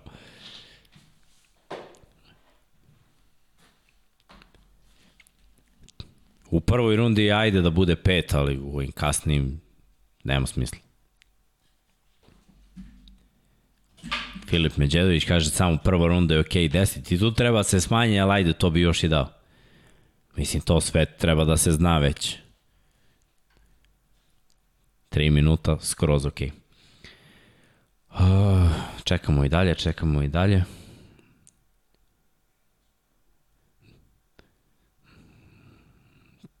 Taman kad sam rekao ono da su otišli cornerbackovi, pa da će otići hvatači, evo odoše i jedan i drugi mur. Giantsi su već izabrali jednog hvatača, tako da mi nekako miriše da, da Marshall bi mogao da ode u Washington. Ili u Tennessee. To je jedan od sledeća tri pika. A pa. Giantsima ne treba više hvatač, tako Hvala da... Bogu. Da, da, Washington bira odmah 51. Giantsi bi mogli dubinu na poziciji running backa isto, ali to možda u trećoj rundi, a ne ovde. Da, da vidim kad Giants imaju u trećoj rundi pika. 76 je ukupno, to je onako već za nekog running backa koji je backup. A sad ofanzivna linija ili defanzivna? Hm. Daniel Jones, 39 izgubljenih lopti, najviše od, ka, od kada je postao starter u NFL-u. Jeste, mislio ćeš da kažeš od Kirk Cousins. ne, ne, ne, Kirk je za njega sigurica. Ne, ofenzivna linija meni delo tu. Da, pik je tu, pa, pa da vidimo. Eventualno neka dubina u odbrani, ali možda pozicija linebacker. I to, pazi, Pazi sad ovo. Vidio sam koliko su izabrali. Vidi ga Darius, pa da i ja isto. Ođelari. Ali to, to je spoljašnji linebacker, ali dobro, to i mi treba. Pa, pazi, najbolji igrač, najbolji prospekt koji je ostao zajedno i dalje o Vusu, koji ne znam zašto iz nekog razloga pada konstantno. Ako neko ovoliko dobar, tebi ostaje, to je ono, uh, kao Bill Belichick, onog izabere, najbolji igrač, izaberem njega. Pa ajde da kažemo, prvo, Georgia je jako dobar univerzitet. Što se tiče linije skrimidža, boksa, running backov, oni to prave sjajni igrače. I siguran obarač, momak koji je eksplozivan, jak i Giantsima treba. Mislim, u godinama kada su osvajali Super Bowl imali su dobru rotaciju u defanzivnoj liniji. Spolješnji linebacker je, je nešto na što mogu da, da obrate pažnju kako bi unapredili svoj roster. Popisivanje Leonarda Williams je bio pun pogodak, mislim da je yes. ovaj momak pun pogodak. Videli smo da je imao četiri iznuđena fambla, što je bilo drugo najbolje zapravo na koleđu. I onda dodaš kombinaciju Blakea Martineza gore. Mm -hmm. I mislim, odbrana je već prošle godine bila dobra, sad je još bolja, evo Washington odmah odgovara, oni biraju. Vrlo lako bi mogla se desiti da, da, da ovo bude hvatač. Ako nije hvatač... Šta bi moglo? Ba, moglo bi svašta, mislim. Moglo bi ofenzivna linija, mislim. Može da bude ofenzivna linija, može da bude i ono QB pa da bude totalni šok. Pa da i dalje da, nije jedan QB je ono, nije Fitzpatrick je tu na godinu dve, a Heneke možda nije pravo rešenje, samo je šansa, pa... Trask. Stoji. Pa da.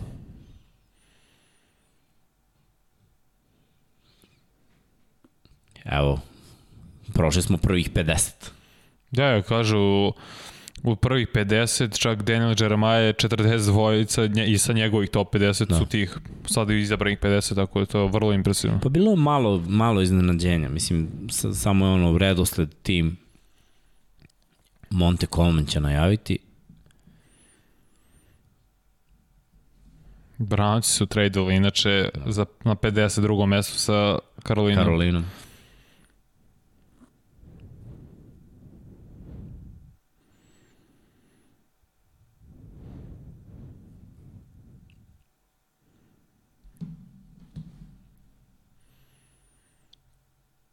Tackle.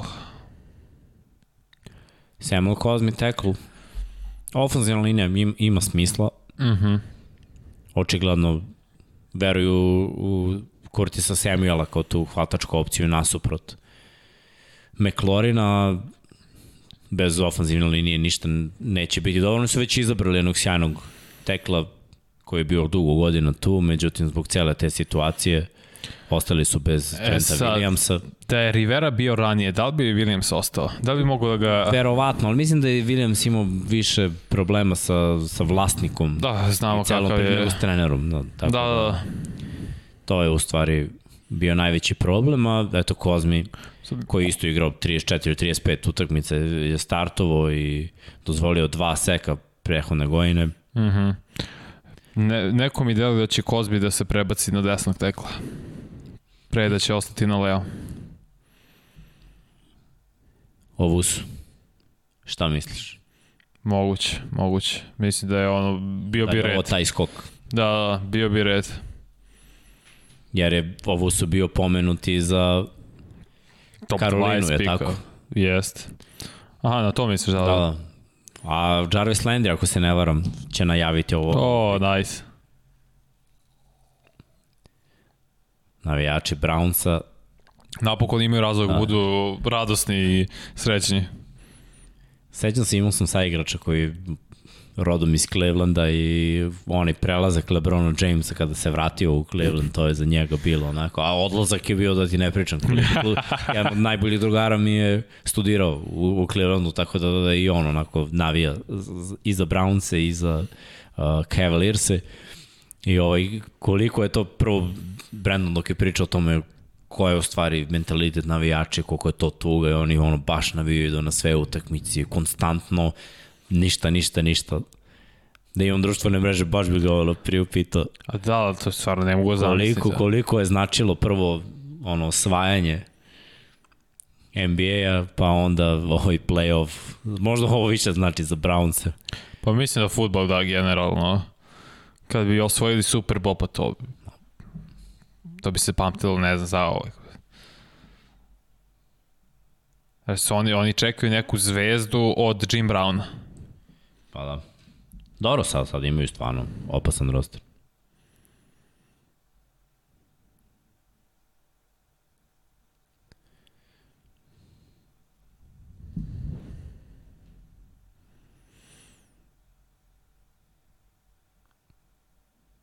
Je li to publika dalje naša?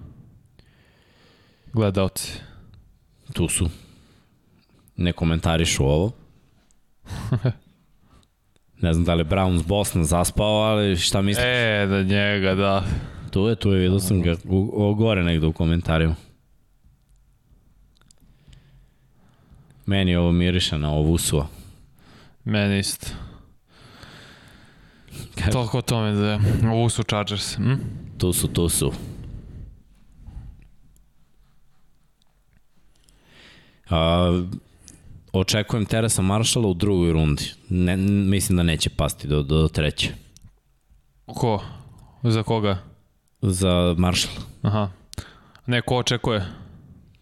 Ba, mi kad očekujemo. A, mi kad očekujemo, da, da, drugo da će pasti do treće, ima još 12 pikova, a ima timova koji Siguran. ima Tennessee, pa, mislim, Tennessee, nije izgubio da. prvo hvatača, evo biraju skoro pa sledeći.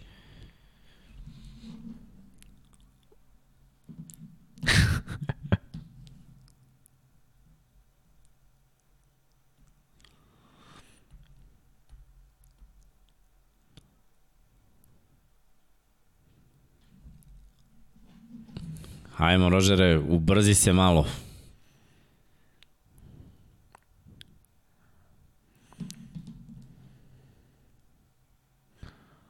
Mačo meni i Gudelo.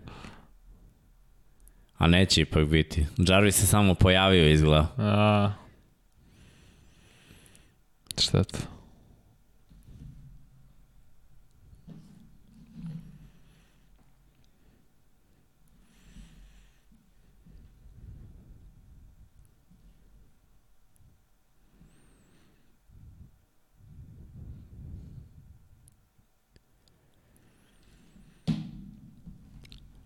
Nisam znao da imaju to stvarno. Da, da, da, mako njih je to toliko uređeno. Najbolji treneri srednje škole i tako idu postoji donacije za opremu, za dresove. Stvarno, da, da, da. To je baš cool. Koliko praviš dobar program, tako i regrutuješ bolje igrače Naravno. posle i... Bio je juče ona grafika kao koji, koje srednje škole imaju najviše, jedna ima 23, ne mogu sad se koja je to pikova naravno na ovaj NFL draftu. Viš koliko on sto oni zapravo ozbiljno vode. Tako je. I samo da znaš da se te srednje škole plaćaju. Prepostavio se. Da. Prepostavio se. Da, školarina, da, da nisu ono kao državni programi i da možeš da dobiješ stipendiju. Da, kao Oak Hill Academy da. Da, za, za košarku, to je to. Jeremiah Wusu. Evo, bravo mi. Je. I, I mi nešto da pogodimo. Da, bukvalno. Mislim, bilo mi je logično da, da će ga Karolina izabrati ako Cleveland ne skoči. Uh, Tako da je ovo sjajan potez za Brownse, pametno su skočili, nisu mnogo ni platili za ovo, a dobili su igrača koji im je preko potreban u diviziji u kojoj se trči, u diviziji u kojoj je ta sredina jako važna. Momak koji je na opšte iznenađenje ovako pao. Ali, ali treba reći, ajde, da budemo realni, A pogledaj, druga runda je... Patkos nagrada za najbolji da. linebackera. Tako je, prehodne godine ali očigledno to nekima nije, nije previše značilo. Otišli su linebackeri pre njega, eto. To su četvorice već. Da.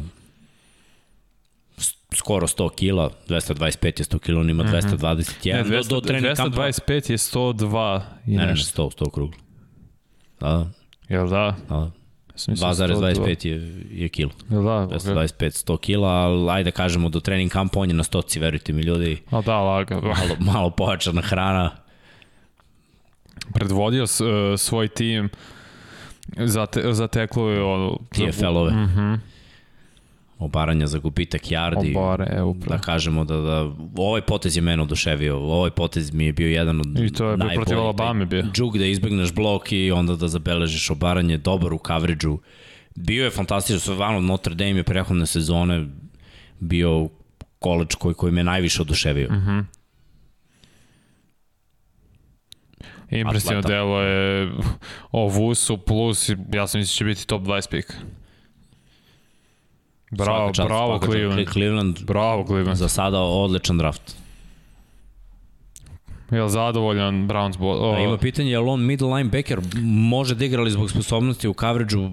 Pa... Mislim da mogu da ga stave na outside linebackera. Tako da bi, da, da, bi imao, da, da bi imao i, i neku ulogu u, u blicevima, ali ovaj, vidjet ćemo koliko je njihova namera. Zanimljivo poređenje Daniel Jeremiah, Harrison Smith, safety. Pa da, pa gledaj, on je nije klasičan middle line, mislim, da, da bi se bolje uklopio kao neki hybrid strong safety outside linebackera. Uh mhm. -huh. Ali ima sve sposobnosti safety-a. Da. Newsom, Ovusu, to veoma dobro draft za Cleveland. Da. Tennessee je izabrao, ja mislim da je ovo Marshall. Ako nije Marshall, Hmm. Ko bi mogao da bude? To. Koji još hvatač ostao? Uh, pa ima ih, ali ajde kažemo da je Marshall najbolji koji je ostao. Izabrali su cornerbacka, znači mogu da ulože ili u ofanzivnu liniju, pošto i Kelly im odlazi, znači da bude desni tackle. Da. Ili da bude hvatač. Sad da vidimo kako oni rangiraju, da li ima tih dobrih nekih teklova ili neki slobodan agent. Pa pre ima bolji hvatača. Ali kako oni treba im hvatač koji je ujedno i krupan i dobar bloker, kao što je bio Kori. A Teres je koliko? 6-3, 100 kila. 6-2. 6-2, 100 da. kila. A ne znam da je fizikalan koliko je bio Corey Davis, to Nema to, kada vidiš Derika Henrya i kada ti kaže blokere sine za mene, nema tu. Ima da budeš fizikalan koliko moraš. Yes, sir. Yes, sir. Understand, sir. da čujemo. Evo ga, Dyson. Legenda. E, njega se sećam. U play-offu kakav touchdown. Za malo ostao čovjek. Pa tekl, pa dobro.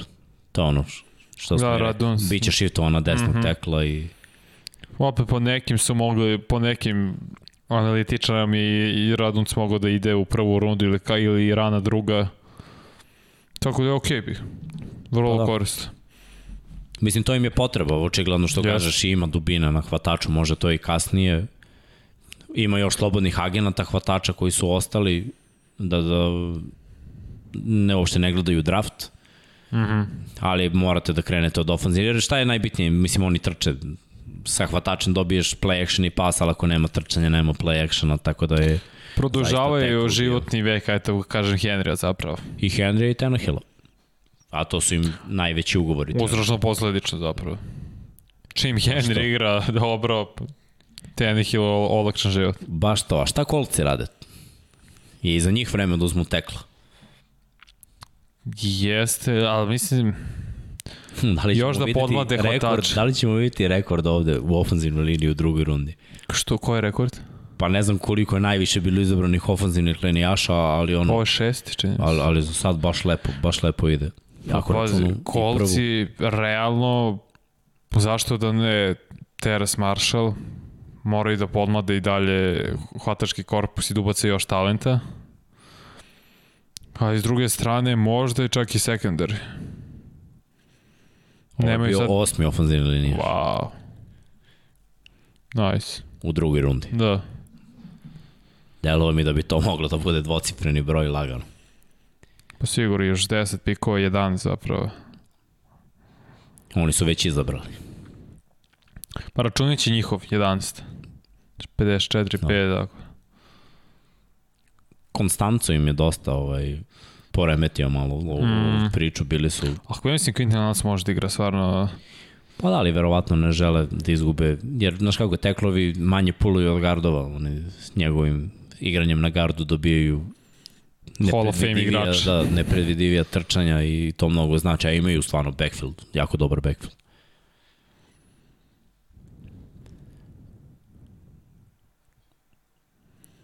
Ajmo ljudi, ajmo ljudi, ubrzajte se. Stvarno nema smisla da čekamo ovoliko ako je pick tu. Da kažemo da, da, odradit ćemo drugu rundu i podjavit ćemo se. Da, kaže, to bi bilo to da ja da spavam. Odlaze nam ljudi, lako noć, ko ostaje s nama, neki izdrži još malo. Ja do Baltimora ostajem sigurno. Šalim se, Baltimore ne bude u rundi. To je bila najveća greška, 57. je trebao biti. Što je greška? Ah, dobili proboli igrači i mi im dali drugu rundu, pa ne ide. A pa to, to si ovo grešili, pa to di... Trebalo je samo dobio Orlando Browna i da pevaju. Zijem, moram ti ove reklame američki stvarno su vrhunski. Kako koja? Ali mnogo, mnogo me nervira kada god gledam neki sport njihov, što me samo bombarduju ovom hranom i ono, ono moram da jedem. Da, još to nije stigla hrana, da. Znači, bukvalno ono, hrana, hrana, hrana, kola, hrana, kola, osiguranje, hrana, hrana, pa stvarno. Možda jeste stigla hrana, sad ćemo da vidimo. Rego Don Pablo, kada čuo. Nije. Da, ajde da kažemo, neki navijači Remsa Sjetla nisu ni imali priliku za prvu rundu, pa vidjet ćemo šta će oni birati. Remsi su 57, e, pa, Seahawks i 56 i to ako ide jedan da, za drugim. Da, da. Ali Rams imaju zapravo najbolji draft headquarters za Ubeljivu. Ubeljivu, na Malibu tamo, lep pogled ka, mo, ka okeanu zapravo. Pacific. I Chiefsi nisu birali, oni imaju ovaj. Uh -huh. 58. pa 63. Kažem, velika greška Ravensa što su im dali top 10 Slažem se. tekla i još drugu rundu.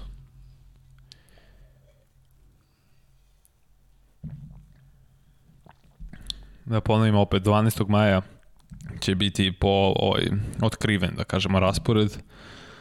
I od toga će napraviti spektakl. Ovo obavezno gledajte, sa što je to ultra zanimljivo. Sigurno.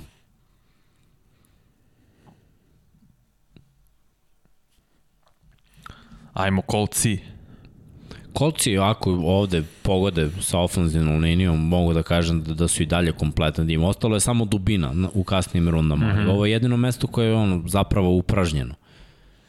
I taj tend nije za drugu rundu, iskreno. Nije. Taj tend da mogu da nađu u treću ili eventualno da probaju, s obzirom da im je trener po, upoznat sa filinim sistemom, pa eventualno da traduju neku tamo treću, ja četvrtu rundu za Zeka Erca. Tako da. je, tako je. Onda Vance Erc, to je već oprobano, plus trener Cox. tako je, koji zna i Aha, još da. imaju, znaš, mm -hmm. ono, i ovaj momak, Doyle, Da, i Jack Doyle moj, Eli Cox isto. Dubica do ubica. Pitman bi trebao da izraste u bolje hvatača u drugoj godini. I trčanje samo fali ovde online.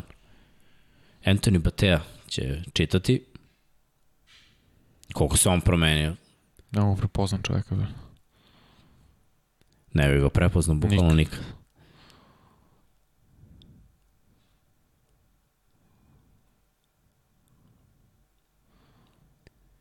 What safety?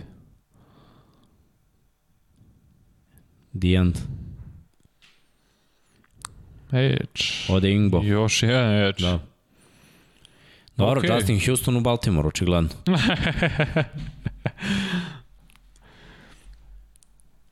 A ovo je sirov pros, prospekt. U, o, mnogo sirov. Ima potencijala sad. Da, ali pazi, sa 6-5, skoro 285, to je masa puta ubrzanje. E sad, Jednako bol s drugi. A da, povreda... Ahilove. Tako je.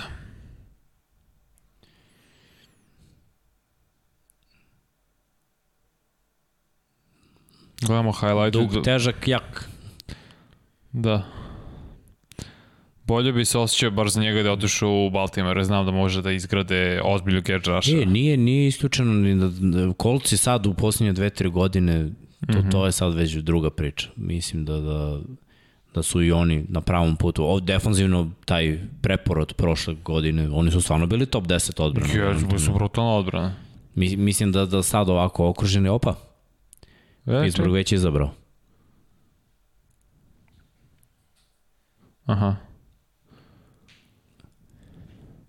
Znači tek odu zapravo u oktobru sad kaže kao rap shit. Rap? Da. Kaže da zapravo se očekuje da će tek sred, oko, oko oktobra A, igrati jer, jer će tek u avgustu biti za- zapravo odobren da trenira od strane doktora. Pa dobro. Ulaganje. Naravno, i mislim da Houston da će i ostati za Ako bi ostao, da je bilo idealno za, ovo, za Peja i za... Ej ga Franko. Da, Ej ga Franko, legenda. sad kad izgovori Benovog naslednika, bra, ka, e, zašto ne bi sad Kyle Trask? Nije isključeno. Ali ima potreba, naš. A potreba ofenzivna linija, Online je da. baš potreba da bi si birao quarterback.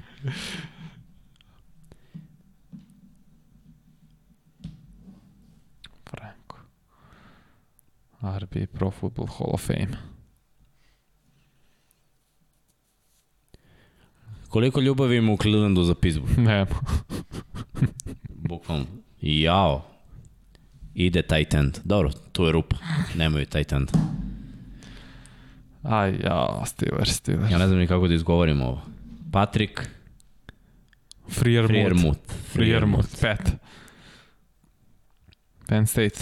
Još jedan taj dan sa Penn State-a. Dobro. Posle Gesikija. Druga, druga runda, onako možda malo, malo u panici, ali tight enda nemaju, online nemaju, pa možda je ovo bio bolji tight end ne, nego što bi bio deseti ofenzivni Ima smisla linijaš u koji izraste u Hunter Henrya. Kao što je to poređenje sad, što smo Pa. videli. Ja sam iskreno mislio da tight enda nećemo vidjeti do treće runde, ali to nikad ne mora da znači. Druga, treća runda obično su riznice za tight enda. Jesu. Ali vidiš kolika je razlika između pizza i ostale, to tek sad vidimo. Pa da, mada nekad opet Ma ne mora znači Ne ništa mora da to, znači. ne, kaže samo po, i, po Da, da. pikovima sada. Pic četvrti, evo sad Frermut 51 50, pik. da, da. 8 Friermuth, touchdownova tačno. 2018. Da, pre To je tri bilo, godine. da, kao to je bio naj, Tad, drugi tad, tad je najbolji. bio i Gesiki učenik. još zapravo. Da. Dobro, E. svakako je potrebno Pittsburgh uvek imao dobrog tight enda, Mhm. dodatna protekcija, samo Ibron i on zajedno, to je već neki Solid. tandem i hvatači su mladi i tu su, ali online to mora. A pazi, Seattle sada po prvi put bira novogodišnjem Da. draftu. I šta Seattle Pa vidiš, vreme troše, tako da verovatno ni oni ne znaju gde pre da zakrpe rupu. Pa, rupa. Cornerback, definitivno. Odlaskom Griffina. Dobro, jedna od rupa. Defensivna linija. O-line uvek. Možda i pre online zbog nezadovoljstva Russella To sad Wilsona. teo kažem, da li će da zadovolje Wilsona? Jer gledaj, kornera još i ima, da kažeš, ali online je baš Polako otišao. nestaje. To. Oni imaju sledećeg pika, to je njima problem, jer oni nemaju pikova. Ima četiri pika, ali tako? Njihov sledeći pik čak... Četvrta runda, brate. Četvrta runda, da. Do četvrte runde ode sve što je vredelo u ofenzivnoj liniji. A kornera možda i naprave. Živa istina. Tako da ja ovde očekujem online.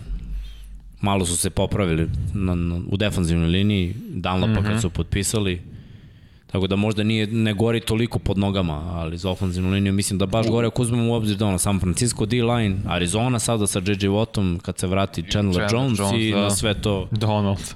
Aaron Donald i Ramsey. Mislim da, da je najvažnije zaštititi. Inače da, i gledat ćemo i duel Brady protiv Patriota da. nove godine. Mora, potrebna je stvarno Seattle ofenzivna linija. Mislim, od kad je Russell Wilson quarterback, to mi je to mi užasno podsjeća na situaciju Rivers Chargers. 10 godina ti, u tih 10 godina jednom imaš zapravo dobru ofenzivnu liniju. I to je stvarno neprihvatljivo. Neko kaže Seahawksima treba sve. Nisi daleko od, od pa istine. Ne.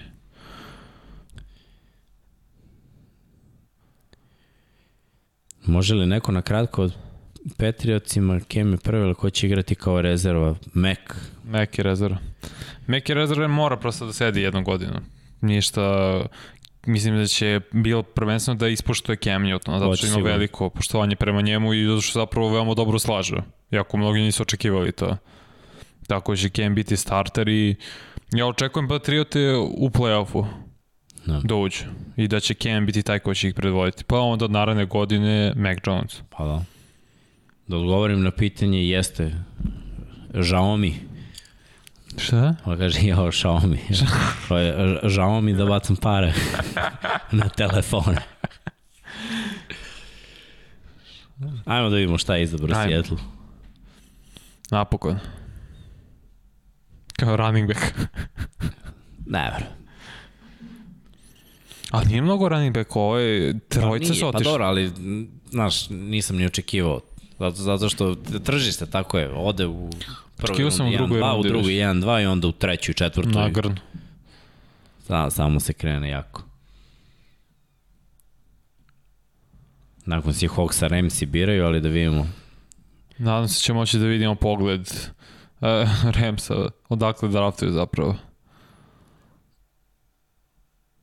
Djelaj mi da skauti i čelnici Sijetla zbunjeni ovde. Priturnu tablu iza, molim te.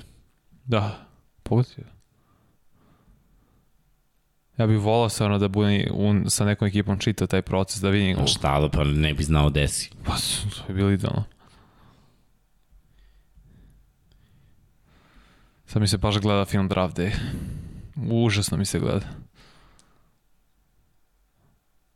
Ili to sam vrlo gladan, tako bi bilo idealno da stigne hranu uskoro. Da. Može to sve samo bilo fora. Ništa baklavica, ništa ćevapčić. Misliš? Opa, prvi pik, ajmo, idemo. Prvi pik za Seattle. Ajmo, ajmo. Evo, tu smo. Vreme je... Ko je... Ne prepoznaje. Ne, još.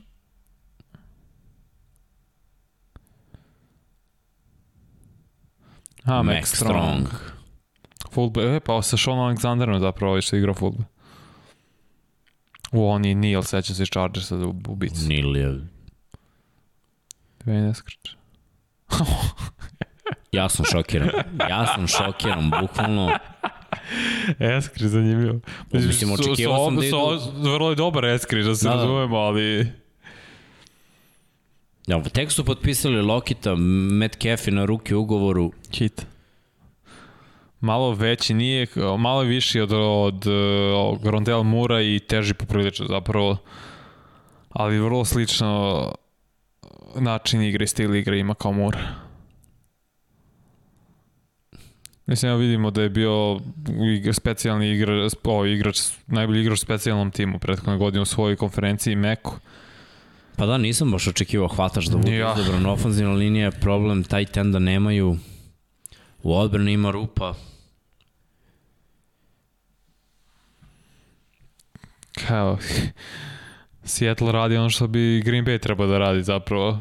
Pa, Dobro, Russell je verovatno lobirao za još jedno oružje, ali... Pa dobro, pa nisi mlad više razlog, ne možeš ti toliko više da bežiš od konstantnih udaraca i bolova. Znaš što, mene najviše brine što oni nemaju keb da potpišu nekog. Pa da. Znači, ako se oslanjaju na nekog, bit će to nedraftovani, pošto imaju samo tri pika. Znači, njihov trening kamp će da bude puno ovih momaka željnih dokazivanja. Mm -hmm. Što nužno nije loše. Može da se nađe neki dragulj. Pa, da. Ali me brine da je Pete Carroll izgubio te osje, jer on prvi godin kad je bio u da, Seattle pa, odlično birao jer je znao sve te igrače jer igrao protiv pa njih. Pa vidiš, Pete nije ni tamo, evo ga ovo i ja. Ja, bože, pogledao. Ma da. Da. Ma nije u redu, stvarno nije u redu. Ne znam da li, ako gledate, vidite, mislim. Beach House, baš. Odakle biraju na obali okeana. Još imaju i bazen, imaju i teretanu, Ma daj. Dobro, jedno ovo na vikendici, jedno ovo ležaljku pored bazena da napravim i, i srećan sam. Evo Gudel tamo iza kao na slici. nije. Sigurno da nije. Jesam. Jest. Je jest? Jest. Pa kao. Ja, baš. Kaže, Brownsi od najgorih sekundara idu do jednog od najboljih za samo nekoliko meseci. Denzel Ward, John Johnson, Troy Hill, Ovusu Newsom, Grady Williams. Pa, pa ne bih rekao od najgoreg, možda od najneiskusnijih, zato što su A, bili... Nisu mogu, bili dobri.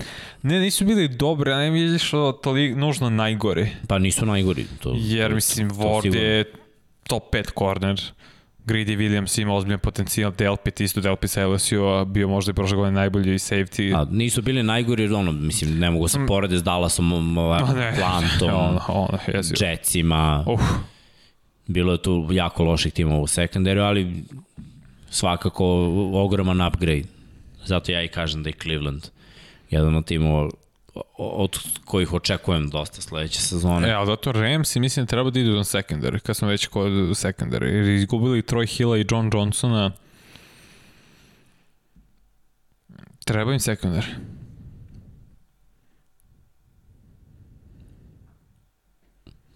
Hmm. Sa da, Staffordom, Nick sa Bolton je dalje. Zanimljivo da je Bolton tu i dalje kao linebacker sa Missouri. Možemo mi da vidimo i Perkins, Miners, Marshall. To zviš kako koji su ostali. Da, eto viš kako Marshall pada i pada i pada. LeBron inače će igrati večeras proti Kings. Opa. Da, da, vraća se. Ajmo Lakersi. Da li Packersi mogu da dočekaju Marshalla, Marshalla da? I da ga ne izaberu. Saintsima nije baš da treba. Pa, i, pa kao druga opcija. Karolini definitivno ne treba. Chiefsima da, rekao bih da ne, ne treba. treba. Buffalo rekao bih da ne treba. Nije moguće. Jedino tu Seattle Ovo je Seattle, izvini, New Orleans, mislim da bi mogao realno da izabere da nađe drugu opciju pored Michael Thomasa. Mogu bi onda padne i u treću rundu, koliko ja vidim. Pa stvarno mislim ako Green Bay sad ne izabere pa, njega. Pa šta mi je još smešnije? Da. Da vidim onda sa 65. pikom Jacksonville. A zamislite. Ujedinjenje. Ovo stvari neće Nije. biti ujedinjenje. Da. Ujedinjenje bi bilo Cincy, a Cincy je 69. Pa i nije nemoguće. No. pa misliš da ne. E, ajmo da vidim. Ajde da vidimo, videli smo prvog peka Sjetla na ovom draftu, to je bio Dwayne Eskridge, hvatač. Da li će nas ovde šokirati malo i, i Ramsey? Mislim, jasno i fanovi timova što bar ne ustanu da se pozdrave sa ljudima, nego nastali da sede u... Da, meni da priđe neki igrač koga A, prepoznajem. Mo, uste i zagrljaj šta god.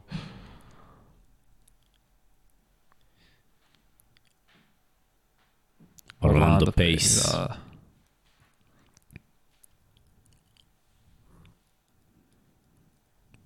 Hvatač. Wow. Još jedan. Vidiš kad krene jedan za drugim, da, da, da. polako tu, tu. odlazi hvatači. Još jedan omanji hvatač. I poprilično ima mali frame sa svojih 155 je... Ne, malo. Malo, 65. Ali on je i 5-8, mislim. Pa da, kao, kao mršavi on, Hollywood Brown. Pa da, to je još govori, to je baš mršavo onda, da. stvarno. Hmm. Kreti. da vidimo malo. Ovaj momak ja nije bio na radaru. Ovaj momak mi nije bio na radaru, ali Louisville možemo da kažemo da... Da slabije konkurencija, da, Louisville. Dobro, pusti, tako je pričaš iz Lamara, pa vidi. He, he. Šalim se. Ovaj, šalu na stranu, ajde da kažemo da, da ti omaleni hvatači i te kako mogu da, da naprave dobru promenu. Pravi, šta oni imaju? Kupera Kapa, Roberta Vuca, Cam Akers, uh, Higby, on je potpisan, je. Everett im je otišao i onda još jedan u slotu, ali ovde nema uh, Van Jeffersona. Da, ko je izabran zapravo. Tako da Matthew Stafford, eto, dobio je još jedno oružje.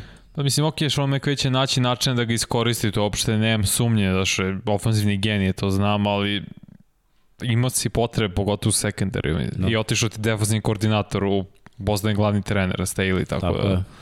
Pa dobro, možda nisu cenili ove safety koje su ostali. Moguće dovoljno. A sada da se okupaju. Pacifiku. Da vidim kad je sledeći njihov pik. Pa i oni imaju nešto vrlo malo. Da, oni prvo... Pa dobro, 88. Nije to toliko daleko. Eto, tu će verovatno, to je 30 pikova razlike.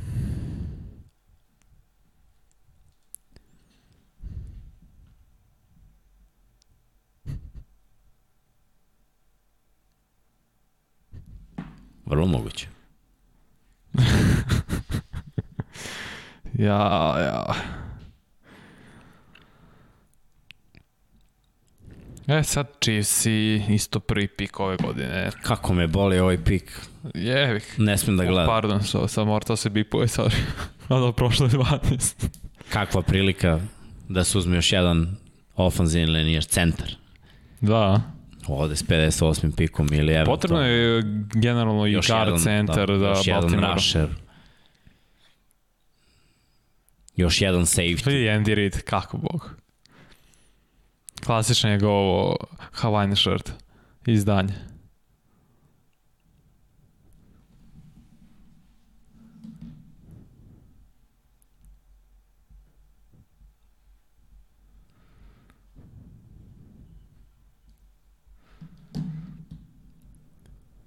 Razlike između Mekaja, Bektona i Etvela je skoro 100 kila. 90 da budem precizan. 95, ja mislim. Tako. Ili ne, 209. Pa, malo, ja nije, nije 95, ali više od 90, manje od 95. Da, nađemo se tu. Pa.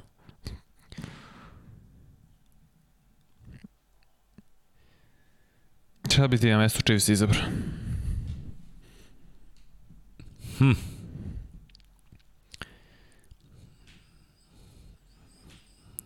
Online? Jo, još bi jačao online. Ja bi D-line.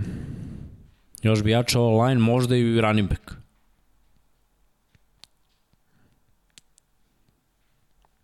Još jedan Hall of Famer, Will Shields. Nekadašnji guard Chiefs. Wow. Linebacker, dobro. Da. Imaš najbolji igrača koji ostaju, to je Bolton, ono, ubedljivo. Sviđa mi se. Odličan pik za Chiefs.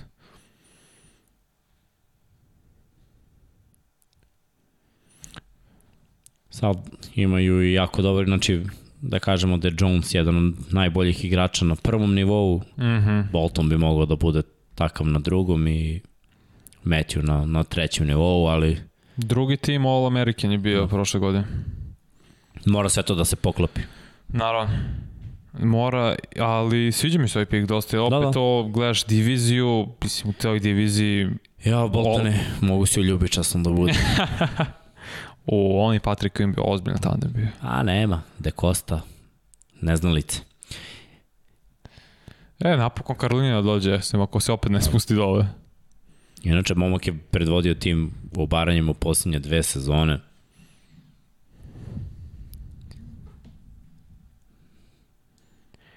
Karolina bira, imaju pik od Brownsa, pa onda Saints i Billsi.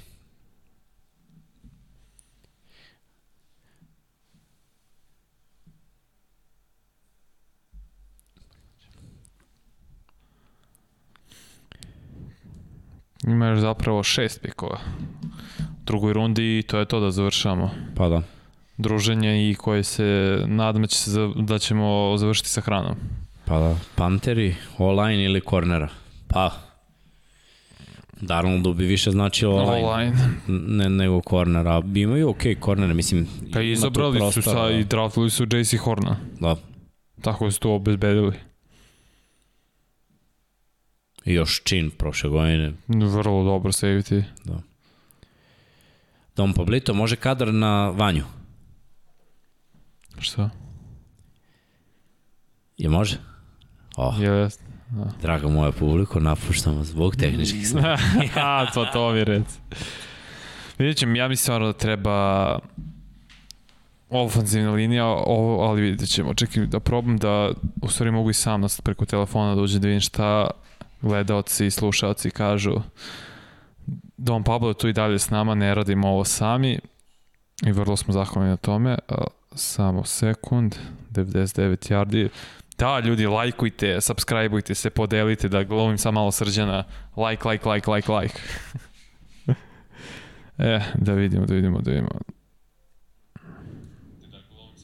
Op, YouTube ušao. Da vidimo live chat.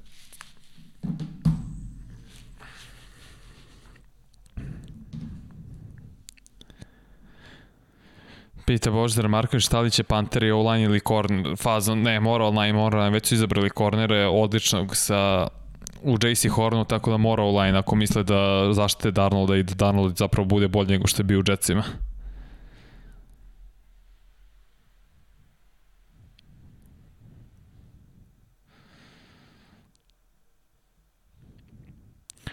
Uh, da, Emir Lujinović, šta mislite da li bi Patriote uzeli Fieldsa da je bio dostupan pre Meka Jonesa, da su obojice bili dostupni na njihovom 15. piku? Uzeli bi sigurno. Uzeli bi sigurno Justin Fieldsa zato što je bio izveštaj da je da se Fields više sviđa Beličeku nego Mac Jones, a da se obojica zapravo svidili Patriotema, ali bi 100% bio Justin Fields jer je približni da kažemo igračkom stilu Cam Newton nego što je Mac Jones. I generalno meni drugi najbolji quarterback na ovom draftu. Slažem se. And we're back. And we're back. Pick is in. Kako su dobre ove koleđice njihove.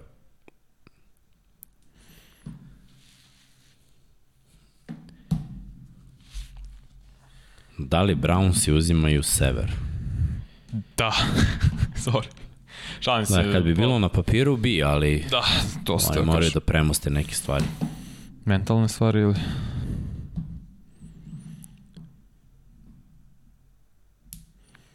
Da je moguće Karolina da izabere quarterback? Nije isključena konkurencija. Mills, Mont, Trask su ostali, mislim. Pa dobro, to, to je 1, 2, 3, ajde da, da kažem. Trojica. Uh,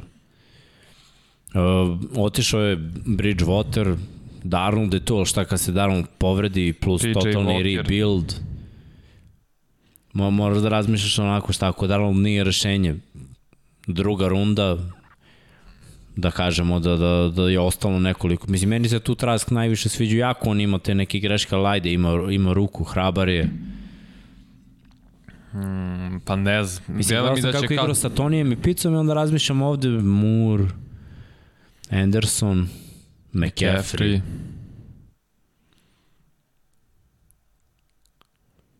A imamo DJ Moore posljednje dve sezone, 1100 plus yardi.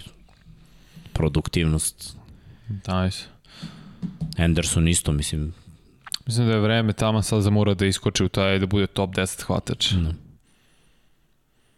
Ali gledamo ovo predposlednja najgore ekipa na, šta je bilo, na trećem, protiv, na trećem downu, da? Da.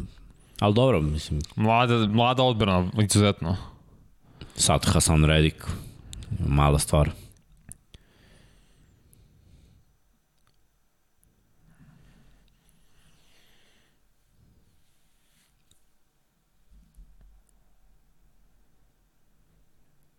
Teres Marshall. Ne razumem ovaj pik. Iskreno. Još jedan hvatač. Dobro, Mislim, trio, ovo... trio fantastiku. Pa da, ovo samo pokazuje da idu all in na Darnold. Pa da. Bolje bi bilo da su izabrali ovozinu liniju, ali... Pa dobro. Kasnije runde, verovatno. Ljudi, rekao sam vam, Teres Marshall je, nije čak ni, ni 6'2, nego 6'2 i po, znači to je metar 90. 190, da. da. U 190 90 i nešto kilograma, ali ajde da kažemo da, da ovaj momak posjeduje i brzinu i snagu. Ma, malo je onako kru, krući hvatač, ali to je bilo i za DK Metcalfa, to su neke stvari koje on može da, da popravi.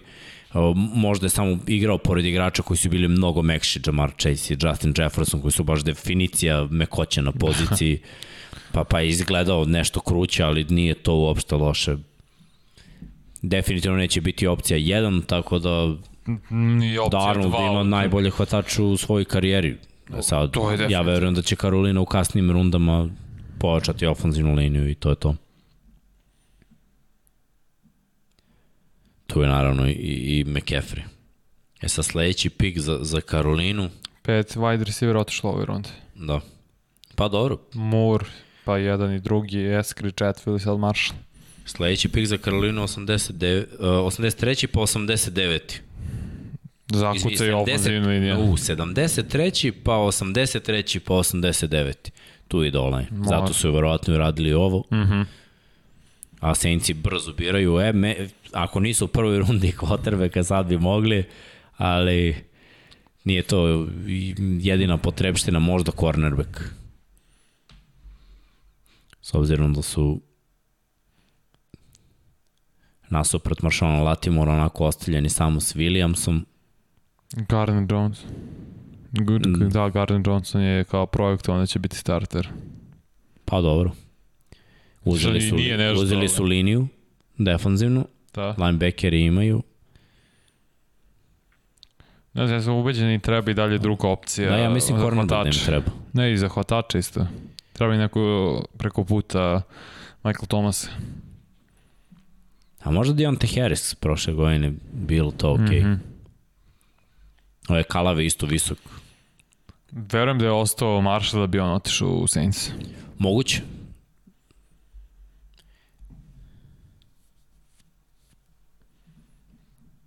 No, delovalo mi je definitivno da, da Karolina, Saints ili Packersi biraju.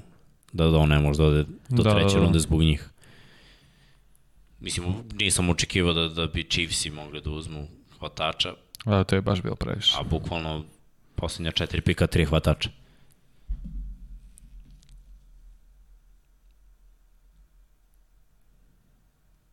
Još jedan linebacker. Ohio State. Da. No, velika škola, mislim, znamo svi šta predstavlja Ohio State, tako da uvek je dobro ugrbiti igrača sa takvog visokog, sa takvog veliku zapravo univerziteta. Dobro, i oni naravno guraju sve u odbranu, znaju da, da je to jači deo ovog mm -hmm. tima i deo tima koji im u stvari i omogućuju posljednjih nekoliko godina da budu toliko uspešni. Dobar atleticizam, 6-3 skoro. Ovo, evo vidimo prvi, prvi tim. Tim All Ten, mm -hmm. All Big Ten. Nije mala stvar. De Mario Davis. Mislim, oni imaju toliko problema s kepom da će neko morati da ode sledeće da, da. sezone, tako da je ovo potezu napred. Dobro, kad pogledamo, imaju skoro rešenje za svaku poziciju. Cam Jordan, imaš preko puta Davenporta, sada su uzeli linebackera, imaju Davisa. Mislim, sad je potreban corner, jer što Latimore treba bude plaćan. Williams isto kao safety treba bude plaćan. Neće platiti Latimore, ali Mislim da, da samo da Mario Davis ostaje, a da oko njega linebackeri će otići i zato ostaje Pit Warren da Da, vidimo njegov otac Greg igra dve sezone NFL kao tight end. Što možda ne, možda znači sigurno, mislim ne možda sigurno znači. Buffalo sad i dalje se čeka njihov pik. Još četiri pika samo.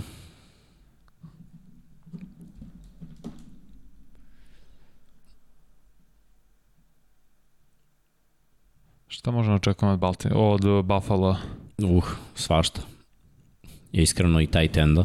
Sad je već kraj druge runde ili u trećoj ili ovde. Mislim, treću, četvrtu, ne znam kako ocenjuju taj tendove. Da. Treba im neki. Running back meni delo da sad idealno. Running back je jedna od pozicija, ali ajde da kažemo da tu imaju bar dvojicu na taj tendu su izgubili onog jednog Smitha, mm -hmm. tako da tu je malo upražnjeno mesto. Uh, što se tiče odbrane, pa ajde da kažemo da... Pa i nema negde sad. Sem dubine popuna, bu, bukvalno su stvarno su popunjeni svih 11 startnih mesta za Buffalo Bills. Jesu, da. I da kažemo da su se počeli u defensivnoj liniji, da, da je tu možda jedino škripalo statistički prehodne sezone. Uh mhm. -huh. Ali možda dubina na poziciji cornerbacka, čisto da, da ono, smanje sebi izdatke u sledećem sezonom ako nekom veteranu padne forma da mogu ranije da ga katuju. Evo, ti si sad upravo rekao, jedini tim u play-offu koji, gde je igrač nije imao više od 5 sekova su bili, mm. bili se prošle godine. Njihova odbrana u red zoni je 28, što je zapravo poprilično loše. Tam.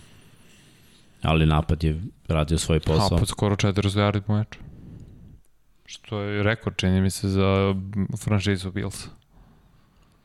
Ali zato su oni promenili identitet da budu ofanzivni tim, a ne defanzivni, ali ja verujem da se ovde ulaže više u defanzivu na ovom draftu. Naravno, kad pogledam hvatače koji imaju, imaju Bizlija, imaju Stefana Diggsa, imaju izgubili su John Browna. Davisa, izgubili su Johna Browna, ali ajde da kažemo da John Brown prehodne sezone, da je Davis meni bio produktivniji nego John Brown prehodne mm -hmm. sezone. Da je Beasley bio skoro na 1000 yardi, da, je Stefan Diggs bio jedan od najboljih hvatača u ligi. Možda neki running back, nije bitno sad da li ova runda ili sledeći pik koji može da hvati iz backfielda, to je nešto što, što bi mnogo značilo Alenu. Da, bukvalno 4 pika, 40 minuta stvarno nisu realne, ovo je sve moglo da, da bude drugačije.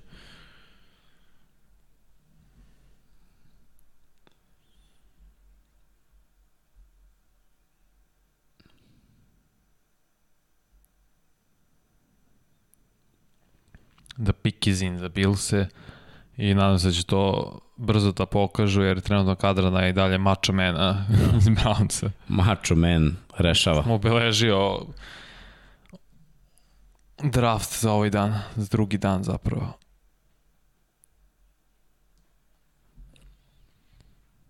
Do bro, do bro. Ajmo ljudi, ajmo ljudi, uzbiljite se. Buffalo Billsi pa Packersi. Koliko samo od Aarona Rodgersa zavisi sve ovo? U kom smislu? Pa šta će on uraditi i pa, kako će oni pa, birati? Da je njima toliko stalo, oni bi izabrali wide receiver u prvoj rundi, odmah ti kaže. Pa zamisli ako ga ne izaberu sad. Pa to je onda potkopavanje jedan, jedan drugog. I opet odbranu izaberu. Ajde čak i ni da ne izaberu ofenzivnu da, liniju da. koju im treba, neko, da baš da bude ono Houston mm. Texans i Deshaun Watson. I ja opet ne razumijem to, pucaš sam sebi u nogu. Jer šta ti znači da se inotiš sa realnom najboljim igračem koji si ikad imao? koji dalje igra na MVP nivou. A tebi je potrebno jer nemaš odgovor na to. Jer si imao sreće da ideš sa Brett Farva na Rodgers, jer se to ne dešava. Čekaj, čekaj, jo, Bešom. Mm. Da, još jedan edge rush. Ima mi smisla. To su bili jako slabi. Mhm. Uh -huh. Rousseau i Bešam zajedno sa Edom Oliverom, sa još par igrača. A iza njih ovaj, uh, kako zove, Matt Milano, Edmonds, Edmonds. naravno. Respektabilan front seven. Wake Forest, ACC. Mada kako su igrali u play-offu protiv Baltimora što se trčanja tiče, tu su pokazali da, da mogu da, da zbiju redove. Ali protiv Chiefsa je već bilo pakleno.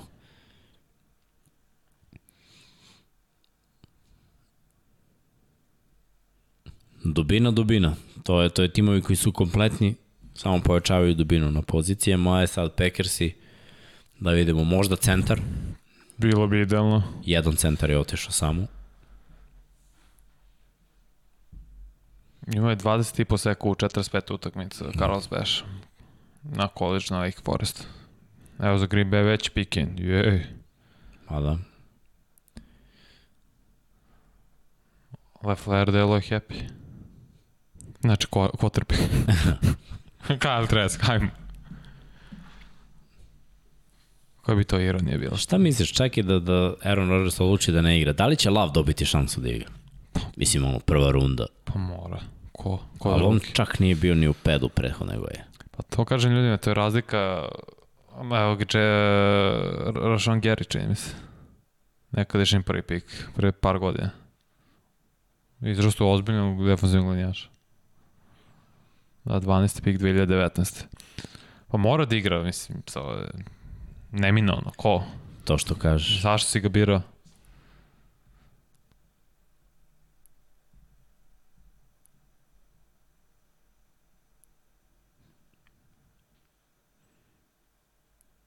Jer opet Lav i Rodgers u situaciji niste, Rodgers je pao na draftu, a Lav je iz nekog razloga završio u prvoj rundi.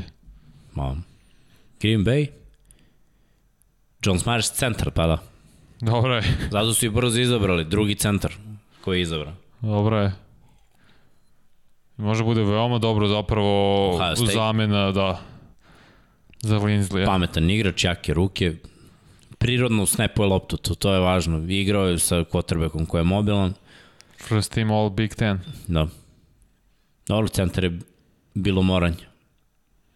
Ja, Dobro, ispoštovali su Rodgersa u toj... Pa da, ispoštovali su kogog quarterbacka, s da su izgubili najboljeg centra.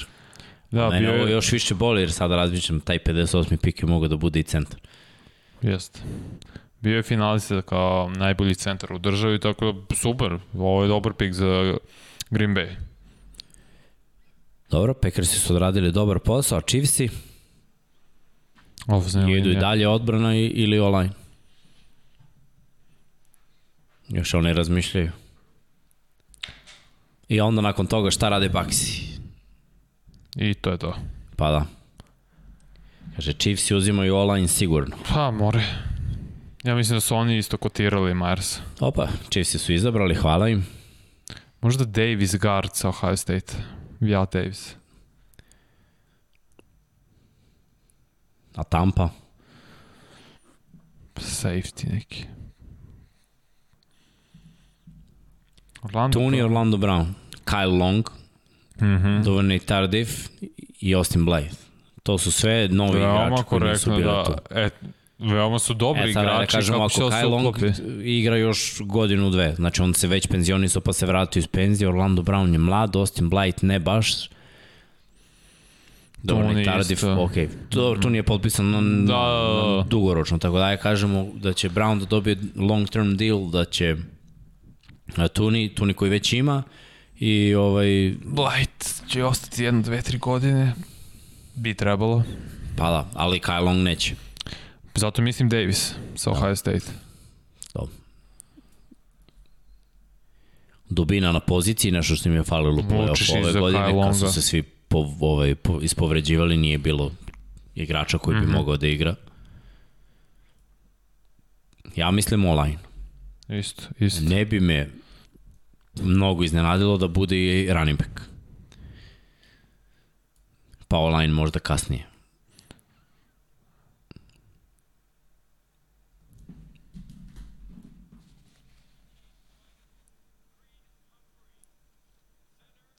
Centar, o, dobro. Nice. Zanimljivo. Da, pa mislim online, online, eto, ovde još jedan centar. Još jedna propuštena šanca Baltimora. Da, pa toga sad, sad već nema. Ali dobro, verovatno Bozeman ide na centar, to je... Zanimljivo ovo da je bio i rvač da. na univerzitetu. Treći tim All Pro American, znači treći najbolji centar zapravo u, u državi bio prošle godine. Dva puta je bio ofenzivno linijaš godine u Big 12 konferenciji. Verovatno Blight može da igra i na gardu, tako da, mislim, sad imaju dva centra, mm -hmm. gardu, to sve može da se kombinuje. Buccaneers ostaju kao posljednji pik. I sa šampionima završavamo. Pa da, šta misliš? Bez hrane. Šta mislim? Uh, secondary. Nije mi secondary toliko dobro kao što ljudi misle. Više to front seven koji je najbolji u ligi, pa, pa. sav pritisak im skida s leđa. I to je istina, i to je istina.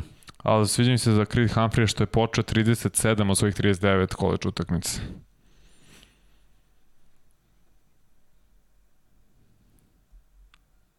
Evo što misli ljudi, da li su zadovoljni što su njihovi e, ekipe da. izabrale? Ajde ljudi, pišite, ste zadovoljni, navijači, kako je proteko drav za sada, kako vam se čini, da li su vas timovi iznenadili ili razočarali? I ako ste Packersi, zašto razočarali? Pa nije dobro, Šak, centar, centar je izvuku Ne, to je, Majer jeste, Majer stvarno jeste izvuku priču. Ja sam okej okay, zadovoljno. Že Srki naručio sebi ujutro. 100%.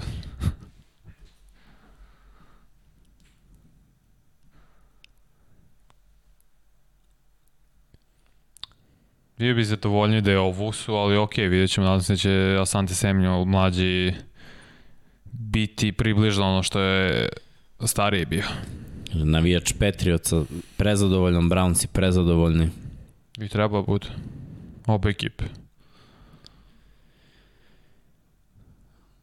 Mislim, pikovima jesam zadovoljan, ali žao mi je taj jedan proćerdan. Da. Moglo da bude pun pogodak. Da. The pick is in za Buccaneers-e. Da, dobro, pol četiri. Kaže, meni Seattle kao po običaju, navikao sam. Seattle je mogao da izabere centar, tako je. Imaju Šokantno je da nije. Vr, ok, hvatač, nemaju trećeg hvatača, u, u teoriji ima smisla, ali toliko problema s Russellom Wilsonom udaraca i, i, i povreda da, da je možda taj hvatač mogao biti izabran nešto kasnije.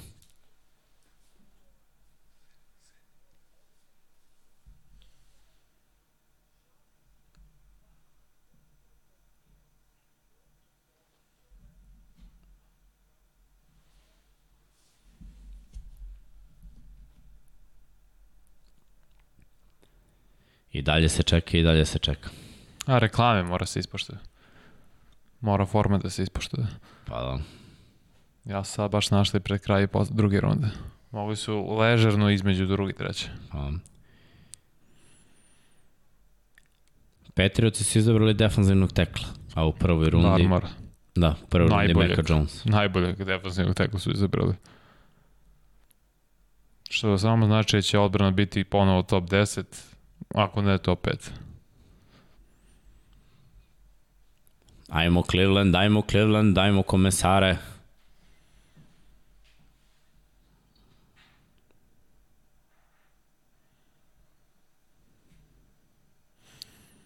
Raidersi su izabrali koga? Leatherwooda i to je to. Su imali u drugoj rundi? Nema samo mozak sad. Jesu. Jesu. Linebacker, ne. Šta je bilo u drugoj rundi? Safety. Safety, Morek. da. Morek. Da, je, Merg je pako njih.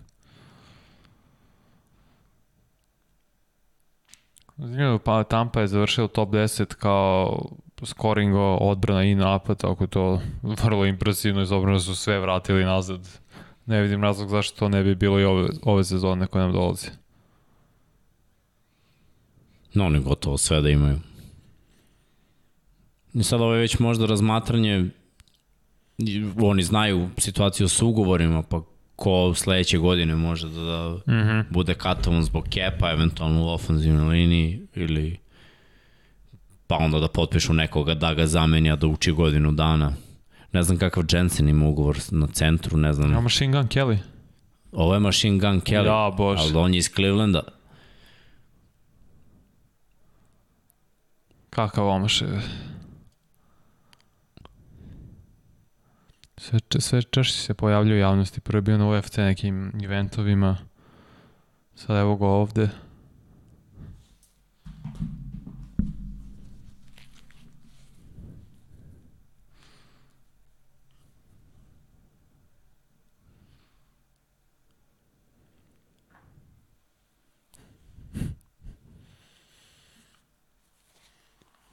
Naivan dečko kao i uvek, mogu ti reći stvarno za ovu izjavu.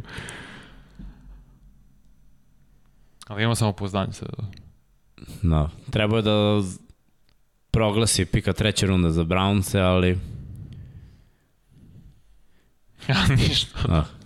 Obavez. Hoćemo li čuti taj izbor Tampe, ljudi, ajmo. Po tebi ko je pobedio, on ili Eminem, ovo su njihovom... Ma daj bre, nemoj da zara. Kako mašin galaka. Da, da. Skinny Cooper Cup.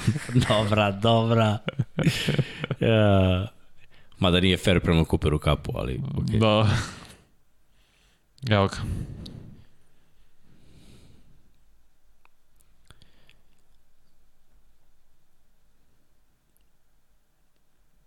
Poslednji pik druge runde. Stvarno su mogli ovo 3 minuta i do sad bi prošli i drugu i treću.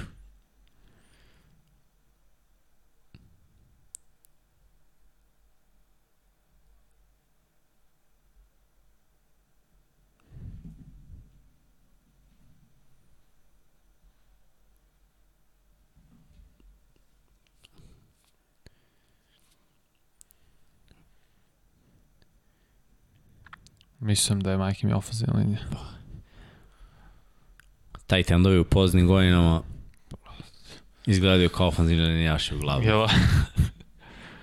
Ako nisu vegani kao Toni Gonzalez.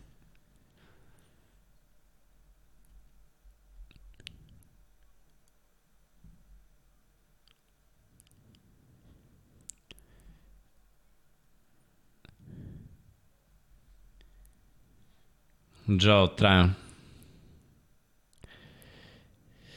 Im je bio pik u prvoj rundi, a Kyle Trask, budućnost, ok. Ovo je quarterback za kog sam ja iskreno stvarno rekao da, da mi je prvi sledeći od ove petorice. I ima mi smisla zbog hrabrosti, zbog ruke i zbog onog što, što smo u stvari videli s Picom i Tonijem, njihovi highlightovi, to je sve išlo od treska, uči za Toma Brady-a i nakon toga, ajde da kažemo... Dve godine. Pa tako, govor tela, snaga ruke, donošenje odluka, sve to može da bude onako za njega prava stvara i, i za Tampa Bay Buccaneers. Dobre odluke, pogledamo iz trka, ovo je malo pre bio Pitts, pa onda Tony i eto, jedini quarterback u, u drugoj rundi. Ali mogu da kažem da, da, da je jedan od boljih quarterbackova preostalih. Mnogi su pričali Mills eventualno, pa videli smo u stvari petoricu quarterbackova, ali onako, ponekad previše hrabar, ponekad malo Ryan Fitzpatrick previše, ali ajde da kažemo da Trask zaslužuje da bude izabran u drugi rundi i dobro, 64. pik, ništa to ne mora da znači koliko je dobrih quarterbackova bilo u drugoj i trećoj rundi. Eto, time smo kompletirali sve. Šta kažete vi na, na ovaj poslednji izbor? Jeste, slažem se sa Božidarom, ima kohones i, i to će i tekako da, da, da, da znači Buccaneersima kada se Tom povuče. E sad, s obzirom da smo ovo sve odradili, da je 20 do 4, a mi gladni i umorni. Gladni pre svega. To, idemo, idemo na, na spavanje, nadam se da ste uživali, da vam se svidao kombajn, da vam je bilo zabavno, da smo doneli nešto novo i naravno ispratili ceo ovaj draft, pa tako i sledeće godine da, da ponovimo da sa, malo, sa malo boljim kombajnom, da pre svega. U svakom ali. smislu, i kombajn i ovde sve. Pa to, ovo, inače druga runda završena, treću ću dočekati vjerojatno ujutru čisto da, da pogledam šta je koji tim uradio, ali ok, da kažemo da će se draft završiti, timovi kada potpišu sve te draft igrače, slobodne agente i uh, nedraftovane slobodne agente zovu trening kamp i onda kreću polako te pripreme, mini kampovi, pa vrlo brzo će to proći, evo ga maj, mi očekujemo već u julu da imamo te kampove jako i onda u avgustu neki pre-season. Tako da malo po malo vratit će se taj NFL, ovako je proletalo od Superbola, evo već koliko, dva meseca, više od dva da, meseca. više, skoro tri meseca. Pa da. Dobro, Vanja, ti ja ovako ostado smo usamljeni na kraju, ali usamljeni, gladni. Smo, da, usamljeni i gladni. Završili smo Uh, ljudi, hvala vam što ste još jednom pratili sve ovo i naravno lajkujte, subscribeujte se. imamo to, pa že imamo to u... Don Pavle, može samo ta grafik? Imam. Imamo. Ma da, bam, bam, like, like i do sledećeg utorka, do SKNFL podcasta, pa do petka i 99 yardi. Veliki pozdrav.